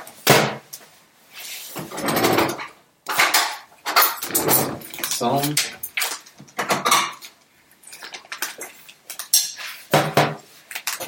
Det her, er, det her er artig. Det er artig å eksperimentere. Å, her er bra. Oi. Nå skal jeg åpne den her. Eh, Det måten den er pakka inn på, det er sånn liten isoporpakke. Og måten de serverer det her på Japan, da, det er at eh, det er ofte til frokost. De har gårsdagens ris i en bolle, eh, og så har de natto oppå. Og så har de et, eh, et rått, eh, en rå eggeplomme oppå det igjen. Og så soyasaus. Og så mikser de det her opp. Nå tenker jeg også en bra måte å herde magen før jeg drar til Japan og skal springe det skyracet. Uh, skal vi se, her skal man nesten ta bilde av. Jeg tar en bilde. Du skal også få se dere når jeg åpner. litt. Ja. Har du eh, iPhone, eller? eh? Ja. Du kan ta Ja, du kan ta Sånn her ser det ut. Det er en liten eske, og så kommer det med noe sånn her eh, Jeg tror faktisk at det er sennep. En liten pakke med sennep. Og så Skal vi se her Skal jeg åpne denne? En liten sånn eh, plastikkhinne over, over soyabønnen. Som er skikkelig slimete. Ja, det er sånn typisk eh, spennende japansk mat man liksom eh, Nordmenn er nok kjempeskeptiske. Men det, det, det, det interessante med, med det her, da Det her skal visstnok være grunnen til at det er såpass få beinbrudd i Japan. Eh, ja, ja, ja. K-vitamin er, er det beste du kan få inn i kosten for å øke din beintetthet. Ja. Og det her er masse K-vitaminer der. Jeg skal først ta, jeg skal ta og mikse den her, den her eh, sennepsblandinga oppi her. For at eh, uten, uten den miksen med sennep, og jeg tror kanskje det er, det er soyasaus også her, så er det ikke verdens beste smak. Eh, så det, da. Og, det, og vi har jo vår variant i Norge, og det er jo eh, gammelost. Som også inneholder en del Ikke smaker så bra. Nei, jeg syns det smaker godt, det. Men det, er noe, det er ikke så mange som syns det. Jeg spiste, eh, jeg spiste det ganske ofte. Da, da bare mikser man det her sammen. Skal vi se. Skål. No, Natto-skål. Ja.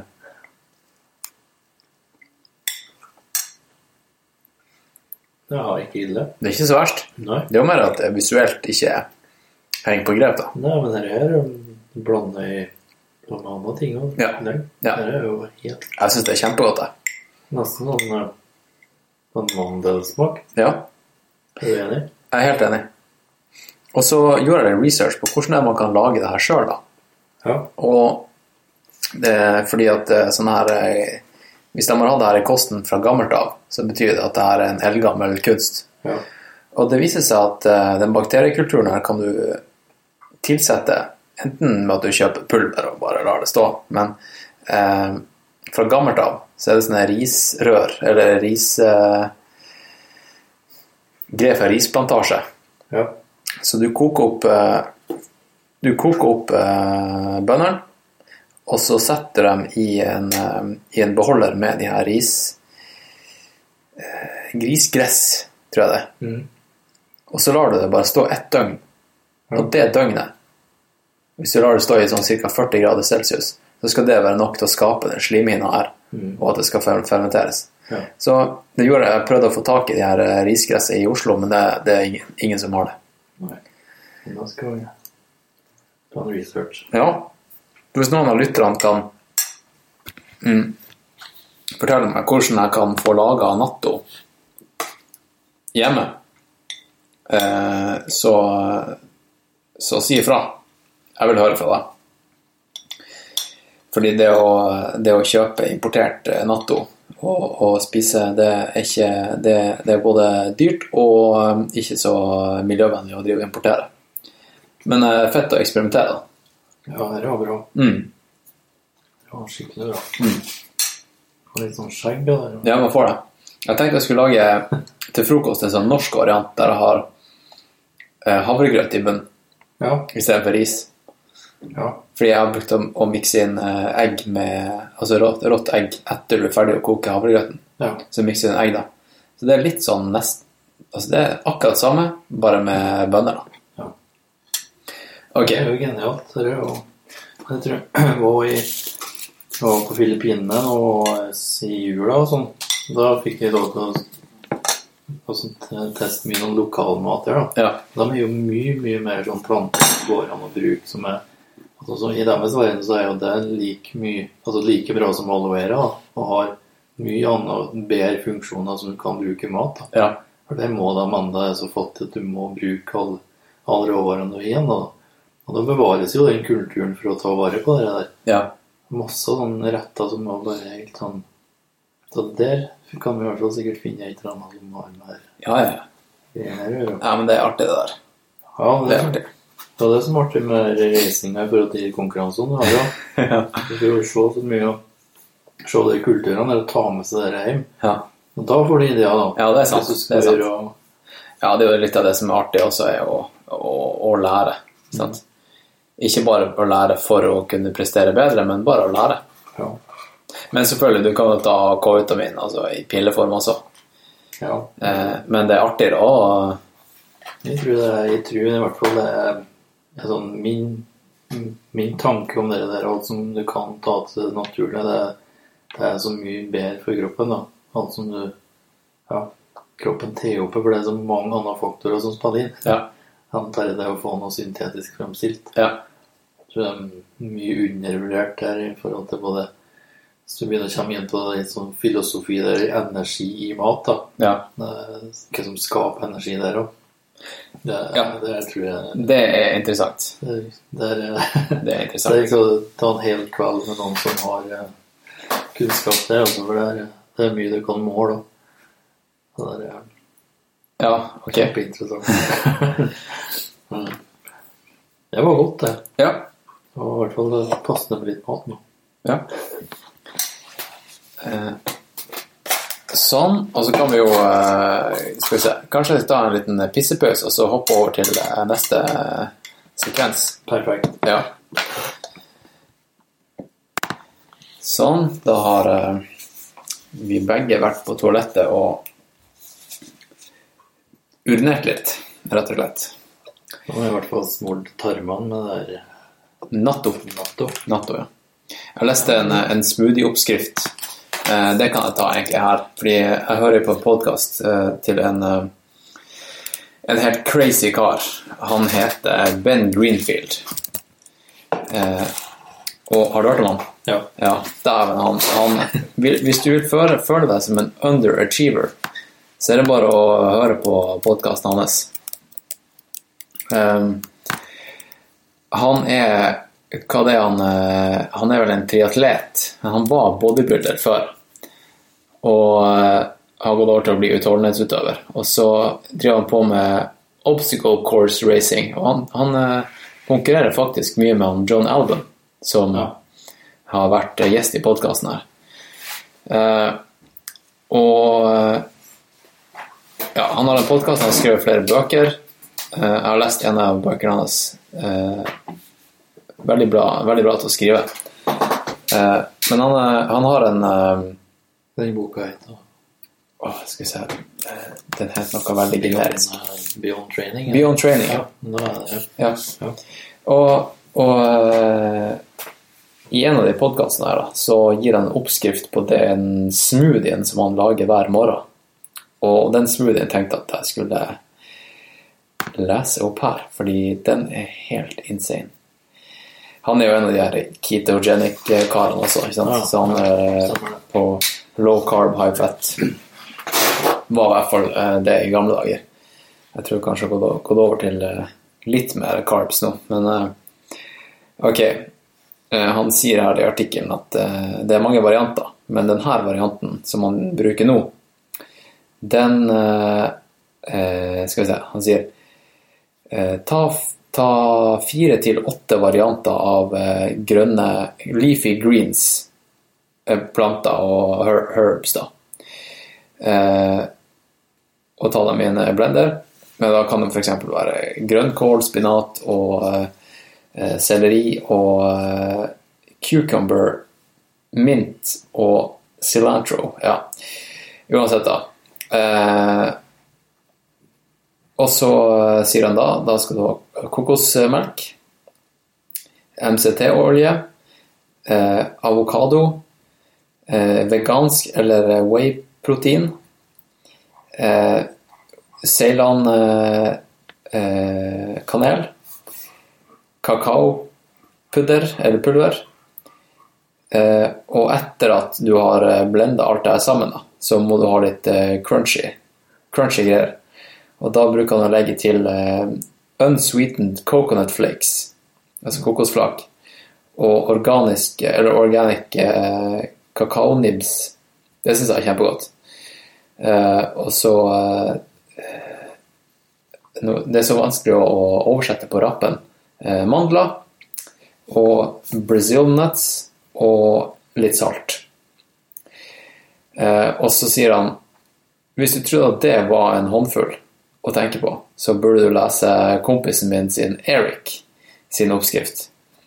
Og her er det helt seriøst det er det en A4-side med Det er to A4-sider med ingredienser. Og begrunnelse på hver eneste greier. Jeg, jeg gidder ikke engang å starte. Nei, det blir rett og slett for drøyt. Men det jeg, la meg merke, det, det jeg vet meg merke til, var at eh, han har faktisk eh, natto i smoothien Ja. som vi nettopp spiste. Og det er ganske Det er ikke ofte du, du ser at det, at det brukes av eh, folk i holdt på å si Vesten, men uh, det var kult. Jeg bare leste den. Jeg bare sjekka ut en oppskrift i dag tidlig, og helt tilfeldig så, var, så, så jeg Natto der. Ok. Uh, det har altså råmelkkefir og aloe vera juice og kollagenprotein, ikke sant? Vi er inne på noe her. uh, Gelatingreiene, det nå, nå I Sverige så er det mange år siden det var tuppkam som de brukte for ledda, f.eks. Ja. til folk som kne- Tupp som i eh, Ja, høne. høne. Ja. ja. Det, det er sikkert også det kollagenet der som de drev og forska på i forhold til Det har vært et kosttilskudd i Sverige, i hvert fall. Ja. Som var Jeg vet ikke mer om det, bare jeg kom på at Nei, for du kan jo ta piller også Ja, eh, ja, med kollagen, og i eh, beauty-næringa. Ja. for hud og negler og sånt, så selger de det for millioner, ikke sant? Men uh, du kan også bare dra på Kiwi. Det er det som er artig. Eh, Det der med jus Jeg skjønner jo at det med jusinga gjorde det før, så jeg skal i hvert fall eh, Det er jo inn i den eh, Det jeg tror på, når vi får de fytogreiene inni eh, kroppen, tar opp det så mye bedre. Det ja, det kan være. ja. Men, men nå som vi er inne på det litt alternativet, da. Så ja, kanskje kroppen tar det opp fysisk bedre, men du kobler ikke visuelt hva du spiser.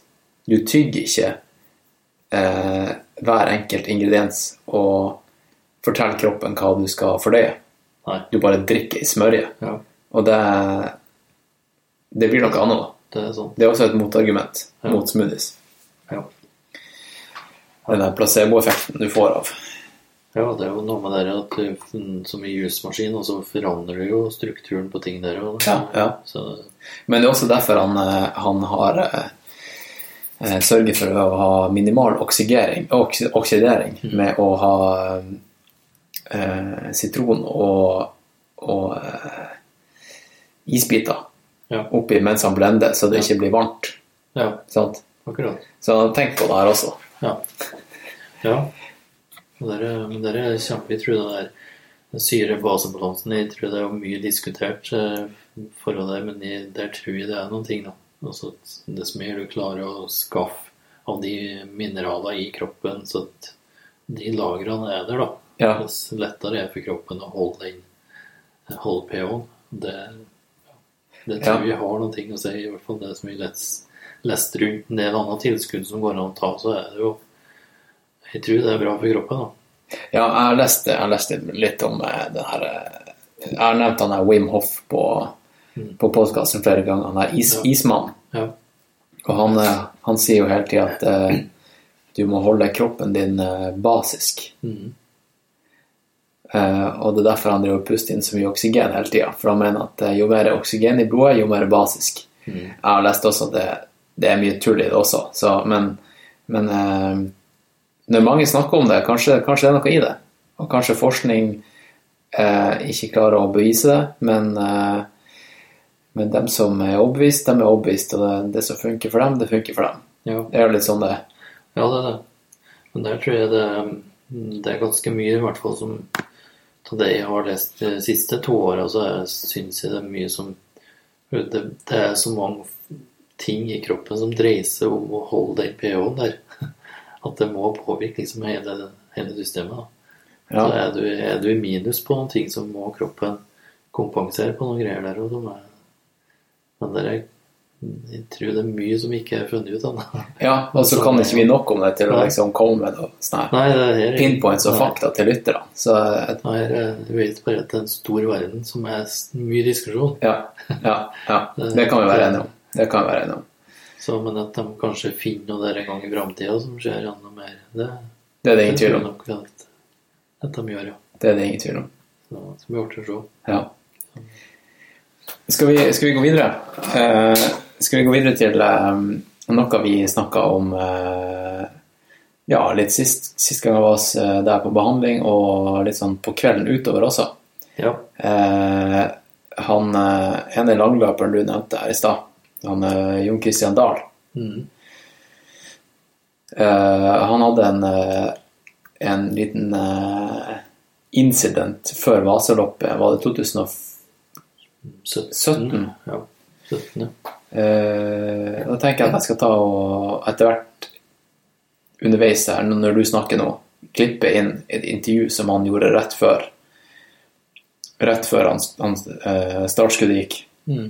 Men du kan jo gi en liten sånn intro, for, hva, for du var jo med ja. uka eh, da dere reiste ned til, eh, det Vasaloppet. Ja.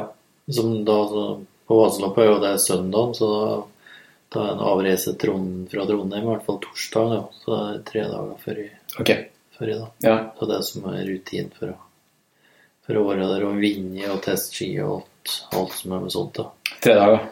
Ja. Ja. Så det er, en, det er ganske mm, jeg si, det er mye arbeid de dagene der. Ja. Så ja, det er litt rann, det er bare, bare det å skjønne hvor mye arbeid det er for å få til de prestasjonene som er på søndag, der det er så hinsides mange timer med jobb. ja, men ikke for han. Nei, ikke for han. Ikke Han har sånn gjort sett. jobben i forkant. Ja, han har gjort det, men alt, alt det rundt for å skape det der, det, Ja. det er mye arbeid. Altså. Det er mye som skal klaffe for å vinne et vasalopp. Det er helt eh, Da må alt være på stell. Altså. Ja. Du må ha Ja. plussflaks. Eller intuisjon, er ikke det du kaller det. Ja. Det er i hvert fall mye. Eh, Sånn som da, så var det jo at da, er- Det er jo mm, Sånn som der, så er det jo Han i hvert fall har veldig rutiner på Han har jo vunnet i vaseloppet to år før i, da. ja. Så han visste hva som skulle til for å vinne. Ja. Han vet hva som skal til for å vinne Vaseloppet. Men bare det er jo en kjempefordel i seg sjøl, når, du har gjort- når du har gjort det. Sånn som vi prater om det der. er Når du har skapt den prestasjonen én gang, så er det så mye enklere å gjøre en gang til. Da slipper han jo å visualisere det, til og med. Altså sånn eh, Ja. Eller selvfølgelig visualiserer han det, men Ja. den visualiseringsjobben er ikke så krevende. Nei, det er det ikke. Og du, og du vet òg litt mer rutiner på det, hva som funker for deg Ja. for at du skal være i form den dagen. Ja. Så, så det en av de rutinene der, og styrk, den siste styrkeøkta er på torsdag før, før de kjører ned. Da. Ja. Og den styrkeøkta, da, der er jo liksom fast reps på alt jobb og vet liksom hvor mye du skal ta for å være i den punchen du skal til søndagen. Da. Mm. Eh, og, og så er det vel på tror jeg fem, nei, seks reps da på hangups eller noe sånt, så på femte hangupsen så liksom bare åh, Så bare lås alt seg i brøstryggen mellom skulderbladene. Så det ble bare helt stopp. og det Ja, det er absolutt helt stopp. Altså, fikk ikke til å løfte opp armene eller røre på sånn. Fikk ikke armene over skulderhøyde. Eh, Og, og liksom vri på nakken, og så var det helt stopp. Så ja, på grunn av smerte, sant? ja, for det, det, låsen, det var som en låsning som satt, da. Ja. Og det, det er jo det er bare den feelingen som blir, da. Ja. Du, du får ikke gjøre noen ting. Alt, egentlig, alt du gjør, er smerte, ja. Du har det. Så eh, Ja, så ringte han og da jeg på når jeg, når jeg kom dit, da. For jeg kjørte en annen, bil og alt sånt, så Så da hadde en liten ting jeg måtte se på. ja. Så da eh, Så da Da hadde vi en case. Så det, ligger jo en sak ute på Ja, du får se om du kan linke til den. Ja, nei, jeg klipper inn på en eh, Ja. smart måte. Ja. Ja, det du ser egentlig hvor ille det var, da. ja, vet du hva, jeg skal klippe det inn nå, Så det, så får lytteren høre. Nå kommer det.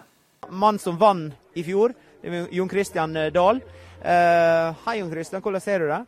Nei, eh, Etter omstendighetene er det ikke så aller verst. Han har kommet meg til start, så kom jeg opp på senga. og- Så ja, vi får se. For problemet her er at du har fått en kink i ryggen. Hvordan fortoner det seg? Nei, Du blir jo lost helt. da, så Det vel 70 timer siden jeg fikk den. Jeg fikk den på torsdag. og Da klarte jeg ikke å gå på ski i det hele tatt. I går klarte jeg så vidt. Og nå kjennes det sånn eh, ikke bra, men eh, det er litt smertefullt. Men eh, jeg klarer liksom å gå. Så jeg håper at det bare går seg til. Hvor mye hemmer det deg? Det er vanskelig å si nå. Det, det, det kan jo hende at det løsner litt underveis. Det er helt umulig å si. eh, Eller at jeg må bare stå av i første bakken her. Så mm, det hemmer meg i hvert fall en del det akkurat nå. Det kjenner jeg. Nå står du her som, med start nummer én. Det vil si at du, du vant her i fjor. Hvordan er det å vinne Vasaloppet? Nei, det er utrolig stort. Det er det man ønsker å vinne. Det største løpet vi går, og verdens største skirenn. Så det er utrolig herlig å få til det. Og jeg har gjort det sånn, så jeg har eh, Med de problemene jeg har hatt de siste dagene nå, så er det en seier bare å stå på start. Så for meg. Um, ta Prøv å skildre litt stemninga her. Nå er klokka sånn ca. tolv minutter på åtte. Det er ikke veldig mange minutter før start. Uh, Denne kriblinga, det er litt sånn rar stemning. Ja, man er jo spent i kroppen og ja, 16 000 på start her, så det er litt uh, Ja, hva man skal si. Det kribler og blir godt å komme i gang. og Jeg er jo veldig spent på hvordan det skal gå med ryggen og om jeg klarer å henge med. Så veldig spent nå. Ok, Vi krysser fingrene. God tur. Tusen takk. Det var altså Jon Christian Dahl.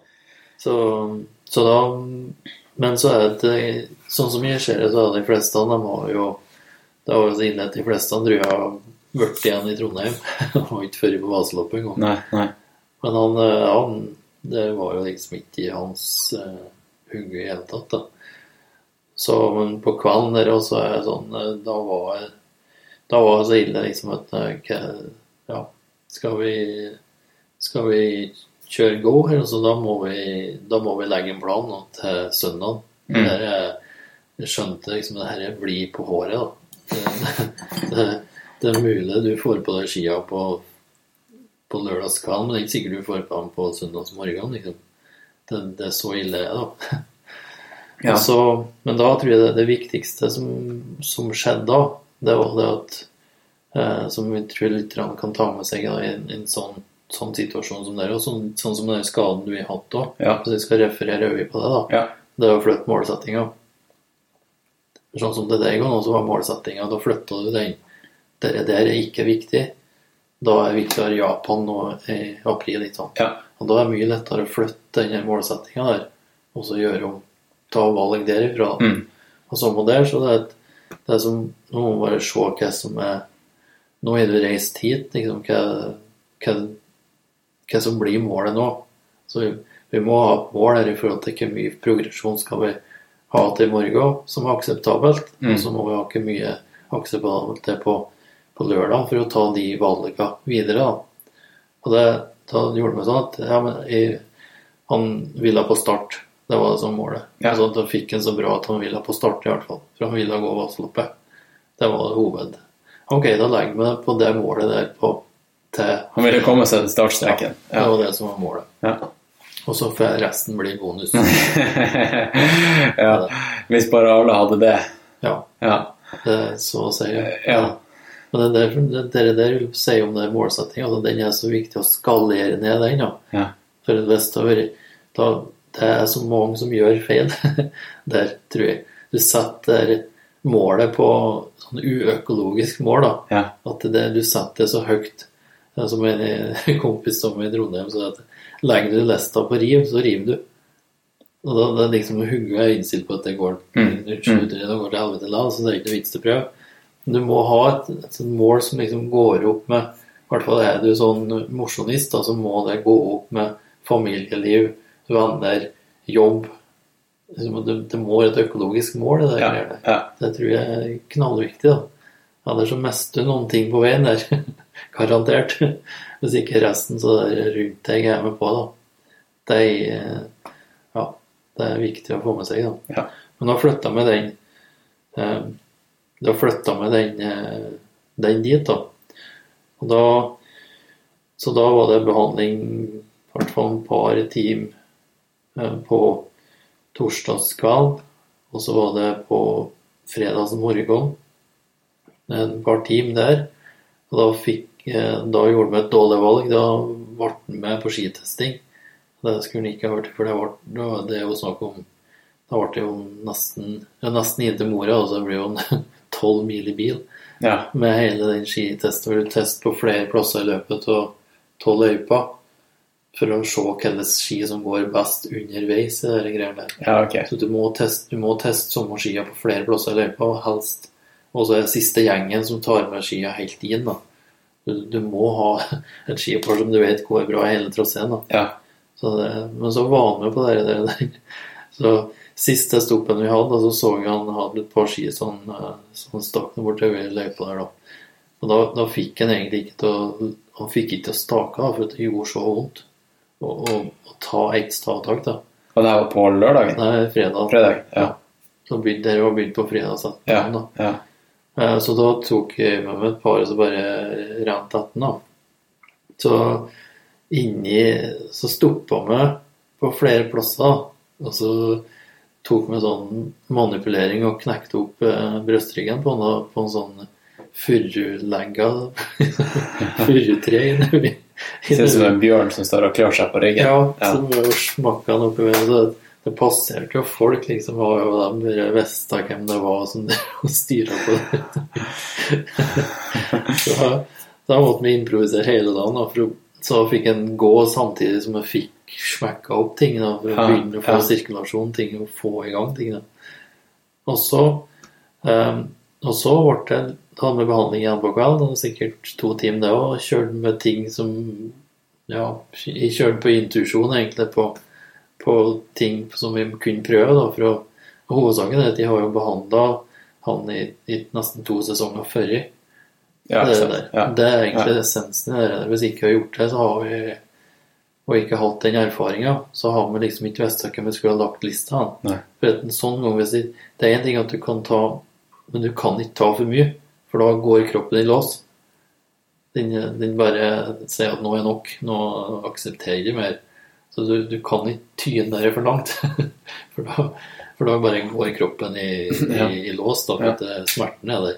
Men klarer du å liksom å få løs litt mer her og så litt mer på andre plasser, så det begynner å slippe, da kan sirkulasjonen overta, også før du transporterer bort langstoff og, og nervesystemet kommer i gang igjen. Da. Ja. Så det er en sånn millimeteropplegg eh, for å måtte hvis du skal legge lesta. Så, så Og så var jeg brukbart bedre på, på lørdagsmorgen. Og da var det i hvert fall sånn at da fikk eh, Han behøvde ikke hjelp av benken, i hvert fall. Så sånn, behøvde ikke hjelpe den opp. Så da fikk han Og da begynte han å fikk i hvert fall armene kanskje sånn litt over sånn, da. Litt over, Litt, litt over hodet? Nei, Ja, ikke litt, litt over eh, øret? Ja. Litt øye, så jeg tror tror lørdagskvelden han fikk da fikk han til å vaske håret, i hvert fall. Det Ja. var etter den siste behandlinga på lørdagskvelden. Eller nei, før i nest siste.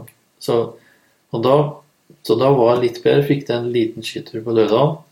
Eh, bare litt, bare for å liksom få kjenne at det gikk an å begynne å få akslene og ting litt i gang. da. Ja. Og så hadde vi vel jeg tror vi hadde tre behandlinger på, på lørdag. Og siste behandlinga var vel i mellom 11 og halv ett, tror jeg, på lørdagsnatta eller natt til søndag. da. Eh, nest siste behandling. Ja. Og så da så da kunne vi flytte målsettinga. For da var jeg såpass bra at jeg kjente at det skulle gå bra å komme seg på start hvis det var så bra som det var da. Eh, og da så sier jeg det at eh, Ja, men da, da, da ble vi enige liksom, til flytte målsettinga til å være med opp første bakken.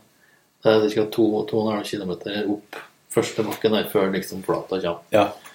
Og det er utgangspunktet på det, det er at når vi har kommet så langt som vi har gjort i behandlinga og alt det greiene da, da kan det snu sjøl.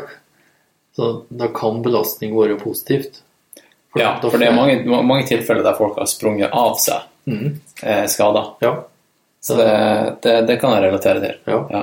Så det, det går an, men da må du være Da må du ha kontroll egentlig Ja. på at, eh, og at, at, det, at det kan gå. Da, at liksom kroppen liksom har begynt å uh, komme i gang. da. Mm. Og da, da så vi at det, det håpet var der, da. For da, som sagt, da kan det snu. Så uh, Og så har vi ja, siste, på- den nest siste behandlinga av Akerski mellom Mølle og Helvete. Uh, og så eh, skal jeg ta med én ting som, som ble sagt under de behandlingene der. Ja. Og det er ikke noe eh, Jon Kristian har sagt det er greit at det sier, i hvert fall. Okay. Det bare et, det, og jeg vet ikke om det er noe betydning eller i det hele tatt. Men da bestemte jeg meg at nå, nå, bare, nå går jeg på intuisjon. Og det jeg bare lider på de 10 000 timene mine gjør at jeg, jeg kan gå på intuisjon, og at jeg kjenner han så bra at, at dette blir bra. Og da kommer jeg sa sånn at det jeg merker nå, mm, Kristian, det er at jeg tror det at det underbevisste ditt syns det er Eller det underbevisste ditt, det syns det er altfor enkelt å vinne Vasaloppet. Du har vunnet to ganger. Der er, nå må jeg ha mer utfordring. Mm. Det tror jeg. Jeg tror det var en krasj der. Det kan ha vært noe. Ja, Jeg ja. Men jeg tror det. Jeg, jeg, jeg, er med, jeg er med på det. et, uh, Jeg er med på det. Det her er, det er bare for å fucke opp litt ekstra, så det gjør litt for at det skal trigges. Ellers er ikke du trigga nok, du. Nei. Hvis ikke her er eh, trigg deg nok, så da har du en case her nå. Mm. Får du, faen meg prestere. nå har du liksom fucka opp nok, så nå kan du bare prestere. For nå har du i hvert fall uh, challenge maks her. Ja. ja. Det var bare på intuisjon.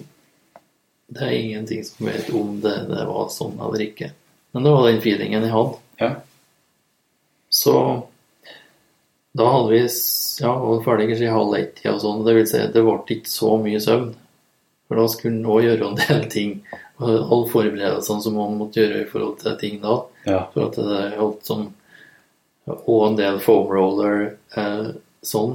Eh, I tillegg da, til alt vi holdt på med på benken. da. Mm. Så da hadde vi siste behandlinga hadde vi fra kort over fem, eller halv, halv seks til kort over seks.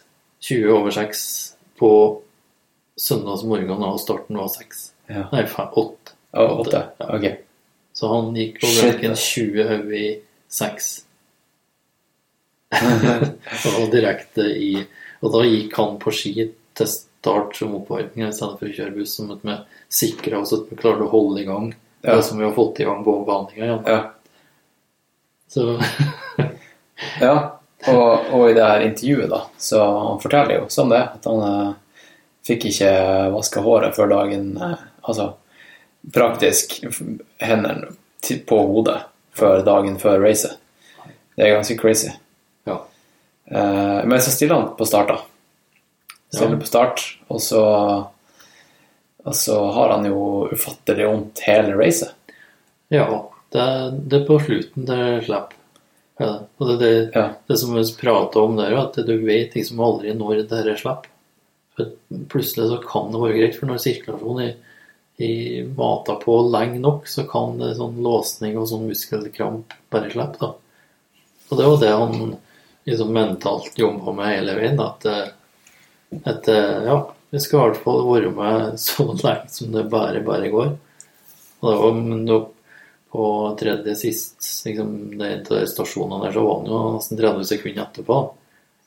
Og så gikk det heldigvis litt eh, senere i teten, da. Ja. Og så bare kom inn, og så bare plutselig begynte du.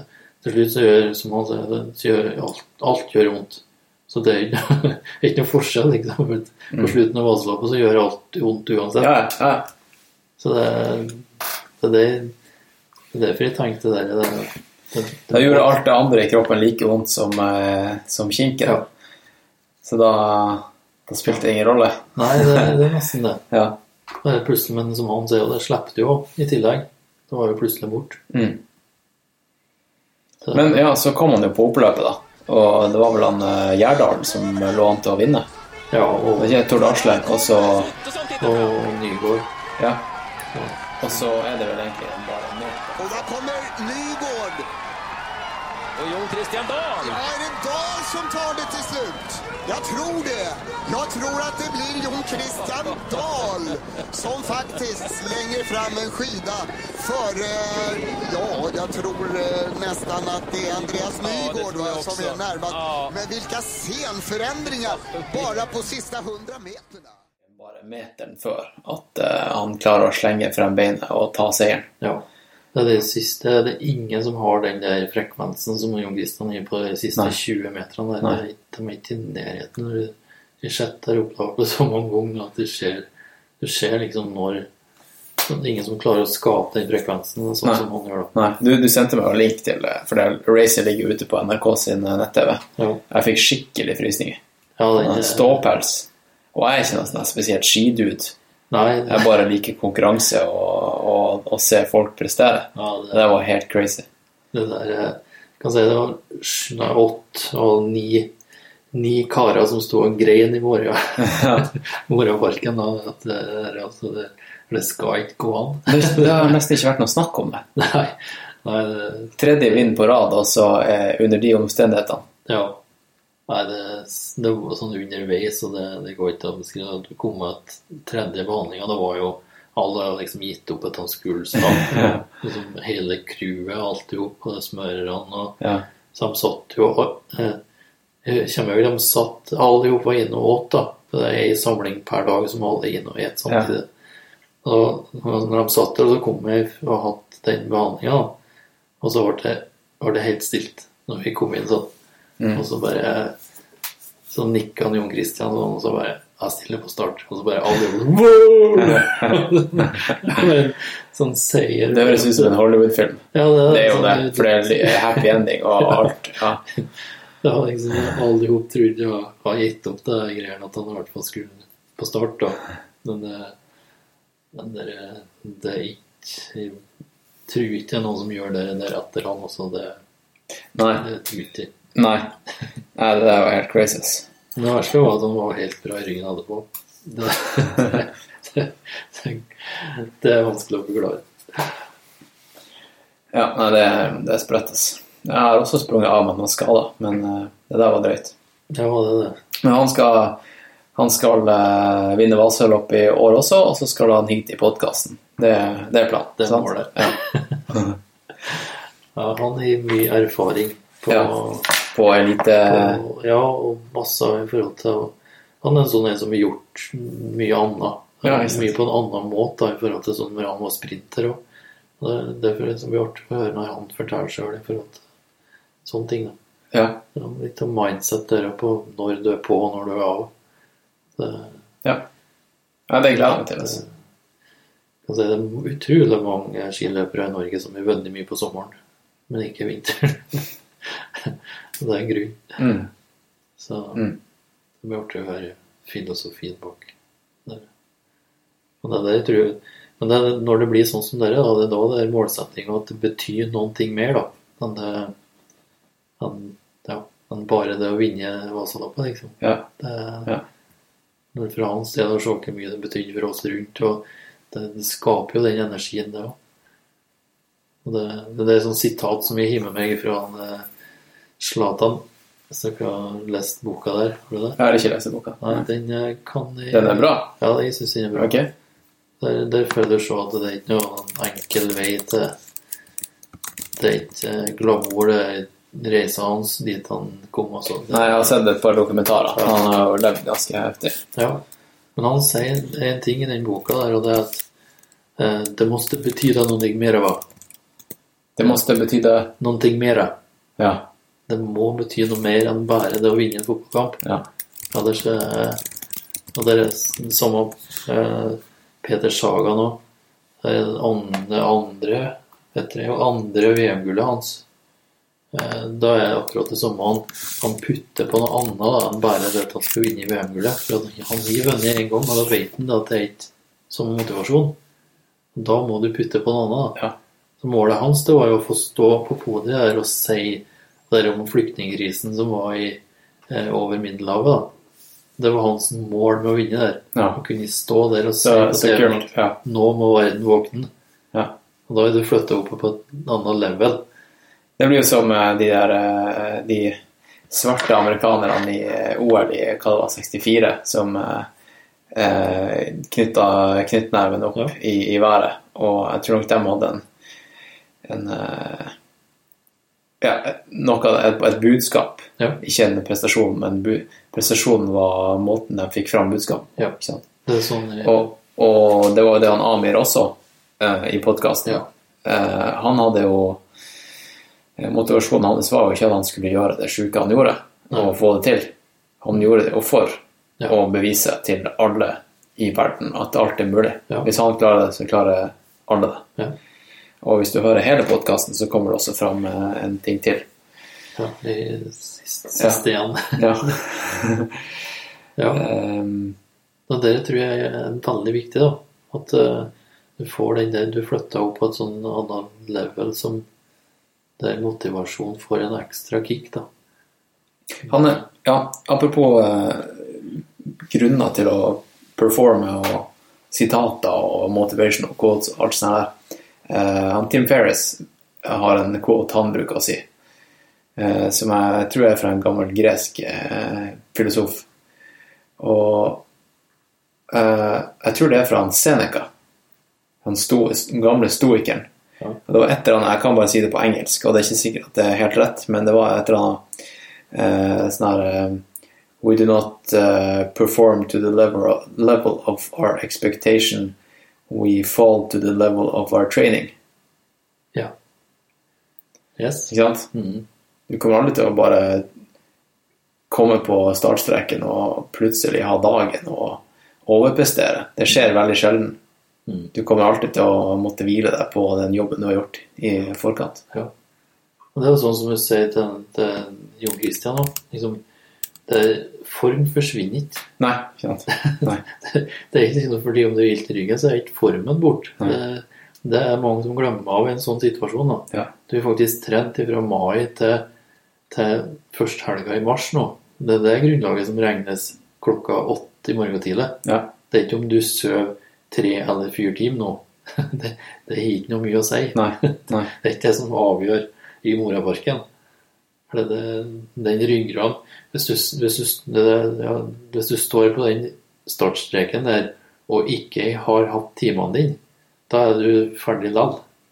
Ja, ja, selvfølgelig. selvfølgelig. Du har ikke grunn. Nei. Så det, det, der, men det er bare å klare å ha noen til å remind seg at akkurat jeg har gjort jobben. Der har jeg gjort, der har jeg gjort, der har jeg gått bra, der har jeg gått bra. Ja. Litt her nå som er skurr der og der, men på totalt liksom på 950 timer trening, Mm. ja, du har vært sjuk bare ei uke, Mm. da begynner vi å prate at eh, du kan stille på start. Ja. Og skape den tryggheten der, som jeg tror er, er det som er grunnlaget for virkelig å lage en prestasjon. Da. Ja. En god identitets... Det gjelder å skjønne at du er fit også. Ja. Skjønne at du er, har gjort jobben. Ja. Det, det sliter jeg med. Ja. Jeg kan liksom eh, ja, uka før et race bare go, go nuts og ikke og bare glemme alt. Ja. Alt man har gjort før. Og Ja. Men det er da det er viktig Det er vanskelig å holde fokus. ha bra støttespillere som Ja. kan være reminders. Altså på den perioden der, tre måneder, nesten ikke sjuk der, da fikk jeg gjort akkurat det jeg skulle. ja. Det ble 14 dager der, men det, da fikk jeg gjort unna den bolken. Du kan dele opp det bolkvis at Ja. ja. det er lettere å se hva som har gått bra. Men det er bra å ha folk som kan remind seg på det. Det er kjempeviktig. Altså. Ja. er- Og ikke bare ha Strava-loggen og gå tilbake og se hva du har gjort. Nei. Men ha folk rundt deg som har sett deg. Ja. Og så er det jo Jeg har veldig trua på det du prater om stoisismen og han Seneca der, da. Det, det er mye, mye bra, altså. Ja. Det er en ting som jeg syns er den viktigste der, det er som de Han sier at det, liksom, i hodet vårt så blir alt, alt er ti ganger hver i hodet enn det er i virkeligheten. Det er en av de Ja. saying som er der. Og det er som regel så svartmaler vi ting til de grader, da. Ja. Spesielt når du er i en sånn setting som du, da, når du begynner å lure på ting. Ja. For jeg, da er liksom, da, da er jeg ti ganger hver i hodet. Men det er egentlig, egentlig den virkelige verden. Da. Ja. Bare å komme over det. Ja. Det er ganske bra, bra ting, da. Ja, du, du tok med ei bok til Ja. meg. Eh, Det er hva det er, andre eller tredje gang jeg får en bok av en gjest i gave. Eh, Er det noe spesielt i eh, forbindelse med det vi prater om i dag, eller er det helt, noe helt irrelevant? Nei, jeg syns det var veldig bra. Nå, nå var det på intuisjon når du tok den, for at han har i den boka der Han Ja, det kan jeg kan si hva den heter, da. Ja. Den heter Summary Principles Life and Work Ray Dalio. ja den er, den er, er bare at den er en summary, så den heter Principles. Den, er- Ok. den boka, Best den of. store boka, så det er bare Best of. Den er Principles. Men da, det vil si at den uh, opprinnelige boka er gigantisk. Den er Ja. Nei, men det er mer som en vanlig bok, ja. Okay. Litt større okay. enn den Goggins-boka. Ok. Men den er Han er vel eh, det de sier Ray Dalio er jo finansverdens eh, Steve Jobs, tror jeg vi kan si. Ok. Han er et unikum på eh, finans eh, Men han har gjort bygd opp eh, flere selskap, i hvert fall ett selskap, da. Men han har gått mye på ræva, så det er det han har levd, lært. Og så har han bare tatt de prinsippene og brukt når det hva det er du skal gjøre, både i livet og på, på eh, work-sida. Og han har en ting som du Hvis du skal ha støttespillere, i hvert fall, så er det han En av de sterkeste han sier, det er at du skal praktisere radikal ærlighet. Ja. Det høres ut som George Costanza. Ja. Hvis du har sett den episoden der, de episodene han klatrer i, i New York Yankees i, på, i jobben hans der, Mm. så klatrer han jo eh, bare når han er dønn ærlig og gjør det motsatte av de, hans eh, tidligere sunne fornuft Ja. ville stoppe han med å gjøre. Så lot han seg sjøl på en måte bare gå Ja. og si det han hadde lyst til å si. Ja. Det er jo kanskje det han mener her, da. Ja. Og det, Være litt som- mer som George Costanza. Ja, og det som, eh, som han sier til fra forskninga, så er det at eh, som om det er en prestasjon til utøver, prestasjon til ei, ei gruppe, ei bedrift, ei samme hva det er, da. Det er én ting som hever alt det der med 20% og det er gratis. Ja, hva? Ærlighet. Ja. Så bare du får ei gruppe til å være dønn ærlig, så vil du heve prestasjonen til den gruppa med 20% Det er derfor at som når Johan Christian ligger på benken og og sitter og bare ærlig og bare sagt det sånn og sånn og sånn er, så er det, det koster å gjøre. Men, men da gir du den tilliten der, så er det Den er viktig, da. Og spesielt å ha det folket rundt seg sånn når du skal prestere, sånn som det der, da. Ja. Så er det at folk tør å si liksom sånn Nå, nå har du liksom ikke gjort jobben. Og det vet jeg han Amir prater om òg. Det å være ærlig til seg sjøl. Det snakka han om, og som Ja. dere får høre i den der Ja. det, der, det kommer dit, altså. Jeg, du kommer til det spørsmålet er jeg, er jeg sånn som jeg vil være nå, eller kan jeg gjøre bedre? Mm. Altså hvis, hvis det er 10 som sier jo, men jeg kan faktisk gjøre bedre, ja, men da må du gjøre det. da. Da kan du ikke bare gå og legge deg på sofaen. Da må du gjøre den 10% der da litt bedre. Men det som skaper at denne prestasjonen kommer til lut, da. Nei, men jeg gleder meg til å lese ut. Det er jo veldig sånn her eh, Også veldig lettlest. Stor tekst og sånn som jeg liker det. Ja. Eh, Som sagt, det er, Ja. the, highlights. ja, ja. Nei, men det er nice. Det, hører også Det er jo ganske og, og vi som har så dårlig tid nå i verden nå i, for tida, at jeg har hørt at det er sånn her Du kan abonnere på sånne lydbøker som bare gir deg sånn best of Mm. andre bøker. Ja. Så du kan liksom sette det på på, på fast forward og bare få med deg liksom ti bøker om dagen. Ja. Men eh, det det høres litt eh, litt stress ut. Nei. ja, man liksom må konsumere og få inn i ditt eget Ja. tankesett, og det tror jeg er viktig da, for å få genuint. Ja. Jeg, tror på genuinitet. Det kommer ikke fra hjertet. Liksom det, sånn som i dag, så merker du merker med en gang hvert fall folk som er litt sånn eh, oppegående. Du merker fort når det ikke ting er ekte. Ja, det, det er skinner så sånn igjennom. Det er så mye rare ting rundt omkring at det, og Derfor så er det er enklere å virkelig være genuin og ekte. Det er derfor Ja.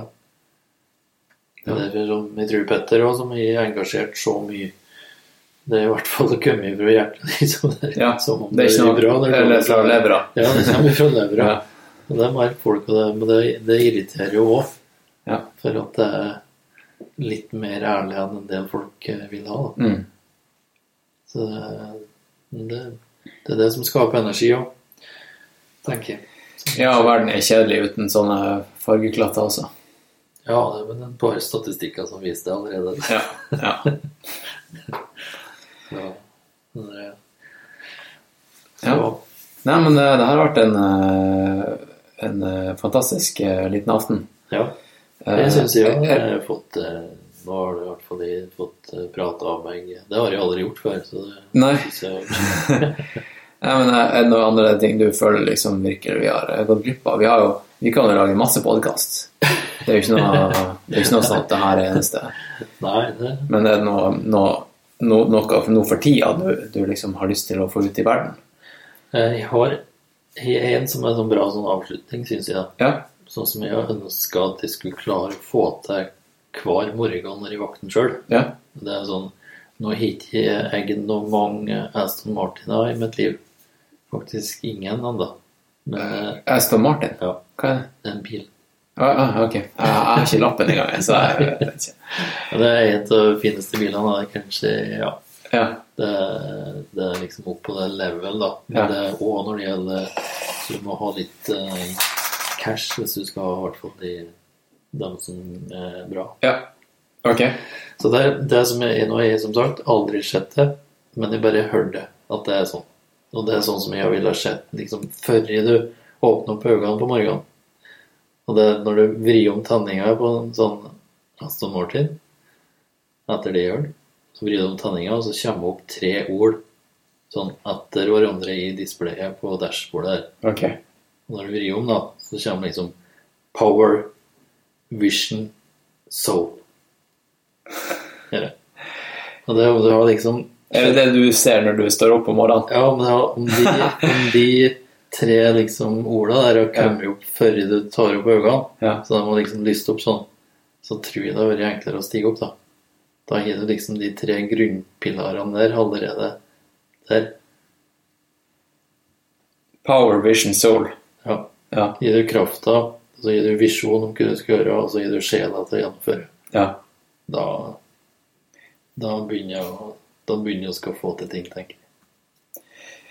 Så en bra start på dagen. Det kan du prøve i morgen litt der, når du står opp. Bare husk på det. Bare ikke la deg våkne opp av en eller annen forferdelig alarm. For da, da, får du, da har du ikke lyst til å ha øynene igjen og tenke på Aston Martin. Martin. Men eh, kanskje det er noe med det. Kanskje, kanskje Aston Martin har svaret. Eh, er, du, er du på noe eh, SoMe, sosiale medier, eller er du eh, ikke så aktiv? Nei, jeg er vel eh, Jeg er nesten ikke på telefonen heller. Nei. Jeg får jo klaga der. Du gjemmer deg i en grotte. Ja. Nei, men det, det navnet mitt står både på Insta og Facebook, ja. Ja. så det fins ja. muligheter. ja. Men det jo det er, jeg veldig takksom for tilbakemeldinga. Det ja. Jeg skal ikke love at alle får svar, for det det, det, det, er- det er vanskelig. Det er mange som har irritert seg over det over tida, men jeg har funnet ut at jeg, jeg må bare ta det der. Jeg tror ikke det der telefongreiene er bra. Nei. Det er bare Ja. Nei, jeg er helt enig. Det er flere som, eh, flere som begynner å få skjønne det. ja. At det, ja, det er ikke det beste for oss.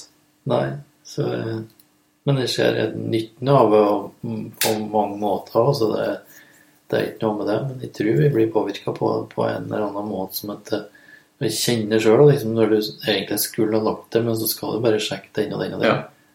Så ting er, så jeg plutselig sjekka tre ting, og så er det ikke Det baller på en halvtime. Ja.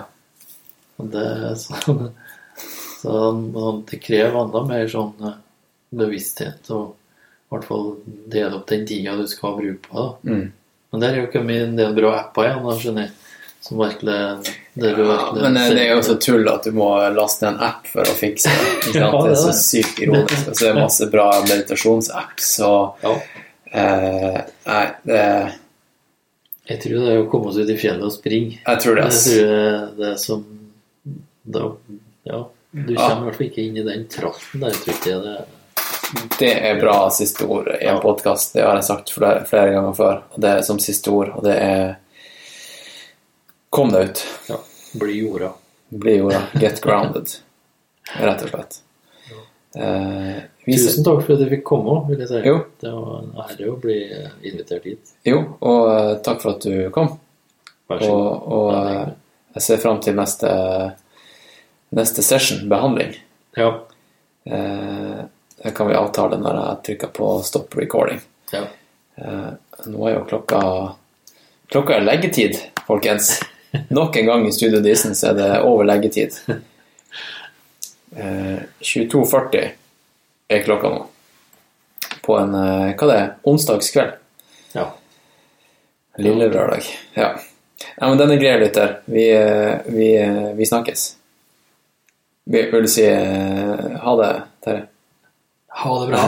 Lykke til med treninga, alle sammen. Ja. Over og ut, Roger og Knut. All folkens. Da var dagens episode rett og slett over. Den er ferdig. Finito. Finito. Jeg tenkte jeg skulle benytte meg av eh, sjansen til å igjen takke dere som, eh, som støtter podkasten. Og eh, som jeg sa i introen, jeg, er, jeg vil gjerne trene litt flere folk. Så hvis du er ute etter å få steppa opp gamet ditt med løpinga, ultraløping, fjelløping, eh, skyrunning, så har du kommet til rett sted. Så bare ta og send meg en, eh, en melding.